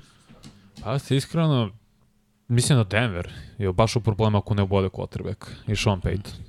Jer ako se otara se Russella Wilsona, veliki znak pitanja je da li je to Stidham ili koga god budu draftovali, ako budu draftovali. Nakon toga hvatače moraš da menjaš maltene većinu sem Satona i ako se bude vratio KJ Hamler, online isto moraš malo da naprediš odbrana, je sjajan secondary, ali ovo ostalo je upitno, nedostaje konstantan pass rush nemaš baš draft kapital zato što si dao za Russella Wilsona. Znaš ko isto mislim ima lošu budućnost? Uh, Buccaneers. Zato što sa Bakerom, to je ono, pre, rešenje se premosti, Evans pitanje šta će biti sa ugovorom, Eko ostane, on je realno veteran, Imamo par dobrih hvatača koji mogu da obmenju ono, sredinu. Znaš, za- odbrana je matora, mislim, realno. Uh, pođemo od linebackera, u korneru nema i neka sjajna rešenja, D-line, dosta veterana imaju. Tennessee, bro. Pa Tennessee jeste, ima- Tennessee Izvuci jednu redu. kartu, eto, to je njihova budućnost. Ako pogode, pogodili su, ali Nije ima još karta, 51 nego- špila. Crni džoker. Kako se zove? Šta? Covert? Ne, ne, ne, nije još kovert. Ovo je pasijans, brate. I, I dalje ima jedna šansa, znaš, ako Dobro, pogledaš... imaju kepu. Kako se zove on s kartom za poricanje sudbine? Tarot. Tarot. Nije znao šta je to. Dobro, vidjet ćemo i Steelers isto. Posle Majka Tomlina. Oni imaju pozitivnu sezonu. Pa imaju, ali opet... Dobro, prava je Vanja, diskutabilno budućnost. Pa, Znaš, ko je quarterback? Koliko bolje odbrana. od ovih ekipa koje smo nabrali. Koliko- Imaju pozitivnu sezonu stalno. Ove ekipe su birale i prve na draftu. Pa vreme i taj Pittsburgh, jedno nema. Pa gledaj, ako Pittsburgh bira prvi na draftu, to im je pff, uspjeh, ali neće to desiti. Oni Pa zato i ekipa. kažem, nemaju oni, to će biti opet isto. Da, sve je kod njih. Pozitivna sezona i evo, play-off. Ne znam. Raidersi? Ne, oni imaju priču. Imaju dobru priču. Sa Ko se vraća? Pierce. Ne, Sigurno. on ide u Jetsa, bez. Ne ide Devonte nigde, brate, njemu je u full, Devonte. blizu je, blizu je ovaj, svojih. Kockarnice. Hm? Pa, ajde, ima da ode Tu mu je, brate, familija, mogu dođu na tekmu. Pa Oni dobro. sa zapadne obale, šta će da ide opet na istok, ne zanima ga. Ide po titulu. On je došao ovde da odradi to. Koja titula Jetsi neće u play-off ući? Da čujemo Srki pitanje. E, 100%. da kumbe. da, Da li je boje za Dallas da puste Preskota i nađe novog QB-a? apsolutno ne. To je, vrati, pitanje šta je starije, koka ili jaje, ako mene pitaš. Jaje. Nemam pojma, osta, vidi, o, o, katuju, i katuju, o, otarase se Preskota na bilo koji način i nema, imaju šta? Ništa. Ostane Preskot i imaju šta? Ništa. Relevantne su, imaju playoff. Imaju do divisionala. Okej, I onda play-offu si. imaju, ono, Brate, Srce mnogo je priču. teško naći kotrbe kako igra kao top 10 na svoj poziciji. Kako god da je liga što se tiče talenta i produktivnosti, nivoa Slažem se. igre, brate. ali je mnogo lako naći kotre koji čoku u playoff. A njega Okej. su našli. Dobro, okej, i o, svi su čokovali, ne mogu, opet ulazim u raspravu o Preskotu, niti želim, ali Pošteno. mnogo je teško, da, mnogo je teško naći top 10 Re, nego quarterback. reci mi. Teško je naći solidnog quarterbacka. Baš je teško. To je najteži posao u NFL-u da ti ubodeš na draftu quarterbacka. Jer je to na slepo. Zatvoriš oči, oči i bacaš ovako. Aha, ovaj. A Caleb Ubodeš slučaj. Williams? Ko? A Caleb Williams? Pa ne, možda draftiš Caleba Williamsa, pošto si dala sa prvo Chicago neće dati prvi pik, Commandersi neće dati drugi pik, Patriotsi neće dati treći pik, nije njima trebaju quarterbackovi, malte ne. Nemaš ti, čekaš, osuđen si na to šta se radi. Ušao si u play-off, osvojio si Veći je problem Sad- za Cleveland Brownse. Isto. Pa ti bukvalno Pa nije za Cleveland, još uvijek ima godinu dana nade da Deshaun Watson možda ostane zdrav. A nakon Pa, toga mislim da kreće mora da frka. igra Da, da, pristojno. ali Za početak. oni bar imaju neku priču.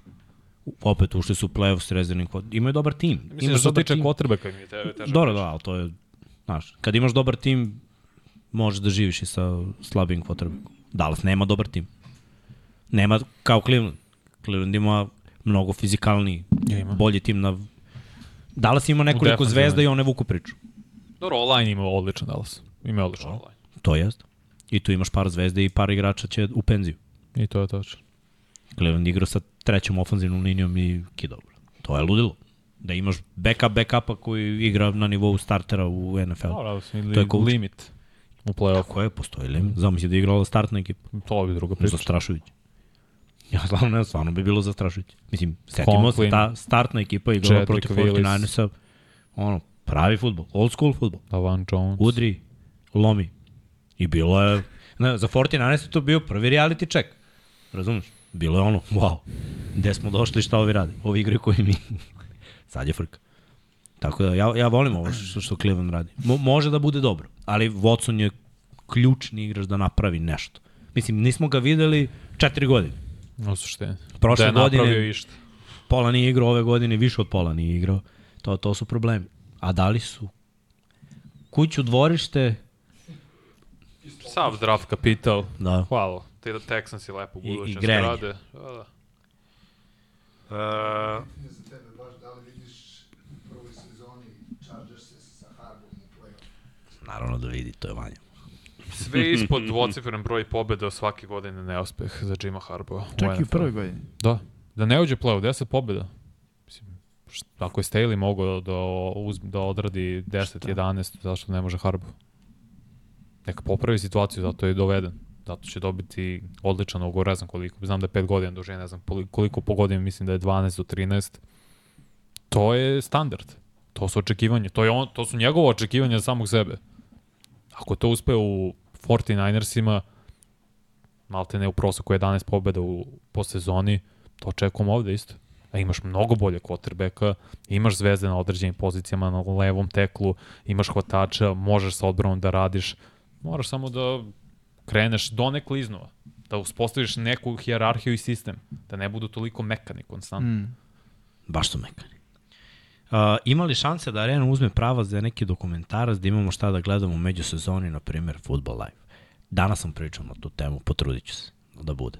Ali, mogu da dodam, subscribeujte se i saznaćete još neke stvari koje mi spremamo. Da. Jer ova ekipa ovde je neumorna. Ja Ovo- sam malo umoran. Ali da, koliko znam ekipa, inače, ajde, ja ću u njihovo ime da budem drveni advokat, ali znam koliko se trude da, da poguraju stvari na samoj televiziji, tako da respekt. Udrite like za ovu ekipu. Trojac koji nastavlja da kida. Trojac predviđen četverca. Da. Znaš da je nominovan za mladog komentatora godine? Je li jesi? Jeste nominovan. Na kraju. Da. Bravo, da je znao. Pa Što ćutiš? Ja, pa rekao, ne neću da, kažem, neću ja da se hvalim. Dobro, pa jedno ću si mladi novi, ne ja možeš da budeš ruki godine. Pa sledeće godine ne možeš da budeš mladi. Šta ne može? Šta ne Šta može? ne Večiti može? dečak. A, Sve ono, može. već- A? A Ben Simmons? A Benci. Dobro, da, A Blake Griffin? A, ovaj bre iz Remsa, kako se zove bre? Kyrie Williams. Kyrie Williams, brate. Šta ne može? Novajlija nedelje u Šta svoj ne treći sezon. Ne, pa rekao sam Srkiju. Jeste. Ne, rekao sam Srkiju. Poenta jeste da se pokaže da zaista mi, kao mi, ne samo ja, pokrivamo naš cenjeni sport na mnogo višem nivou nego što drugi ljudi rade što se tiče njihovih cenjenih sportova. Futbol, košarka, rukomet, objeka, stvarno nevažno. Vanja je ono, personal, taking to a next Jeste, level, pa idemo da. u fight, neka, Vanja, idemo. Kad smo već kod pohvala, ja moram pohvalim ove naše mačke u četu. A, reci. Gledaj ovo, gledaj ovo. Slušaj. 260 lajkova, 284. Oho. Skoro 100%. Kidanje. To, to, to. Touchdown, touchdown. Tako je, Bravo, ja. Tako da, tako je. hvala ljudi. Bravo, je. Pokidali ste kolamar. Inače, 144 glasa za na pitanje ko osvaja AFC, 51% kaže Kansas City, 49 Baltimore. Ali to je realno. To, to je realno. Ovo igra procenat Drama je, ovako je sad. Baš je, tu je, tu je, tu je. Baš je, baš je Eagle, Eagle to. Mm, biće dobro. Mahomes sa sobom uvek nosi nešto ekstra i... Ja mislim ćemo To mi je- dobiti dva sjajna finala konferencije, iskreno. Da, ali ajde. Uh, ćemo da privedemo kraju? Ajmo lagano. Ajmo. Ajmo. Ajmo lagano. Znam koji si vreme zadao i tu smo negde. Nismo to. On je nerealno. Nismo. On je zadao nerealno da vreme. On ne, on je... Ne, Mi smo ono što je on rekao, to je pre To je dva i pitanje i odgovor. I Ne, ne čak mo- nismo ni to. Dobro. Bilo 32. Evo, pitanje i odgovor. Ali dobro, znaš šta je super? On si dalje nada. Ma džabe se ono. Nadu se i za Filip. Pazi, bit ćemo trebalo brzi i efikasni sad. Nakon ovoga. Da. Nije moj zapravo smernice i moj, moj nivo energije, vrate, ono... Samo treba da odobriš. Da, Dallas ništa. Cowboys u play-offu, brate. Ništa, samo polako. Ti kao svaki orao zaješ i za mlazova, jel te, aviona i polako. Drži se za krilo. Nemoj da A ćemo imaš sa- nemoj da a ga imaju uvuče, kanđe, brate, u motor, A taj šta ćemo mlaz. sa Vranom i Grab onto the cape. Hm? Pa, Rekao, šta ćemo sa Ja Vranom se i Stvarno, leti, ali niže. Ja, svi A smo munja? nešto... Pa, A ja sam u Svi smo u oblacima, ja. Svi smo čoveče. va- Svi smo vazdušni. Vazdušni znak. Znak, to šta kaže horoskop za... Ne, moramo da mislim, šta kaže horoskop za vašu za ekipu? vazdušne znake. Kad je rođena vaša ekipa? Ovo je godina vazdušnih znakova. Ne znam datum, ali... godina zmaja već. Godina zmaja. Godina Godina zmaja. Zmaja, Da, pa da, godina idemo. zmaja. I šta to znači? Pa va, zmaj u vazduhu. Vidjet ćeš na zemlji. vidjet A ćeš u vatra? šopu. Vatra vidjet ćemo da. Zavisi ko je. Dobro, Da li je agresivan ili Ko je ne? zemaljski? z- Ko, imaš i vodeni Zemljani. znak, zemljani Da. znak, ali imaš zemljani znak, ali vodeni znak delfini, dupini, pazi. Gde si sad iskopao delfine? Pa, Pa pa iz da, Miami. je, da, nisam ih iskopao, ni Rone. Iz Dunava, ple. Njih nisam Šta ima još od kopao. tih vodenih eh, naziva ekipa? Neće- Sve Neće munja u kopnene, da. delfinu. Ima Orao Mornar. Da, Ja, imaš. Seahawk. Jeste, jeste. Poluvoden. Orao ribar, orao ribar. Da, imaš i. Buccaneers, Mornar. pravo je. Mornar. Čuje, kaže Srki, ima gusare, vete. Buccaneers. Mornar. Da, Gusar. Gusar je E, poluvodeni. gusari, idemo, Poluvoden. idemo. Poluvoden i polubrodski. A Raidersi, Dobro, on živi- kako oni? pa i oni su. Oni su. A, ma nema znači, ne, oni su drumski. Da, oni su drumski. Ali čekaj, ako pljačkaši. ti u kuću staviš brodski podes, onda poluvoden. Zavisi, imaš i one šipke, znaš. Vidi. A gde spadaju sveci, brate? Da su na zemlji ili na nebu, ili Pa, na nebu, brate? A šta je Na vidra? zemlji. Ha? Na zemlji. Pa Vidra je svetac, brate. Šta je poluzemljan. vidra? A nema vidri. Ne vidi. E, moj Biće. Polako. Polako. Nego sveci, svi Radimo na tome. sveci, Radimo vazdeni, sveci. Ne, vazdušni ili zemljani, kopneni, brate. brate, zemljani. Zemlja Zašto, brate? A to su ljudi i dalje. A, ali Nisu. su sveci kad nisu više Dobro, ljudi. oni, od, oni su svoj, a svojim delima na planeti Zemlji su došli do statusa sveca. Pa znači oni su zemljano zaslužili da budu vazdušni znak. pogotovo u New Orleansu, svetaca Da, koliko da. hoćeš, naš grad svetinje, svetaca. Dobro, čekaj. Vikingi. Vikinzi, Vikinzi, pardon. voden znak. Voden, Vikinzi. Nema pa rasprave. da, nema tu- Otkrije Ameriku pre Amerike. Vrlo jasno.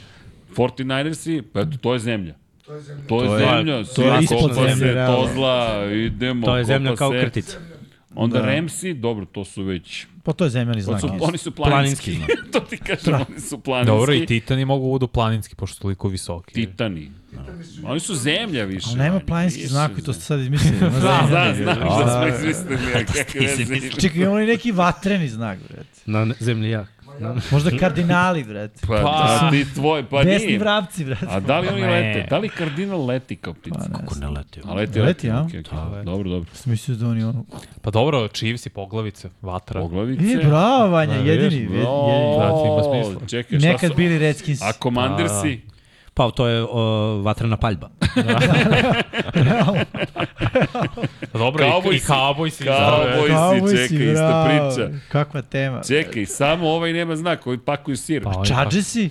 Čekaj, Pa smo pakuju sir, bre. vazduh. Ne, smo vazduh. A sira nema u džetu u vazduhu. Ko kaže da nema sira? to Kao sam samo ja smem, jer Kardinal neće da mazne sir i da odleti. Važi. Riba i sir. Riba i sir, okej. Ne, to ne ide, kao, va, dobro. Mislim, moglo Čekaj, bi. ali kartonski. Dobro imaš znak. pantere tamo. Dobro, To je to, Falconsi, nemaš dobro. Nema, ostalo su životinje. Manje više. Da. Dobro, i Titan zemljani. i Giants, mislim, je ono, u suštini. Broncosi, čekaj, Da, ako Giantsi, nići. da. Pa zemljani su. Zajedno. To ti Zna se da- A Životinje, Šta su Houston životinje. Texans? E, Bizoni. to je dobro Za- pitanje. brate. stanovnici Oni Teksasa. su u zabludi. Stanovnici I oni imaju bizona. Bizoni. Pizon, a? A, pa da, Pa dobro, da, Texans kao, jest. da, okej, okej. Da. Da, da. Da. Oilersi, Naftađije. Po zemljan, de, znači to je definicija zemljanog Kolci su ti, znaka. dobro, Oilers. konjići, Zemlja. Steelersi. Ko je to znak? Pa Pa vatren. vatra, Vatren. vatra, čelik. Gde se čeli kali oni u su, vatri. Oni, oni su vaga. znak. Znaš, Vaga. metala. Mislim da, a koji dan, znaš, kao godina. To je podznak. Šta je podznak? Nećemo toliko Ne, ne, duboko ajde uradimo Ne, astrološki. znaš šta je podznak? Ono Ne- stara ekipa, tipa Baltimore Colts, znaš kao? Baltimore Ravens su u podznaku su kolci. Zemljani znak, kolci kao po zemlji. Potkovica, pa to je sreća. Baš im se posrećila divizija. Da, umalo glavu mi zlomi. A Patriote? I, Pa vatreni. a, Vatreni, bravo, Pucaju, pucači, Patrioti, realno, pucači, pucači. Gde njih se Naoružani. seti, čovječe. Mislim, neka si ne. pa ne, pa kako da ih se ne setiš, vidi. kako, kako, kako ne, ne razumem. Dobro, čekaj. Pa Jetsi mu dođu jedini, jedini proizvod koji čovek A napravi. sir? A sir? I sir, sir, sir, sir. Si, mi smo Da ti li je ja. sir Buraz, životinjski proizvod? Ti ja, ti si organski, ja sam neorganski. Pa dobro, i potkovice, Proizvod. izvini, I potko, Potkovice. pa, ni, A ko dobro, su to je- potkovice? Pa kolci. Colt. Nije, Colt vam je konj. To vam je konj. Evo, ovaj kaže Kolje pište. konj, ali, Nije brate, konj, ti su konj. konji, Colt ali konji. da, ali, Nisam Colt i ali ždrebac. je se zato što se... Ždrebac. Znam se čovjek zove Colt McCoy. konjima, zato im je grb. Da, da, ali su to ždrep... Ali čekaj, šta ćemo sa Colt McCoy? Da, konj McCoy, da, šta? Pa ne, A dobro, vidi, Eaglesi- Dick Vermel. Sad si a Dick ušao osim u witching hour, da znaš. Dick Batkus. I Diki Batikus, brati. Šta? Dosta ljudi. Da. E, dosta, dosta, dosta. Vanja je pokušao da Ne ozbiljno različite kad su se pojeli Eagles i Steelers i te 40. bile Pittsburgh Eagles, je li tako? Je, ali Znači čekaj. vi imate ozbiljne Isto znake. vatreni. Ali ajde da napravimo kao... Vazdušni i vatreni. Čekaj, ali znaš ono Paper Rock Scissors uh, Spock Lizard? Ne. Da, ko koga ubija. A to šta imaš dodao Spock I Štrebera. A Spock spo- Lizard, pa to je fora iz Štrebera zapravo. Pa iz- mislim, da, Da. oni ubace ovo. Ovde i onda uh, Šta Lizard, koga jede? pa ne se Sve ide više u krug, koga, da. sve ide u krug, ali sve ide u krug. Ali zamisli da napravimo tu igru sa timovima NFL-a. Ko koga U, mora bi da Pa nabriš 32 Patriots ekipe. jedu sve, mislim, ako ćemo Pa da, tako. a ne, možemo- Onda u poslednjih 20. Ne, pa Mada, godina. Bakanirsi, Mada znaš, Giants jedu njih. Pa pazi, možemo da napravimo, Munja ih opali. možemo da napravimo ovako, stavimo četiri kvotrbeka iz AFC-a i bukvalno sve ide u krug. Mahomes dobije Alena. Allen dobija Burrow dobija Barova. Barov dobija Lamar Mahomesa. dobija Burrowa. I onda idemo. Reciklaža. Da, ko dobije, da, Lamar dobije Bura. Ludilo, bro. Koga dobije Josh Allen? To dobro pitanje. Da. Ovo, je jedan nam fali. Teška priča postaje. Nema. sad, sad je teška. Josh Allen nastaviš i onda ideš u desno.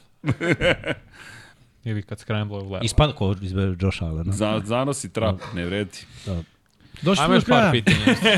Jimmy je pokušao da Ja, ima još par pipa da završim. E, pa, Nema, ljudi se smeju. To, to je to. Ljudi se sve. Ljudi se smeju.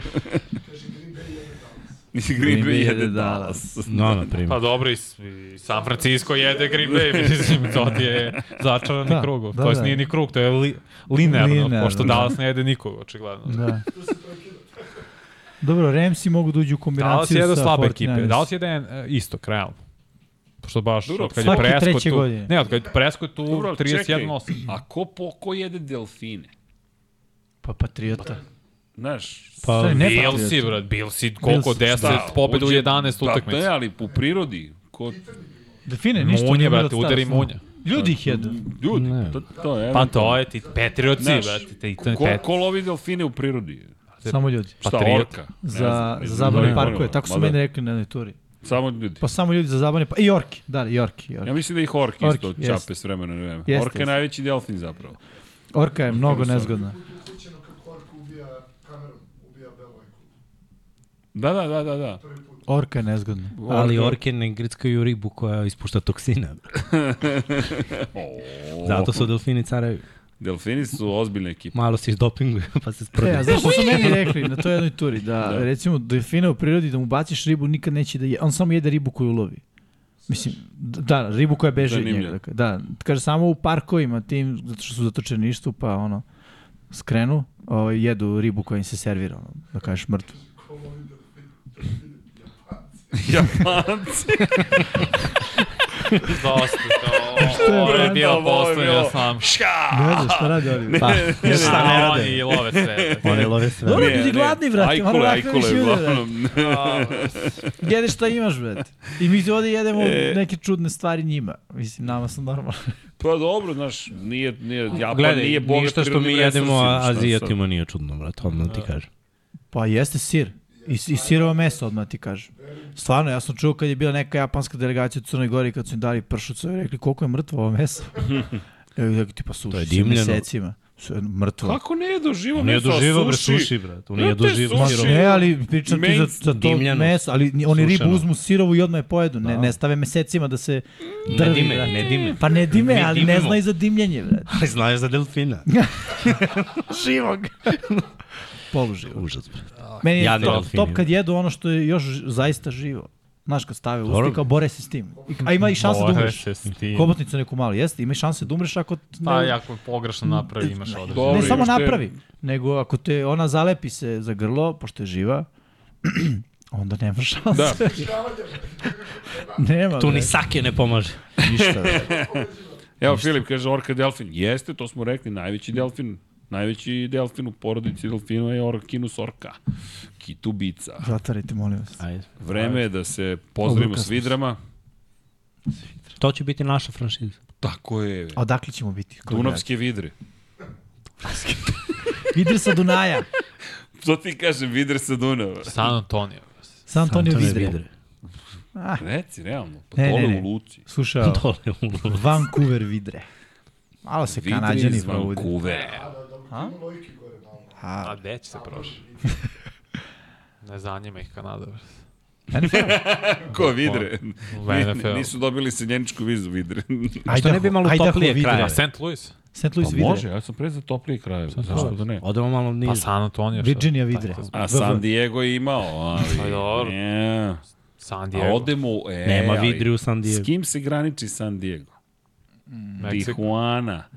Tihua vidre iz Tijuane. Meksičke vidre. Idemo, Meksičke. si lud, tek meksička vidre. I tekilom. Znate za one e, nazive ekipa u Srbiji? Ne? Pričao sam, Vranje, Vrane. Da. Ja. Nije čača, čačka. nije su i. Vidre. Virjevo Bili su vidre. vidre. da. Bili su vidre iz Nog Beče. Da, Novi Beč je ozbiljno vaterpolo sredina. da. Da, inače Filip kaže, inače delfini su mnogo li milosrdniji od ajkula. Jesu. Nemilosrdni. Da, da, ne milosrdni. Pa ajkula lovi zato što ti se lovi, gladna je, a delfini, tako, znaju da se igraju. Dosta Gasi. smo ga odužili. Ajde, gasi. pa ti si rekao pitanja i odgovori. Da, da, šanse. sam rekao. Gasi. Ok, vreme je da se polako i sigurno pozdravljamo. Dragi ljudi, 170. izdanje 99 yardi, najavili smo, jel te, finala konferencije sezone 2023-2024. Ja ću samo kratko reći, mazite se, pazite se i vozite račune drugima, budite dobri jedni prema drugima, a gospodin jedini koji ima ekipu u ovoj fazi play-offa, imate li nešto, gospodine, Svi da imamo kažete? ekipu, samo njegovi dalje igraju. A, okej, okay. Rekao u ovoj fazi play-offa, ali dobro, to, to, Samo u posljednje dve godine samo nas ptice drže u igri. Sam, da, da, da, da. Baš lepo Orao pao, pa da vidimo Gavrana. Gavran dolazi. u svakom slučaju, navijajte za Miksine Gavrane samo zbog Mikse, a ukoliko već nemate za koga da navijate, a ukoliko su vaši timovi naravno u finalu konferencije, pa uživajte šta drugo da vam kažemo, ekipa će biti sa vama, vas dvojica ste prvi, je li tako? Arena 2 pre, Premium 21.00, šta je prva utakmica? AFC, MFC. AFC, dakle KC AFC, protiv AFC. Bal i od 00.30 nedelja na ponedeljak, dakle čim se završi prvo finale, SF. Detroit dolazi u SF. Det et SF. Što to zvuči. Detet. Det, dete dolazi u San Francisco da vidi kako se Epizoda. True Detective u navi. Ok, ljudi, što vam kažemo, nadam se da ste uživali. Pozdrav za čoveka koji ne znam kako će kući, a osim ako ne planira zaista da vozi bajs 70 km, ali potrudit ćemo se da imamo kako to funkcioniše. Hvala za posetu. Da li ima voz za Novi Sad sada? Za 20 minuta. E, ćao svima. Ništa, ljudi, što vam kažemo, nadam se da ste uživali. Kliknite like, share and subscribe i hvala svima za podršku. Patreon.com kroz Infinity Lighthouse i naravno članstvo u YouTube-u ili na shopu. Srki kreće, čovjek mora da stigne na voz, a hoćemo na, nemam pojma. Na osam. Ajde, ti, ti si sad, Na ajde, osam, tvoja ekipa je tu. Ajmo na Baltimore. Ajmo. Baltimore. Ćao svima.